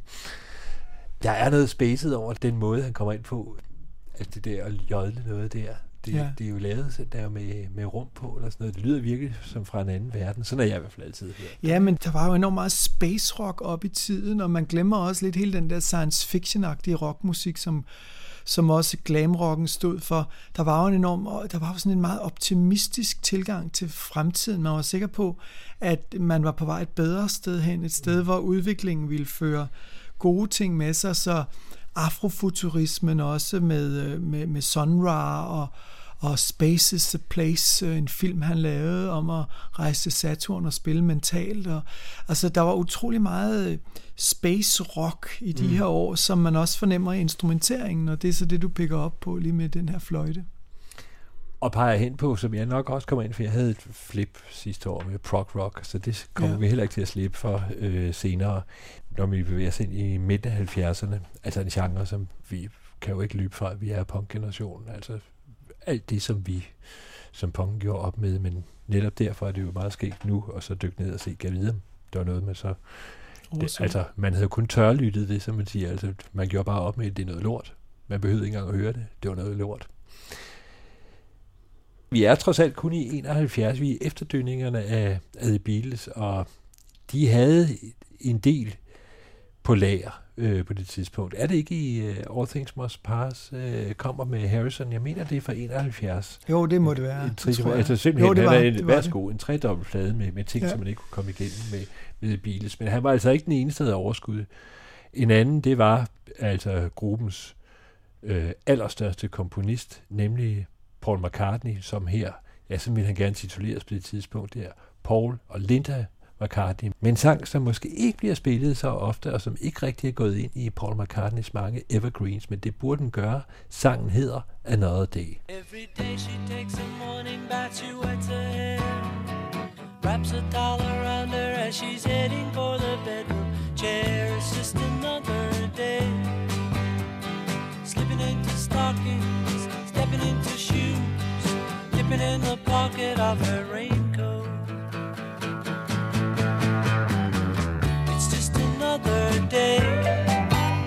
The office where the papers grow, she takes a break. Drinks another coffee and she finds it hard to stay awake. It's just another day. It's just another day. It's just another day.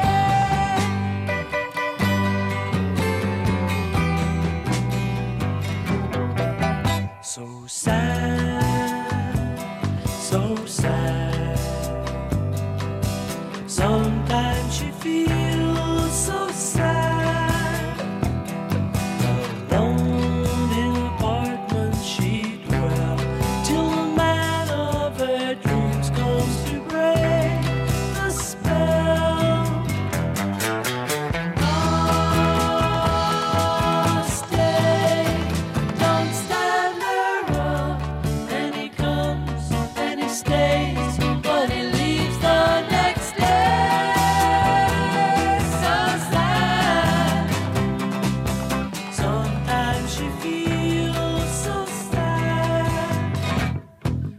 as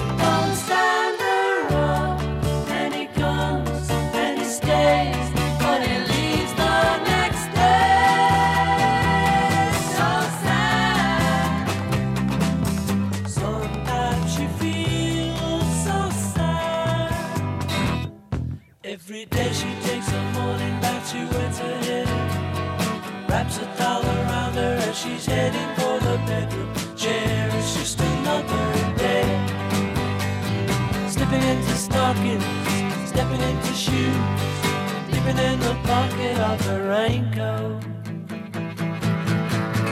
Oh, it's just another day.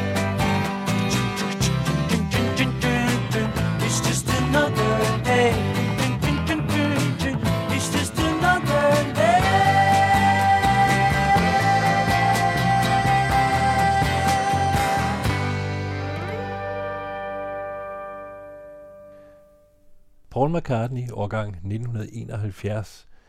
Sangen er så indspillet i 1970, og den er skrevet i 1969, altså samtidig med, med The Beatles.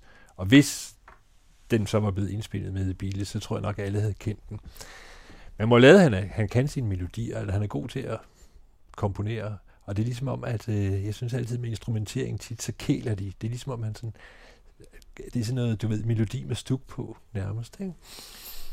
Ja, altså jeg forholder mig lidt tøvende på, McCartney har aldrig sagt mig det store. Nej, det er en så katastrofe. Jeg det er det det samme med. Beatles, det har aldrig sagt mig det store, men jeg tror simpelthen bare, at jeg faldt i en anden gryde som, som barn.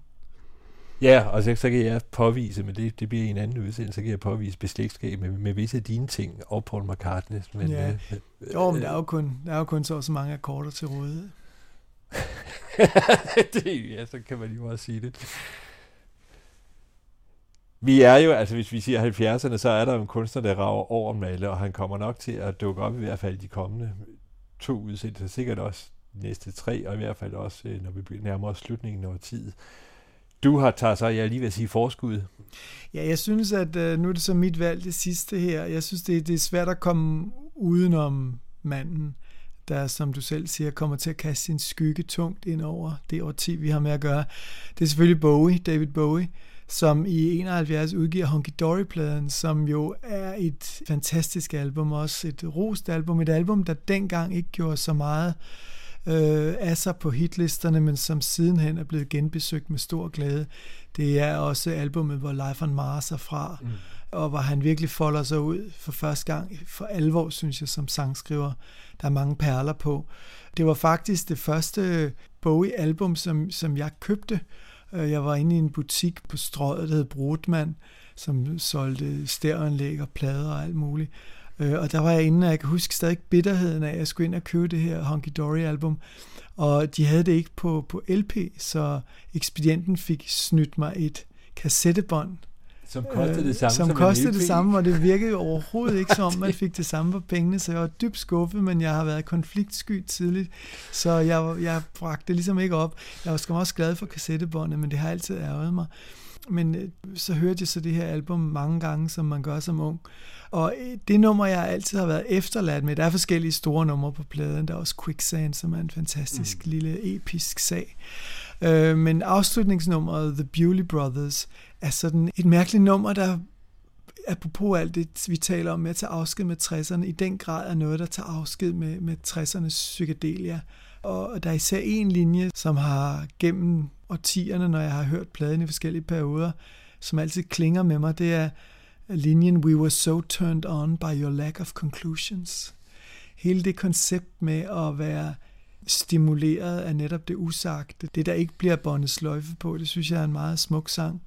Øhm, og så synes jeg, det er en, et, et, et fint øh, dvælende nummer at slutte den her udsendelse af på, og så samtidig, hvad skal vi sige, lade være ledestjerne for vores næste program. Der, Hvor 70'erne begynder. Hvor de for alvor begynder i 72. Så øhm, ja, ikke så meget at sige. Bowie, Bewley Brothers fra Hunky Dory.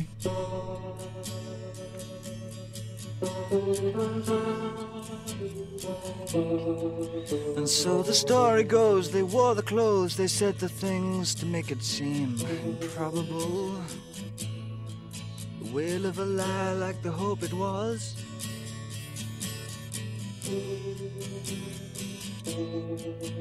And the good men tomorrow had their feet in the wallow and their heads abroad when ice ashorn and how they bought their positions with saccharine and trust.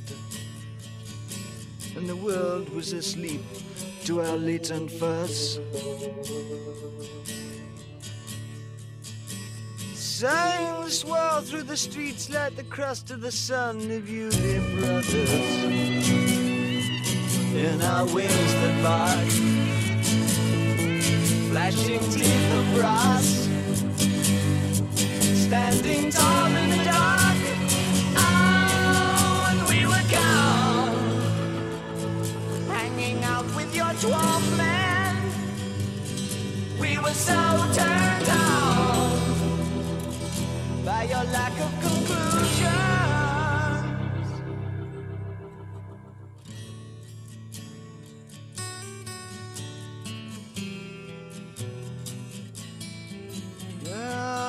Stone, he was wax, so he could scream and still relax. Unbelievable.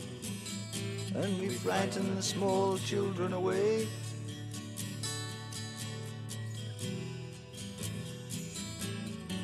And our talk was old, and dust would flow through our veins, and lo, it was midnight back at the kitchen door, like the grim face on the cathedral floor.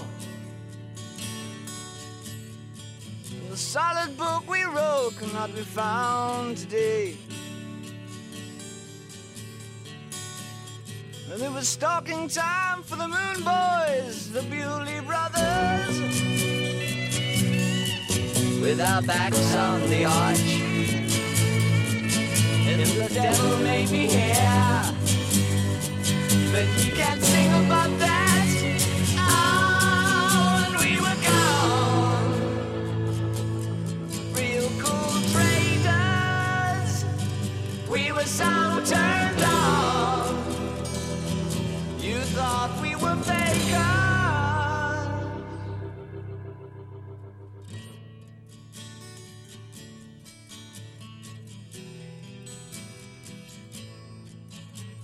Now the dress is hung, the ticket pawned, the factor max that proved the fact is melted down.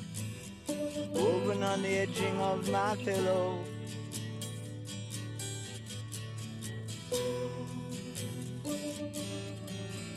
And my brother lays upon the rocks. He could be dead, he could be not, he could be you.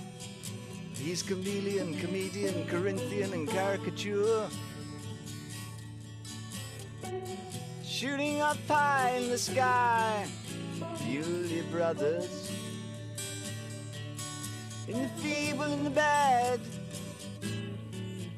Bewley brothers, in the blessed and cold,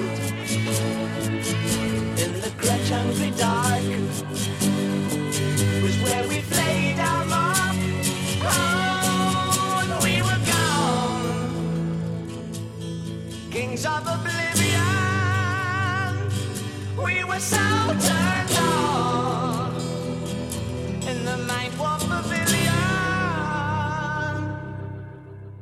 Lay me and take me pie. I'm starving for me gravy.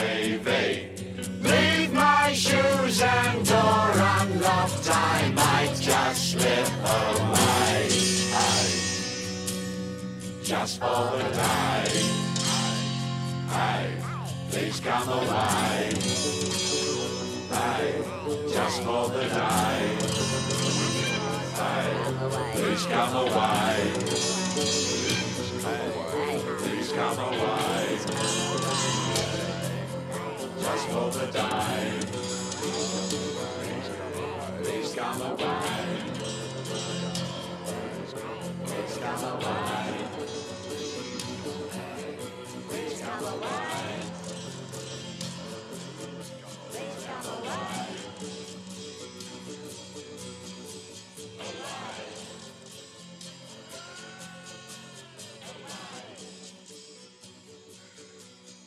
I hørte Martin Hall og Søren E. Jensen, der fortalte om året 1971 musikalsk set. Du lytter til den anden radio.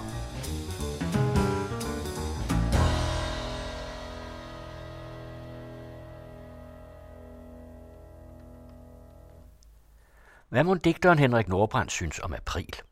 Det spørger Jens Winter om. Man hører lige først hans digt. Året har 16 måneder. Året har 16 måneder.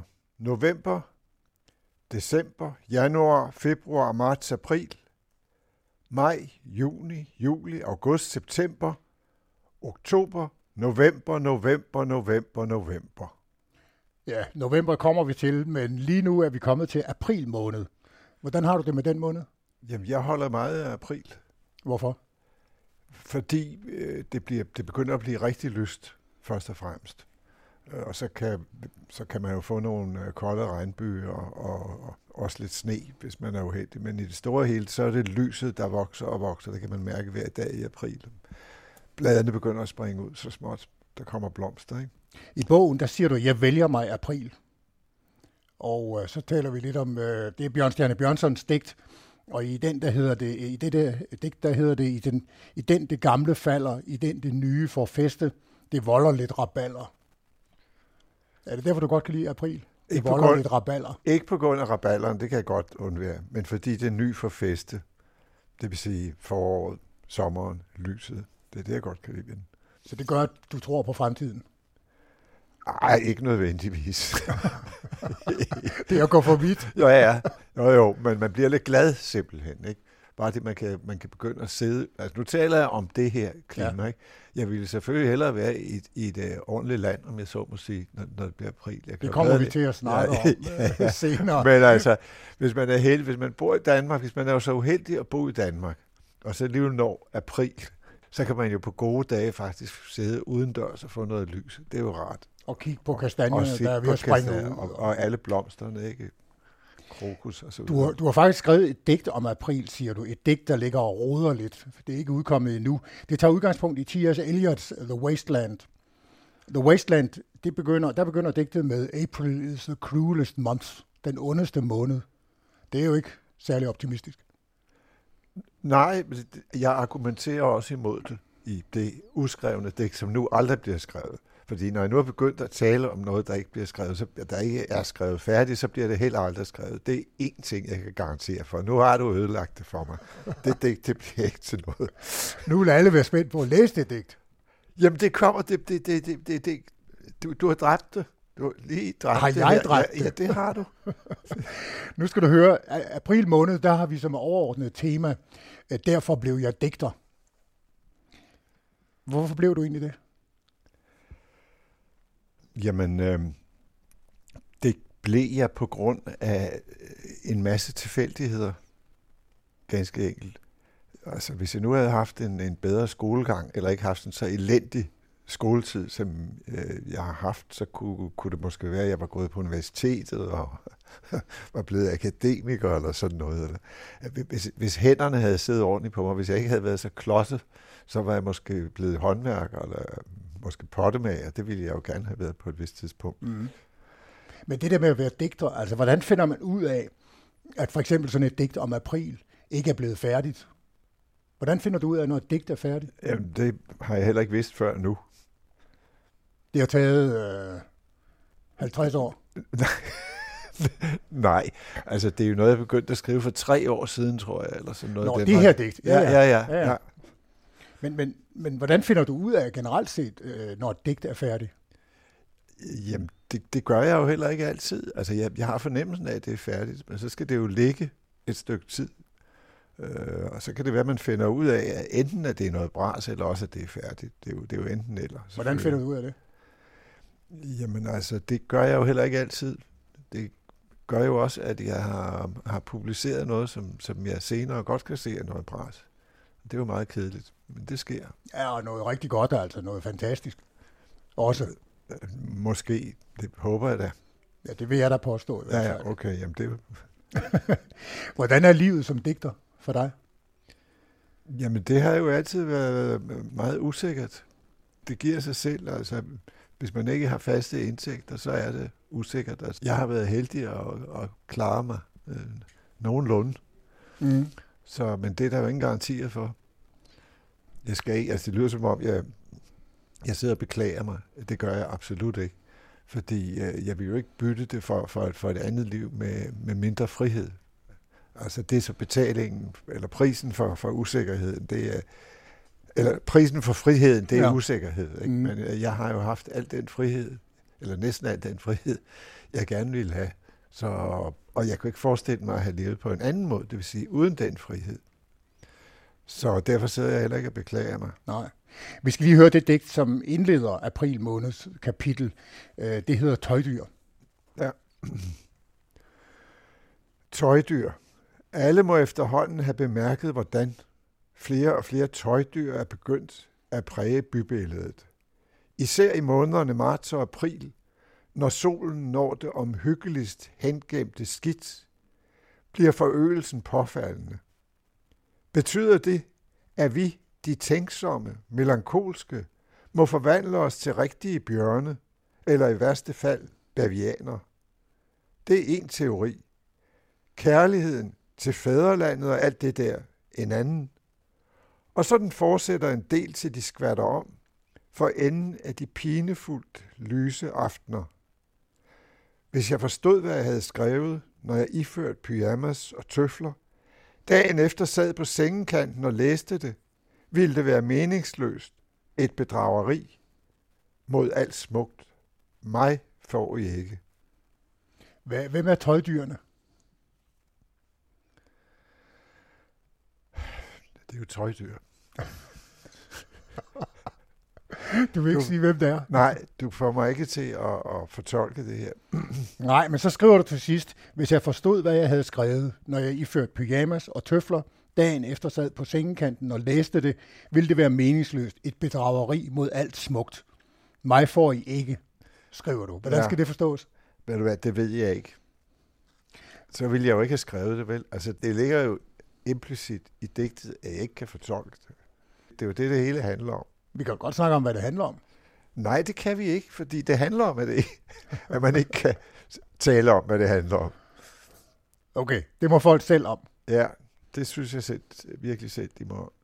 Men øh, de kan jo også se sig omkring efter de der tøjdyr, ikke? Når, når nu den her årstid. Så, altså, folk ser jo ikke ret meget. Er de med til at gøre tilværelsen morsommere og sjovere? Mm, Det ved jeg ikke, men altså, hvis når folk nu vil være lidt mere opmærksomme, altså folk er blevet meget, meget uopmærksomme i, i, i nutidens Danmark. De er, de er alt for travlt med at være effektive, så de har ikke meget tid til at se sig omkring. Det ser man alle steder i trafikken, på gaderne, at folk ikke ser sig omkring, og mange af dem, mange af dem render rundt med, med, med, med deres egen musikanlæg og så videre, og mobiltelefoner, og ser ikke noget som helst. Det gør, at vores fantasi ikke bliver udviklet. Ja, det tror jeg i høj grad. Mm. Hvordan begyndte du at skrive? Det er vel ikke noget, man bare beslutter sig til, er det? Nej, altså, hvad skal jeg sige, da jeg var, da jeg var sådan 10-12 år, der havde jeg aldrig forestillet mig, at jeg skulle skrive. Jeg havde knap nok lært at læse på det tidspunkt. Så det var først på et senere tidspunkt, at jeg begyndte, da jeg fandt, jeg fandt ud af, at jeg faktisk nok var meget god til at, at formulere nogle ting en gang imellem. Og så, så udviklede jeg det, fordi det var det eneste, jeg var god til i skolen. Dine ungdomsår, de var faktisk øh, sådan præget af, øh, af at være en meget ubehagelig periode. Ja, det kan man roligt sige. Altså skole og så videre. Ja, ja. Du led af anoreksi, ikke? Jo, det er rigtigt nok. Men det var jo først, da jeg blev der 15 15-16 år gammel. Jamen det gjorde vel, at du følte dig meget, meget syg, ikke? Jamen, jeg var meget syg, fordi jeg var jo, jeg var jo ved at krasse af. Fordi jeg, jeg kom jo ned på at veje, jeg tror det var 38 kilo eller sådan noget. Og jeg, jeg var 1,87 høj, ikke? Så, så der var ikke meget sug på kroppen. Hvorfor krassede du ikke af, som du så smagfuldt udtrykker det? Øh, jamen, det var jo fordi, jeg var så heldig at, at få en øh, meget god psykiater, øh, Josef Vellner, som var, eller blev lidt af en øh, sådan lidt legendarisk skikkelse inden for psykiatrien. Ja, var han var en- professor, han var professor på Kommunehospitalet. Nej, han var, ikke, han var, han var overlæge på kommunehospitalet. Først på Rigshospitalet, og så kommunehospitalet. Men han blev professor, faktisk. Jamen, det kan godt være, at han Ja. ja. blev professor. Jeg Men hvad betød var, han for dig? Han var ligeglad med titlerne. Ja, ja. Altså, jamen altså, han, de prøvede jo på at, at finde ud af, hvad der var galt med mig. Først var jeg indlagt på Slagelse sygehus, og de troede, det var noget med min mave og så videre. Så kom jeg ind på Rigshospitalet, og der sagde Ventner, hvad der var galt med mig. Hvad var det? Og, jamen, han sagde det på den måde. Han forklarede, at der var noget, der hed anoreksi, og jeg led af anoreksi, og så sagde han til mig, man var dis dengang. Han sagde, ja, de er i færd med at begå selvmord, og øh, det er en eksistentiel beslutning, den vil jeg ikke blande mig i. Hvis folk vil begå selvmord, så må de have lov til det. Men i den tilstand, de er i øjeblikket, der bliver jeg nødt til at blande mig. Jeg kan ikke tillade, at de begår selvmord. Så jeg vil foreslå, at vi samarbejder. Og det gjorde jeg så? Ja, også fordi at det var jo første gang, der var et menneske, der talte til mig som, som et, et voksen menneske. Ikke? Jeg var, jeg tror, jeg var 16 år. Jeg kan ikke huske, om jeg var fyldt 16. Jo, jeg var lige fyldt 16. Men det har så været en fantastisk oplevelse for dig, at du blev taget alvorligt. Ja, det er klart. Og, jeg, og, og så kunne jeg jo se, at, øh, at manden havde ret i det, han sagde. Så pludselig kunne jeg se, hvilken tilstand jeg selv var i. Det havde jeg ikke kunnet før. Og så tænkte jeg, nå ja, men så, så må jeg jo samarbejde, og det gjorde jeg så. Og kom over det. Ja, ja. Du kom så meget over det, at allerede i 1966, da du var 21 år gammel, der får du din første digtsamling ud. Den hedder Digte. Hvordan gik det til?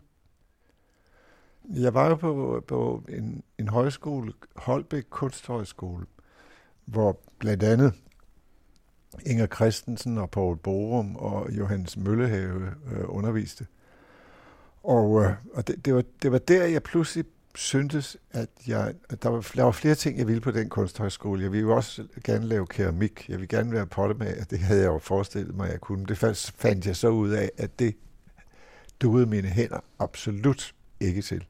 Men så begyndte jeg også at skrive, og pludselig så synes jeg, at jeg fik fat i nogle sætninger, eller noget, der begyndte at ligne noget, der sagde noget og øh, var originalt. Og så begyndte jeg ellers at skrive en masse. Men så havde du jo altså også ungdommens mod. Din første digte sendte du til Vindrosen og til det svenske ord og bild. Ja. Det er jo faktisk at sende det to steder. Jamen, det, jamen altså, det har folk, folk og det er der jo mange, der har gjort, at sende det sammen hen forskellige steder, ikke? Og så, men her fik jeg da antaget begge steder. Men øh, så vi, det, jo, det er jo klart, at Vindrosen vil gerne bringe det, så kunne de jo ikke også bringe det i Otterbild. Det havde ellers været meget sjovt. Ja. Men, nu sagde du det der om, og at du egentlig ville have været pottemager. Øh, hvorfor det? Jamen, det var fordi det der med lær, det fascinerede mig meget. Og der var på et vist tidspunkt, hvor, jeg, hvor mine forældre ikke troede, at jeg nogensinde skulle kunne lære at læse. Og de, de, som de sagde det, altså meget diplomatisk, de troede ikke, at jeg egnede mig til det boglige. Det troede de heller ikke på skolen, hverken skolen. Så jeg skulle lave noget praktisk. Og så tænkte jeg, når jeg praktisk, jamen, så er det da godt at blive pottemager. Eller keramiker, vil man nok sige. Det er sådan en pæn eller, måde at sige ja, på, at du ja. må nok hellere blive håndværker, min dreng. Ja, ja, ja, det er ja. klart, ikke? Jeg ville så gerne være praktisk, og jeg troede en overgang, jeg var praktisk, men jeg kan godt se, at den holder ikke ret langt. Det der om det praktiske, det skal vi have et digt med om, som du har skrevet, og det hedder Paradisets have. Ja. Paradisets have. I mange år nægtede jeg at tro, at begreber som stjerneskruetrækker, spøgelse, social indkomst og paradisets have var noget, der fandtes uden for sproget. I en alder af 17 blev jeg instrueret i brugen af en stjerneskruetrækker. Som 22-årig så jeg for første gang et spøgelse, og nu har jeg til med fået en social indkomst. Derfor har jeg skrevet dette under titlen Paradisets have. Det er jo en dybt ironisk titel i forhold til, uh, hvad du kunne finde ud af med hænderne, ikke? Jo, det, det er klart. Du har tidligere sagt, at der findes én faggruppe, der virkelig kan skrive, og det er juristerne. Hvorfor er det, du mener, at netop jurister kan skrive? Ja, fordi i jura, der er, altså om man vinder eller taber en retssag, det, det afhænger jo i høj grad af, hvordan man kan bruge sproget. Og, og, og og øh, der sætter man, der, sætter, der er tingene jo virkelig på spidsen, fordi en retssag er jo altid en meget alvorlig sag. Økonomisk, øh, nogle steder kan det dreje sig om, om liv og død, og derfor bliver ordene meget, meget vigtige. Hvad end man bryder sig om juridisk sprogbrug eller ej, så selve den måde, man sætter ordene sammen på til et bestemt formål for at udtrykke noget helt klart, det, den, den bliver meget, meget vigtig. Du har sagt, at hvis du dengang du var ung havde vidst, hvad du ved i dag, så ville du have sørget for at have haft en anden karriere end det og, og kun at være forfatter, om man så må sige. Ja, det er klart. Hvorfor? Jamen, jeg ville hellere have haft et, øh, altså et andet arbejde, et mere normalt arbejde, øh, og så kunne have være forfatter som, som måske en, en, en hobby, eller have det ved siden af, fordi øh, det kan være meget stressende at være for, forfatter, altså fordi ens indkomst afhænger af, hvad man tjener, samtidig med, at man meget nødt vil, eller det vil jeg i hvert fald meget nødt, meget nødt vil gå på kompromis med kvalitet. Altså, hvis man kunne lide at skrive noget, øh, og bare lave underholdning for eksempel, det er der også nogle forfattere, der kan, og det, det er sådan set et egenskab, jeg beundrer. Men altså, når, når jeg skriver, så skal det være noget, som jeg kan lide først og fremmest, og som jeg synes er godt først og fremmest. Ikke? Og det vil jeg ikke gå, derfor jeg er meget kompromilløs med det. Men det gør altså også, at jeg ikke altid tjener så mange penge. Men det må jo også gøre, at du en gang imellem slet ikke kan skrive. Ja, det gør det også. Også af den grund ville det jo være rart at have noget andet. Som, så, som kunne distrahere dig ja, lidt ja, væk fra, det, ja, ja. fra skriveblokaden. Ja, ja. Man kunne jo ikke forestille sig, at du der som 19-20-årig havde haft et normalt job, hvor du skulle møde klokken 9 om morgenen og gå hjem klokken 5. Nej, det, ville, det havde jeg meget svært ved at forestille mig dengang, og det har jeg også svært ved at forestille mig, at jeg kunne have gjort i dag. Men selvfølgelig kunne jeg have gjort det, hvis jeg havde taget en uddannelse. Ikke? Og, altså. Du har faktisk nogle af dine yndlingsdigtere. De har faktisk levet på den måde, som du taler om, nemlig den græske Konstantin Kavafis og den amerikanske Wallace Stevens. Ja, det er sandt nok. De havde jo job ved siden af. Ja, ja, det har jeg da misundt dem. Kavafis udgav jo faktisk ingen digte. De blev mangfoldigt gjort, og så læste han dem op på caféer ja, ja, ja. i, i Alexandria ja, ja. i Ægypten, hvor ja. han boede. Og Wallace Stevens, han var direktør i et forsikringsselskab. Ja. Men du fortæller en meget skæg historie om, at han blev tilbudt. Jeg blev tilbudt et uh, professorat ved Harvard i en, i en høj alder, som han sagde nej tak til, fordi uh, han var bange for at, at, at blive fyret af forsikringsselskabet. Og det ville han ikke risikere? Nej. Men det du siger, det er, at hvis du havde haft et job ved siden af, så ville du ikke have været nødt til at skrive så meget, som du har gjort. Ja, det er lige præcis. Så var der en masse af det, jeg har udgivet nu, og som jeg ikke synes er mås- måske er, er, er så godt, som, som jeg ikke ville have skrevet. Mener du, altså, altså, mener du alvorligt, at du har skrevet for meget? Det mener jeg faktisk alvorligt, at jeg har. Fordi det gælder ikke bare for mig, det gælder for mange andre danske øh, lyrikere. Fordi man, man, man skal hele tiden manifestere sig, og det er ikke sikkert, at man har så meget at manifestere sig med, men, men sådan som systemet er indrettet her i Danmark, så skal man helst hele tiden komme ud med noget, ellers så man er glemt i løbet af et par år, hvis der ikke kommer noget. Altså det er lidt groft sagt. Altså der er noget, der peger i den ene retning, og noget, der peger i den anden ja, retning. Ja. Du har sagt, at du har skrevet måske 10 eller 20 gode digte. Jamen, det ved jeg ikke. Det kan jeg jo ikke, det her kan jeg jo ikke udtale mig om. Vel? Altså, nu har jeg jo lavet et udvalg af mine digte, som, som hedder 100 digte simpelthen, fordi det synes Som- jeg, det måtte være nok. Som kommer inden så længe. Ja, og så kan folk i øvrigt selv, det skriver jeg også i foråret, så kan folk jo selv øh, finde, hvad de synes er godt eller ikke godt ikke? af de 100. Jeg kan alligevel ikke nære mig for at spørge dig, hvordan finder du ud af, om et digt er godt eller skidt? Jamen, det ved jeg jo heller ikke. Det hænder, at jeg skriver noget, hvor jeg med det samme siger, det her, det tror jeg er godt, ikke? Men øh, hvordan kan man være overbevist om noget som helst i denne verden? Hvad er virkeligheden, og hvad er uvirkeligheden, ikke? Altså, der kommer spøgelserne igen ind i det, ikke? Altså, jeg tror ikke på spøgelser, men jeg har set nogle stykker. så, så hvad skal man stille op med det? I flere af dine digte, der er det som om, du tager afstand fra din egen tekst. Som om du vil sige til læseren, de kan rulle ved med at tage det her alt for alvorligt. Er det rigtigt? Ja, Det er fuldstændig rigtigt, og det er noget, jeg har gjort mere og mere i mine senere digte. Det er jeg godt klar over. Fordi jo mere man beskæftiger sig med litteraturen, jo mere har jeg i hvert fald også behov for at tage afstand fra den, for, for det hele ikke skal blive for selvhøjtideligt. Du forsøger dig med sådan en ironisk distance til din egen Ja. dækning. Men alligevel så er det at digte det mest alvorlige i dit liv, ikke? Jamen, det, det, altså, ja, men det, er det er også derfor, at, at, at øh, jeg må have ironien i, ind som sådan en buffer. For ligesom at holde det ud. Ja. Mm-hmm. Det litterære miljø, du som digter blev medlem af i din ungdom i Danmark, hvordan havde, havde du det med det? Jamen, det havde jeg det fint med. Jeg, jeg mener, jeg har jo kendt øh, rigtig mange forfattere, lyrikere og andre forfattere, som, og, og mange af dem har jeg godt kunne lide. Så det, det har da været fint med det miljø. Det litterære miljø kan jo også blive lidt latterligt. Du synes, der var nogen, der var forfærdelige? Ja, ja, nogle er forfærdelige, og nogle er rare. Og sådan, så, så, sådan er det jo i alle miljøer, ikke? Michael Strunge, der var en af 80'er-digterne, han sagde engang, at øh, Danmark værdsætter ikke sine digtere. Er det rigtigt? Ja, det er, det er jo både rigtigt og ikke rigtigt. Ja, ja. Altså, Danmark er jo ikke et, et land, hvor digte har så stor betydning som, som i mange andre lande, også fordi der har de en politisk betydning. For eksempel i, i Tyrkiet har, har digterne haft en stor betydning, eller har en stor betydning. Ikke? Det samme gælder lande som, som Rusland, for eksempel. Mm. Ikke? Altså, den betydning har digte aldrig haft i Danmark, men altså, stadigvæk, øh, man har, altså, de, staten giver dem penge, mange af dem i hvert fald. Ikke? Ja, vil du gå så vidt som til at sige, at man kan skrive, hvad pokker man vil i en bog, det forandrer ikke samfundet i et land som Danmark? Nej, det passer ikke. Det passer ikke? Det, det, nej, det passer ikke. Jeg vil ikke sige, at det forandrer samfundet, men, men alting påvirker jo. Altså alt, hvad der, hvad der bliver skrevet, og, og hvad der bliver læst i, i et vist omfang, øh, påvirker jo tingene. Ikke? Det er klart. Kan poesi forandre ens liv? Det, jamen, altså, hvad, hvad, hvad vil det sige, at ens liv bliver forandret? Hvad bliver ens liv forandret af? Der indgår vel mange ting i et, et menneskes udvikling. Lad os hellere tale om udvikling, en forandring. Ikke? Der kan poesi jo godt indgå som en af de faktorer.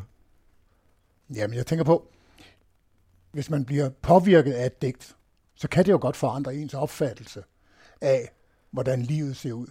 Ja, det kan det godt. Altså, i nogle få tilfælde kan det nok godt. Men øh, jeg kan ikke komme på nogle konkrete eksempler. Men altså nu nævnte du Eliot før, og The Wasteland. Mm. Altså, jeg tror nok, da jeg læste The Wasteland første gang, der synes jeg virkelig, der åbnede sig en, en verden for mig. Så har det også forandret din verden? Ja, det har givet mig et nyt vindue, måske. Eller Okay. på den måde, ikke? Hvad er det bedste ved at skrive digte for dig? Øh, Det, jamen, det er, når det lykkes.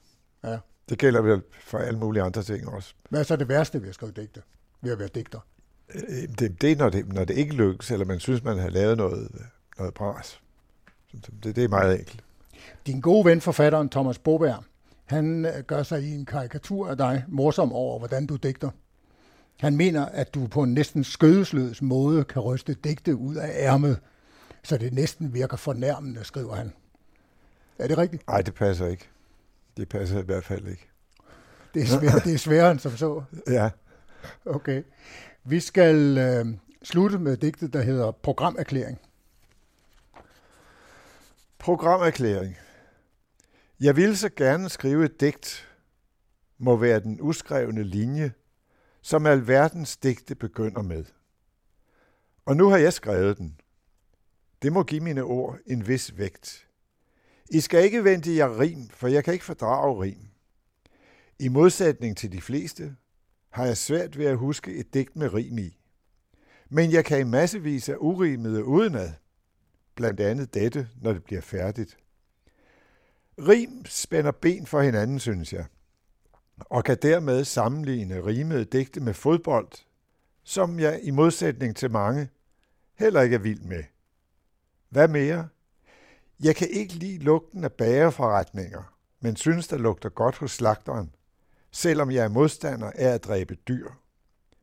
Og når mere end tre personer begynder at mene det samme, mener jeg, at mindst en af dem må have uret. Derfor siger jeg, ned med monarkiet og slip så alle husdyrene løs. Hermed har jeg forelagt mit program i form af et digt uden rim. Det er et program på grund af ordenes logiske indhold. Det er et digt, fordi jeg siger, det er det. Og det var digteren Henrik Nordbrand, der sagde det. Jens Winter havde tilrettelagt. Digteren Sofus Clausen debuterede med digtsamlingen Naturbørn i 1887, 22 år gammel. Og han fortsatte med mange fremragende digtsamlinger frem til sin død i 1931. Men han skrev også en hel del prosa, ofte en mere eller mindre lyrisk en af slagsen, som for eksempel her den lille allegori om en ung Don Juans møde med to kvindetyper, symboliseret i to forskellige landskabstyper.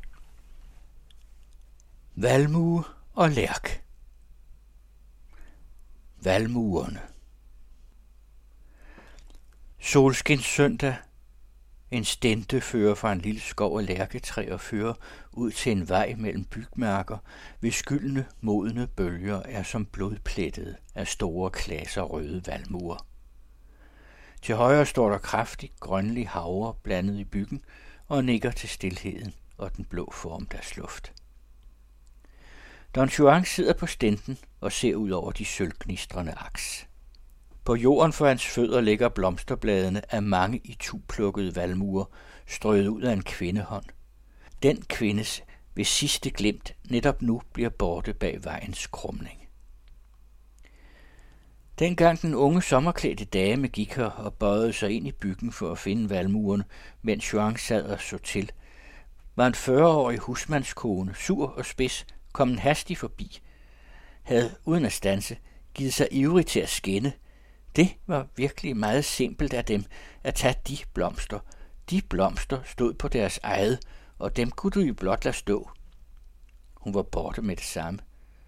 Men den unge dame havde stået ved stenten her ved siden af ham, og mens hun hørte på hans tale, langsomt plukkede alle valmurene fra hinanden. Blad for blad. Der lå de. Don Juan, en ung blond mand, satte sin venstre fod op på stentens tværbræt og hvilede sig vel behageligt frem over knæet. Den side vej, hvor hans sommerklæde var blevet borte, det sollyse korn, hans frie, så magelige stilling, og nedenfor ham de sønderlemmede valmuer, som blod, der skriger mod det blå. Alting passede ham. Det var som om hans sjæl her havde baggrund til at atro, til at tænke let og fyndigt. Don Juan tænker. Jeg lever i et mørkt land, og er selv som en sommerregn.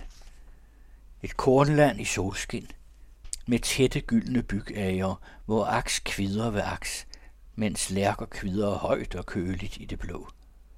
Og havre står blålig grøn mellem mit byg og ringler til søndag. Frodig, mørk og stærk. Når jeg ønsker det, når jeg ønsker det, smutter en munter sommerklædt pige ned ad min vej og bestrøb med valmuer. Jeg vil så valmuer i alle mine sædemarker. Valmuer. Valmuer. Hvad bekymrer det mig, hvor jeg tager dem fra? Jeg vil ikke lade dem stå, selvom de står på deres eget. Jeg elsker den kode latter hos min sommerklæde. Jeg lever først, hvor der er sommer og fylde af farver. Jeg vil så alle mine æger til med valmuer. Da hun i dybe tanker og mekanisk hævn plukkede sin blomsterfangst, mindede hun mig om noget. Om en anden, der havde for skik at tilindegøre sine blomster, når jeg ikke påskyndede den tilstrækkeligt. Tænker efter. Ja, en anden. Men hun var som veden i mine følelsers landbrug. Den milde, rige vede, hun fyldte mig med sin ømme store enshed og brogede farver. En hvedemark i sommernat med tavse, blege vipper. Hvilken næring og vag sødme i de unge melede korn. Jeg husker hende vort mødesdag. Langsomt og besejret kommer hun. Jeg ser disse tavse solskins øjne, og foroverbøjet søger hun langsomt op af højens stentrin i sko med små rosetter, mens strømpen viser sig mørk og blød over vristen. Min uigenkaldelige sidste på Leporello-listen. Min sidste. Nikker. Ja, sidste. Bryder jeg mig vel om andet hos min sommerklæde, end den stille mekaniske måde, hvorpå hun hævner sig for al modgang. Ja, den er så smuk. Den minder om, hvordan min første og eneste hævnede sig på mig. Gør en bevægelse, som om han plukkede en blomst i tu. Min første og sidste. Ja, sidste. For hun har været mig den sande åbenbarelse af kvinden, siden hvilken intet nyt er åbenbaret. Hun er rytmen i mine pulsslag. Den rytme, som jeg alene har søgt hos kvinder siden. Hun har været min velsignelse, og min forbandelse. Hun har kædet mit Don og Juan sammen til Don Juan. En mand de små hustruer roser, når de vil pine en skinsyg ægte mage. Og med veden har hun sået valmuen i mit brogede hjerte. Ti, siger bønderne, hvor et hvedekorn kan trives, der kan et valmuefrø sagtens få næring. Jeg vil beså alle mine æger med valmuer. Valmuer, valmur. Det er gift. Hendes gift. Giften imod hende. Se, hvor de søndrede blomster i skingrende glæde råber mod himlen. Lærketræer Sen eftermiddag i skoven mellem lærketræer, der vokser spredt op af en lille skrænt med svært græs. Skumringen indvæver øm og grålig lærkens lange nåle i blød stilhed. Jean har strakt sig i græsset med hovedet i et skød. To hvide hænder holder hans tændinger og stryger blødt håret tilbage. Hun er rig og fuldmoden, med underlig vage øjne, hvis farve er flygtende som luftens umærkelige blå, og hvis blikke ligesom hjælpeløse søger at skjule deres varme hengivenhed, deres alt for unge uskyld. Bøjet over sit svulmende bryst, sukker hun for sig selv, halvt bedrøvet. Gode Eva, kære Eva, siger Don Juan med liden. Er du ikke tilfreds med mig nu? Han taler langsomt og indtrængende, som om hvert ord vældede op sammen med det sunde, varme hjerteblod. Hvad skal det blive til? Altid er vi så tavse og modfaldende. Hun knuger hans hoved ind til sig og siger, igen hjælpeløst, som om hun bluedes ved at give al sin ømhed luft. Du holder ikke nok af mig. Han gør sig besvær for at nå at kysse hende, og når hun kysser ham, visker hun for lejen, bedrøvet og strålende øm. Holder du af mig? Jamen, hvor kan du tro andet, siger han, og han rejser sig på albuen og smiler. Må du høre et eventyr? Han slår armen om hendes skulder. Jeg er en vankende ridder, og jeg kom fra det modne, solhede sommerland. På alle mine æger i det tætte korn lyste de rødeste valmuer. Og en mørk, slank pige i valmuebroget sommerdragt løb mig solbrændt og munter i møde. Men jeg trættes ved de stærke valmuer, de solbrune marker. Jeg drømmer om skygge, om mild, syrlig vin i store kander, om jagt i efterårsskov, Eva. Du er den rige, tungsindige frue, og jeg er din grønne page. Alt om os er tågeblejt og dæmpet grønt. Ola, vi to grønne jæger. Jeg er i en fortryllet skov, og jeg finder min fortryllede skat halvt gemt i det groende græs. Som den jægersmand, der fandt vidunderhornet forgemt og henslængt i mange år i græsset mellem rindende duk og smuldrende løv. Mine tanker forvirres og veksler så selvsomt.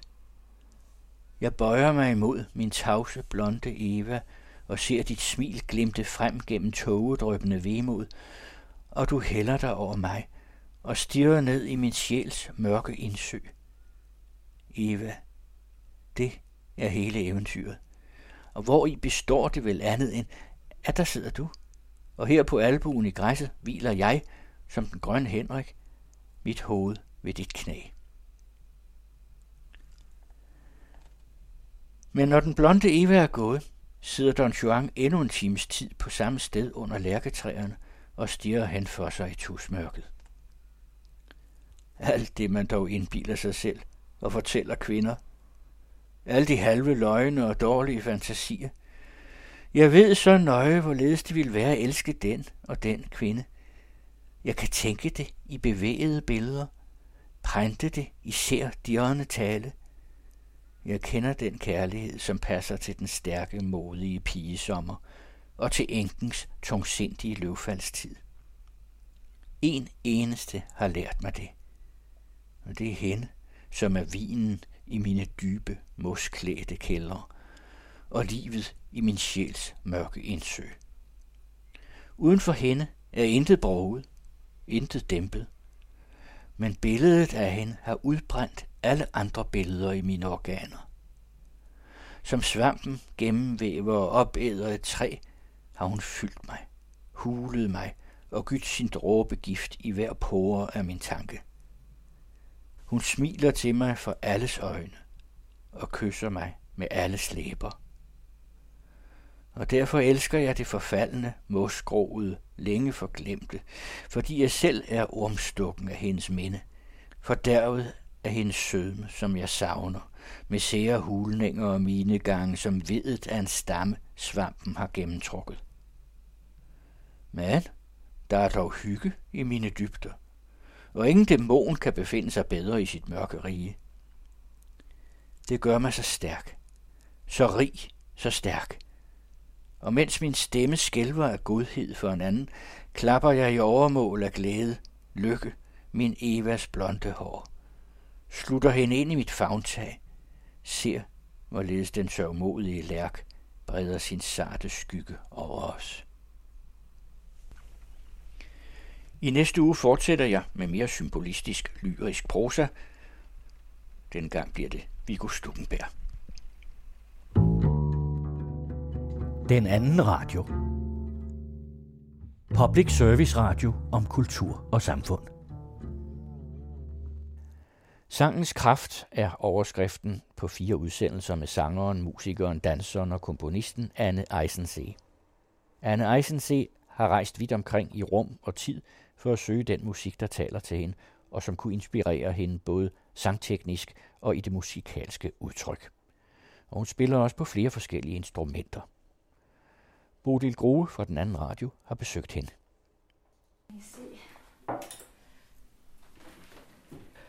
Hvad er det for et flot instrument, du har stående her? Altså det her, det er en indisk tambura. Den er fra Indien. Den stammer helt tilbage fra, jamen altså, jeg tror det var 97, jeg første gang var i Indien, og der var jeg i Mumbai. Og der studerede jeg øh, den helt gamle stil, der hedder Drupat. Og øh, det er en meget, meget tung og langsom stil. Jeg ved ikke, om den stemmer. Det gør den så ikke. Det er et kæmpe instrument. Hvad er Ja. den? Halvanden meter høj? Den er halvanden, om, ja, den er halvanden meter høj, og så er den fyldt med udsmykninger, med meget fine detaljerede udsmykninger. Indisk dekoreret jo med blomster, og, og så er der sådan nogle små svaner. Men der er sådan Er det nogle små, elfenben? Ja, elfenben, ja. Man kan stemme, stemme med strengene med, så nu er den jo ikke stemt, så kan man, så er der, går der et hul igennem svanen, ligesom. Øhm, og så kan man så trække i, i svanen, og så bliver, stem, øh, så bliver strengen mere eller mindre stemt af det. Men det er sådan en slags guitar, der ender i sådan næsten en helt rund boldform. Ja. Og så en meget lang hals. Præcis. Hvordan øh, spiller man på sådan en? Jamen, den er meget nemt at spille på, fordi det er jo bare fire strenge, der skal bare knipses, og den har den samme tone, hver streng har den samme tone, så dens funktion er bare at holde en grundtone, som man jo ofte bruger i indisk musik og også i meditationsmusik. Så den får den her meget rolige, beroligende lyd af en tone, der bliver ved med at holdes nærmest som de Indien kalder om, altså den der grundlyd, som universet har. Det er ligesom den basetone, den har. Så øh, den, den kører konstant, og så har den utrolig mange overtoner. Og de overtoner, dem laver man ved hjælp af en sygtråd, som er ligesom under strengene. Øh, for eksempel nu, nu har den her ikke så god en overtone. Så kan jeg flytte på, øhm, så kan jeg flytte på, på den der, og så begynder den at, at få sådan en, en masse overtoner. Det ved jeg, man kan høre nu. Det kan være, jeg skal ned på den. For eksempel nu er den her streng, den har ikke nogen overtoner. Der fik den en masse overtoner. Der er lige, der er lige flyttet, øh, der er flyttet sygtråden hen dertil.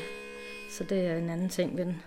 Og det, kender, det er jo det, der kendetegner meget den her tambura-lyd her. At den har den der lyd der, eller hvad man skal kalde det for. Den er faktisk lidt for dyb øh, stemt, fordi ja, jeg havde et, øh, et job sidste år, hvor jeg skulle spille med et symfoniorkester inde i Tivoli faktisk med den. Og så skulle de bruge et C, så egentlig skal den jo stemme i øh, A, den her. Det er også derfor, den måske ikke lige lyder helt optimalt.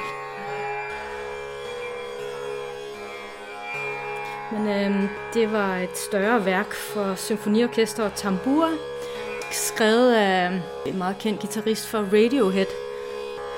Så der var andet at spille med den, med det her fine instrument. Nu har jeg så stemt den lidt derhen i hvert fald. Men som sagt, så skal den jo ligge lidt højere.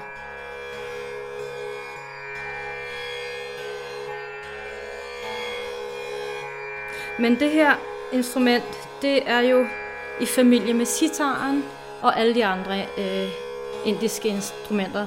Man kan sige, det er ligesom vi i den vesten har violinen og celloen og brasen og, og kontrabassen, øh, så har de jo det store, dybe instrument, der hedder Rudravina, som er gigastort. Den har sådan to kæmpe, øh, to store græskar. Den her også har også, kroppen er lavet af græskar. Det har Rudravina, den har stor, store to græskar ligesom liggende. Og så er der et kæmpe bro henover, hvor strengene ligger på. Og det er meget, meget afslappende at lytte til. Det er nærmest sådan, som om man er under vandet. Og så er der jo sitaren. Og... Ja, det var så lidt om den. Men vil du spille sådan en, en raga? Ja, jeg tænkte, jeg ville øh, give et eksempel på øhm, en indisk raga, der hedder Misra Pilu, som er i den let, lette genre, som jeg har lært øh, af min øh, lærer i, i Mumbai, som hedder Prabha Atre.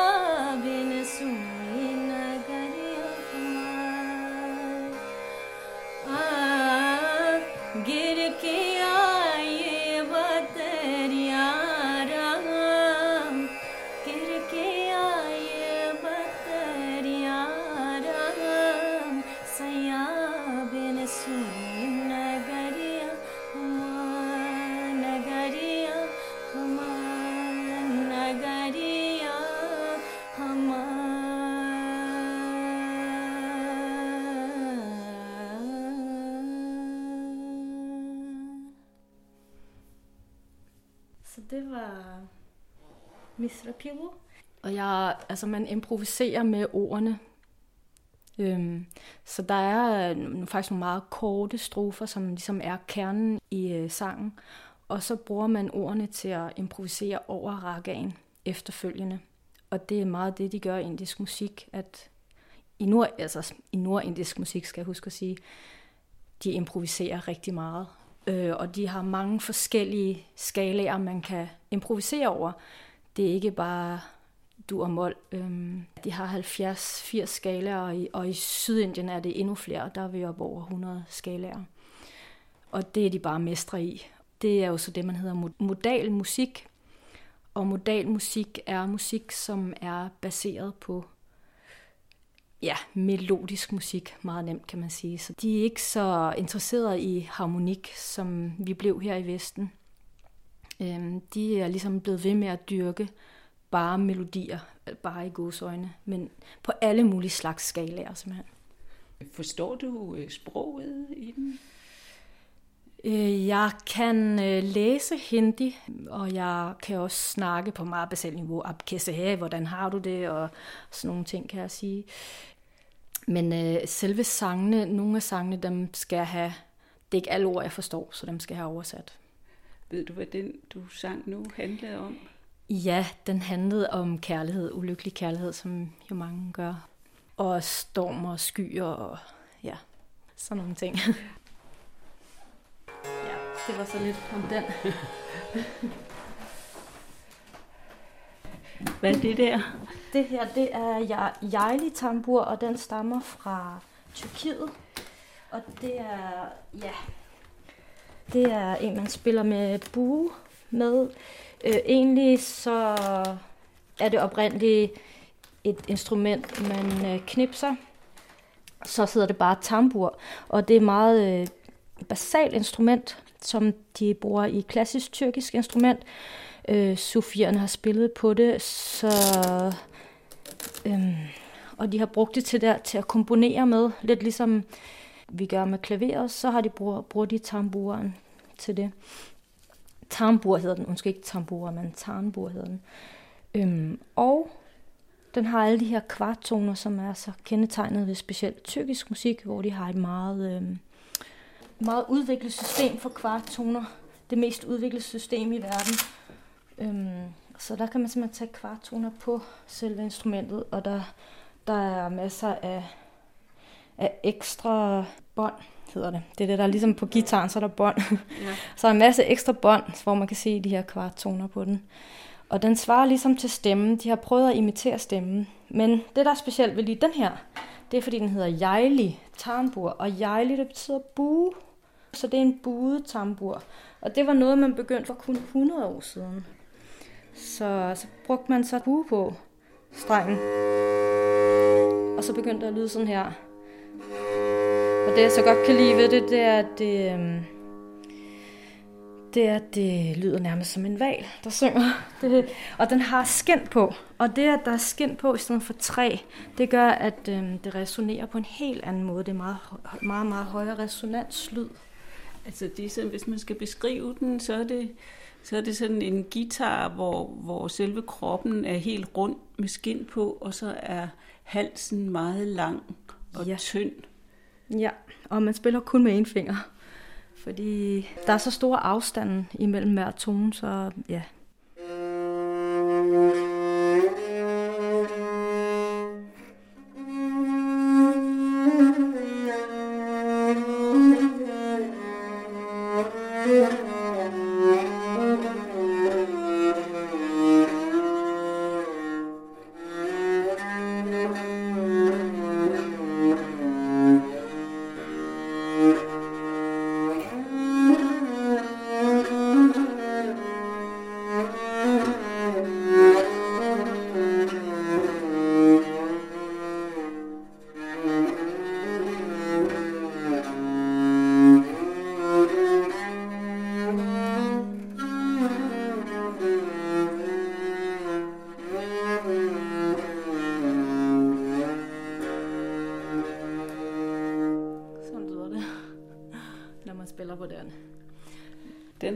i Tyrkiet? Den her har jeg faktisk købt i Grækenland, lige den her. Men den anden, jeg har, den købte jeg i Tyrkiet. Fordi at øh, min mester, han bor i Grækenland, og han har selv udviklet den her. Det er sådan, at tyrkerne ikke helt respekterer det her instrument med bue. De synes, det er sådan lidt en... Det er bare for skægt, ligesom. Det er mere den originale version, men jeg synes, den her er meget smuk. Og så er der en, øh, min lærer, der hedder Evgenius, han, han han har ligesom taget det meget seriøst og har videreudviklet instrumentet, og så det lyder endnu bedre og sådan noget. Han dyrker det på meget høj plan, og det synes jeg bare er utrolig smukt. Hvordan har du fundet på at få fat i sådan et eksotisk instrument og, og lære at spille på det? Jamen, jeg var jo meget interesseret i, øh, i orientalsk musik generelt, men primært som med sang var jeg interesseret i det. Og så øh, var min første møde ligesom mm, med en meget kendt verdensmusiker, som hedder Ross Daly. Han var her i København og gav workshop øh, for, jeg tror det er 15 år siden. Og jeg var meget inspireret af han, den måde, han spillede på. Og han spillede jo de her instrumenter, som var med folkemusikinstrumenter med bue og med underhåndsgreb, som man jo gør både på gampen og, og på mange folkeinstrumenter har man et greb, som er et underhåndsgreb på buen. Og jeg tog ned til Kreta, hvor han holder til. Og han har en skole, en workshop-skole, som hedder Labyrinth Music.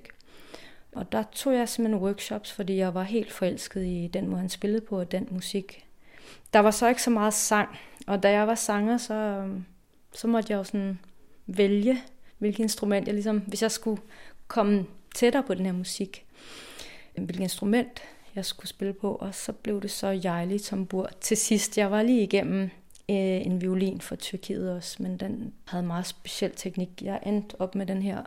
Også fordi, at kvarttonerne er så tydelige. Så hvis jeg ligesom skulle lære hele øh, teorien omkring øh, kvarttoner, så var det meget øh, praktisk at have et instrument, som kunne tage kvarttonerne, som kunne hjælpe mig med at lære øh, at synge de her makammer, som det hedder på tyrkisk. Egentlig så er du uddannet danser, ikke? Jo, det er Ja. Hvordan begyndte det så for dig med at synge? Ja, men det er jo faktisk... Det startede før, at jeg dansede. Egentlig troede jeg, at jeg skulle være øh, sanger. Så det var lidt af en omvæltning, at det så lige pludselig blev øh, dansen, som jeg valgte.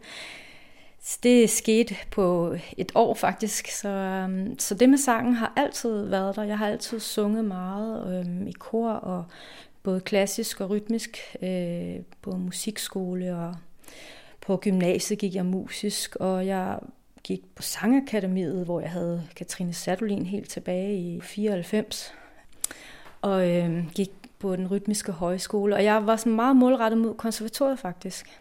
Og så gjorde jeg så det, at da jeg kom hjem fra den rytmiske højskole øh, i Vi, hvor jeg havde studeret et år der, så tænkte jeg, at nu synes jeg, jeg skulle lave noget andet. Nu var jeg træt af alle de her øh, forkurser. Så jeg begyndte at danse, simpelthen. Og så blev jeg helt opslugt af det. Og sådan, den frihed, jeg fik i kroppen fra at danse, det var bare meget øh, stort for mig. Hvor lærte du at danse henne? Det gjorde jeg faktisk på Vesterbro. Dengang var der en daghøjskole, øh, med moderne dans. Og der var det jo nyt, meget nyt dengang med moderne dans i Danmark. Og der var kontaktimprovisation og alle mulige ting, vi lavede med kroppen. Vi havde Kit Johnson, som også er meget kendt øh, dansk moderne danser, blandt andet. Øh. Og så tog det mig, og så tog jeg til en audition efter et halvt år nede i øh, Holland på en meget kreativ skole, der hedder European Dance Development Center. Og så kom jeg simpelthen ind, altså nærmest, hvor jeg bare havde danset i et halvt år. Altså, men jeg havde simpelthen taget det til mig så hurtigt, og, og så tror jeg også, at jeg kom ind, ikke på min teknik, men på min kreativitet. Jeg tror, de så med det samme, at jeg var ret kreativ. Og da det var en skole, der fokuserede på kreativitet og ikke på teknik, så var det oplagt, at jeg kunne komme ind. Fordi skolen hedder European Dance Development Center, så det, de ville udvikle dansen. De ville ikke forblive i de gamle vaner. Så derfor så kom jeg ind. Og så tænkte jeg, ej, det er en once in a lifetime chance, eller det var kun en gang i livet, man fik sådan en chance, og så slog jeg simpelthen til for at videreudvikle min krop. Så boede du dernede nogle år? Så boede jeg i Holland i fire år. Men altså, jeg fortsatte jo med at synge, og var meget kre- selvfølgelig kreativ, og lavede mine egne øh, projekter, og jeg skrev faktisk også musik til øh, forestillinger undervejs til andres forestillinger, og så lavede jeg soloforestillinger, hvor jeg blandede musik og dans. Og det har jeg jo så fortsat med, da jeg kom hjem. Det tog lige to-tre år, men så blev jeg ansat, efter jeg kom hjem, i Grandhøj Dans, som holder til i Aarhus. Og da han arbejdede med dansere, der kunne synge, så var det jo bare et match. det var perfekt. Og så har jeg arbejdet for ham i mange år som både danser og sanger øh, i et eksperimenterende, kan man sige, øh, felt inden for moderne dans. Så har du et andet instrument liggende her? Ja. Som... Det er en viola de gambe. Det var jo sådan, at øh, jeg følte mig lidt øh, isoleret her i Danmark med min interesse for de her folkeinstrumenter, som bliver spillet med den her underhånds øh, bueteknik. Og der var ikke rigtig nogen, jeg kunne få undervisning af. Og så, så tænkte jeg jo, jamen, jo, der er jo gampen. Der bruger man jo den her underhåndsteknik. Og så opsøgte jeg Mogens Rasmussen, som underviser på konservatoriet i Viola da Gambe. Jeg fik, har fået undervisning af ham i de sidste fem år, hvor jeg så tog det meget seriøst at lære at spille viola da gambe. Det blev jeg dybt øh, fascineret af, så det har jeg så lært mig. Men det er et længere projekt. det er et stort projekt. Det er sådan et strengeinstrument med, med seks strenge. Ja, det er jo, det er jo forløberen, kan man sige, for celloen. Og det var det instrument, man spillede i, i barokken. Og det har tarmstrenge, og så har det også bånd, ligesom en guitar. Det svarer jo nærmest til en guitar. Det er også stemt næsten som en guitar i kvarter og som en tært i midten. Det har jo sådan en lidt anden lyd end, en celloen er lidt kraftigere, fordi det er i metalstrenge. Så det gør, at det har en kraftigere lyd og kan spille højt, og det vil man gerne også i symfoniorkestret. Det skal kunne have en stor dynamik. Viola de Gamben var jo mere de små ensembler, som man spillede dengang. Skal vi lige høre, hvordan den lyder? Det kan vi godt. Nu se, om den så stemmer.